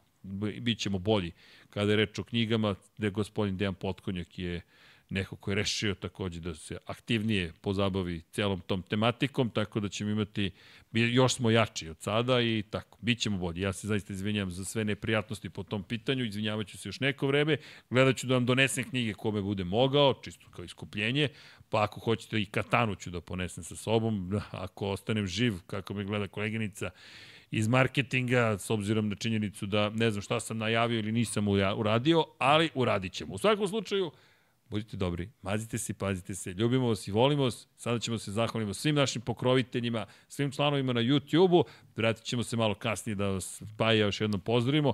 Do tada, gospodine Popović, izvinite samo, samo, samo jedna stvar. Da ne bude džabe kuo ovaj čaj. Čaj, da, čaj koji ima čudan ukus što je hladniji. Ne znam koji sam čaj stavio. Teo si za početak izvediš kesicu, znaš, bilo bi ti malo prijatnije. Dobro, malo više teina, ali to je sad u redu. Nisam imao gde da vidim kesicu. Dobro, samo se cedi 3 sata. A šta je to? Ništa. Kak je to vezi imam? Kakav me ukus opalio? ba, bolje sam podržao sponsor emisije 99 yardi, ali dobro. U svakom slučaju, pijte čaj, ali svež. I hvala vam svima što nas podržavate i što ste I sa nama. vadite kesicu posle 10 minuta, nemojte 3 sata vam uzme. Hvala ti što si mi to rekao posle 3 sata i 10 minuta. mina, klasija, čajna mina je pala ovde. ja, dobro, ne bi ja tvoje iskustva, nisam ja Paja Kamilica, pa da znam posle 10 minuta. Da, popravo si. E, u svakom slučaju, e, hvala vam još jednom, divni, dragi ljudi, još jednom vam želimo lepu i laku noć i hvala svima. Naravno, nećemo, čao svima još, to ćemo malo kasnije sada. Hvala, Alen Stojčić, već znam prvo ime, opa! Milan Milašević, Vladimir Filipović, Vladi, Vlado Javi se, Miloš Broćeta, Crnogorski džedaj, Stefan Ličina, Bojan Markov, Nenad Simić, Katarina, Ognjen Ungurjanović, Stefan Radosavljević, Antonio Novak, Dušan Ristić, Luka Savović, Aleksandar Jurić, Vladimir Petković, Nemanja Zagorac, Sean Hing, Mirjana Živković, Deus Nikola, Živojin Petković, Nikola Marinković, Bahtjar Abdurmanov, Đole Bronkos, Đorđe Andrić, Branimir Rijevec, Luka Klaso, Nikola Božinović, Anonimus, Donatorus, Žarko Milić, Marko Petrekanović, Dejan Đokić, Marina Mihajlović, Miloš Rosandić, Nikola Grujičić, Mlađan Antić, Ivan Novak Tomić, Ivan Simeunović, Vladan Miladinović, Kovačević, Omer, Stefan Vidić, Luka, Nedim, Vlada Ivanović, Aleksandar, Predrag Pižurica, Martin Gašpar, Stefan Vuletić, Milan Paunović, Milan Apro, Đorđe Milanović, Stefan Nedeljković, Nedim Drljević, Monika Erceg, Goša 46, Zoran Majdov, Miloš Banduka, Marko Bogavac, Milan, Mario Jelena Komšić, Andrej Božo, Armin Durgut, Marko Ćurčić, Strahinja Brajanoski, Mario Vidović, Mihajlo Krgović, Daniela Ilić, Benjo KK, Andreja Miladinović, Predrag Simić, Lufonac, Đorđe Radojević, Ružica Stefanović, Bojan Majstorović, Jasenko Samarđić, Marko Mostarac, Aleksa Valter, Životić Jovan, Anonimus, Donatorus, Mihovil Stamičar, Ante Primorac, Zoran Šalamun, Boris Kujundžić, Aleksandar Radivojša, Nemanja Jeremić, Nenad Đorđević, Marko Horg, Ivica, klub štovatelja Ramona Mireza, Inzulin 13, Branko Bisački, Đole Cheesehead, Ognjen Marinković, Nemanja, Milan Kića, Mladen Mladenović, Darko Trajković, Stevan Zekanović, Stefan Lešnjak, Nebojša Živanović, Marko Marković, Kristijan Šestak, Ivan Maksimović, Marko Kozić, Igor Jankovski, Matija Rajić, Toni Ruščić, Branislav Dević, Andreja Branković, Lazar Pejović, Laslo Boroš, Ferenc Laslofi, Aleksandar Milosavljević, Ivan Rebac, Dušan Delić, Lukas, Marko Radanović, Strahinja Blagojević, Zoltan Mezeji, Marko Kostić, Petar Nujić, Mladen Krstić, Igor Vučković, Ivan Panajotović, Andrej Bicok, Sava Dugi, Gloria Edson, Zorana Vidić, Boris Golubar, Đorđije Lopušina, Borko Božunović, Lazar Hristov, Aleksa Vučaj, Ivana, Kimi Rajkonen, Vojin Kostić, Bojan Bogdanović, Bojan Mijatović, Stefan Stanković, Bata Brada, Nikola Stojanović, Vladidov Dejv, Vučinić Miroslav, Ertan Prelić, Dragan Matić, Jugoslav Krasnić, Renata Neš, Luka Martinović, Vladimir Uskoković, Vukašin Jekić, Marin Antunović, Safet Isljami, Vamblisapa, Zoran Cimeša, Veselin Vukićević, Aleksandar Banovac, Ljubo Đurović, Optimistik Josh Allen Fan, Salim Okanović, Klara Gašpar, Anonimus Donatorus, Mirina Kovačević, Miloš Radosavljević, LFC, Jovan Đodan, Tijana Vidanović, Nedo Lepanović, Ognjen Grgur, Šefko Ćehić, Džigi Pau, Borislav Vukojević, Aleksandar Mitrović, Ivan Maja Stanković, Đole, QB4, Tina i Ilija, Jugoslav Ilić, Stefan Milošević, Ivan Toškov, Stefan Prijović, Aleksandar Bobić, Matej Sopta, Pavle Nj, Da žena ne sazna, Boris Erceg, Dušan Petrović, Lj. Đurović, Alen Vuletić, Miloš Vuletić, Danka, Zlatko Vasić, Emir Mešić, Ivan Ciger, Jasmina Pešić, Nemanja Miloradović, Branislav Kovačević, Milan Nešković, Damjan Veljanoski, Denis Špoljarić, Šmele, Ivan Rečević, Nemanja Labović, Bogdan Uzelac, Stefan Dulić, Andrija Todorović, Nenad Ivić, Stefan Janković, Dimitrije Mišić, Nikola Milosavljević, Jelena Jeremić, Aleksandar Antonović, Aleksandar Čučković, Miloš Rašić, Dejan Vujović, Aleksandar Anđelić, Luka Manitašević, Srđan Sivić, Branislav Marković,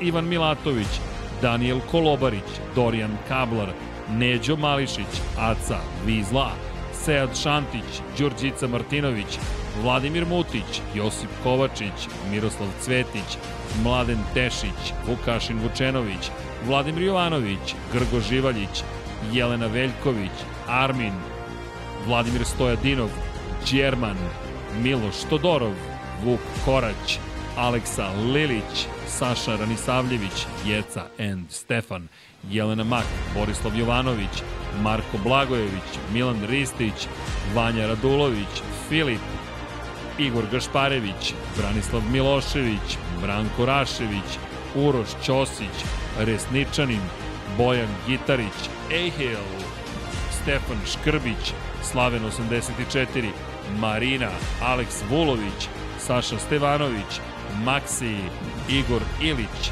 Ivan Hornjak, Future Graciano Rossi, Branislav Dević, Jelena Jeremić, Domagoj Kovač, Krorobi 00, Bakadu, Alen Jesenović, Ivan Božanić, Nikola Vulović, Zlatko Marić, korespondent, korespondent, Goran Mrđenović, Mađar 007, Vlada Ivanović, Miloš Zed, LFC, Nikola Božović, Nemanja Bračko, Vladimir Subotić, Vladimir Vujičić, Ivan Magdelinić, Nikola Grđan, Škundra, Dinstero, Milanka Marunić, Ivan Vujasinović, Ljiljana Milutinović, Mateja Nenadović, Marko Bogavac, Dejan Janić, Vladan Miladinović, Tomić Miloš, Uroš Čuturilo, Ivana Vesković, Pavle Lukić, Aleksandar Kockar, Divlji Bučak, Blagoj Arčevski, Đera 7, Marakos, Igor Ninić, Sejdo Mujčić, Nemanja Miloradović, Anonimus Doratorus,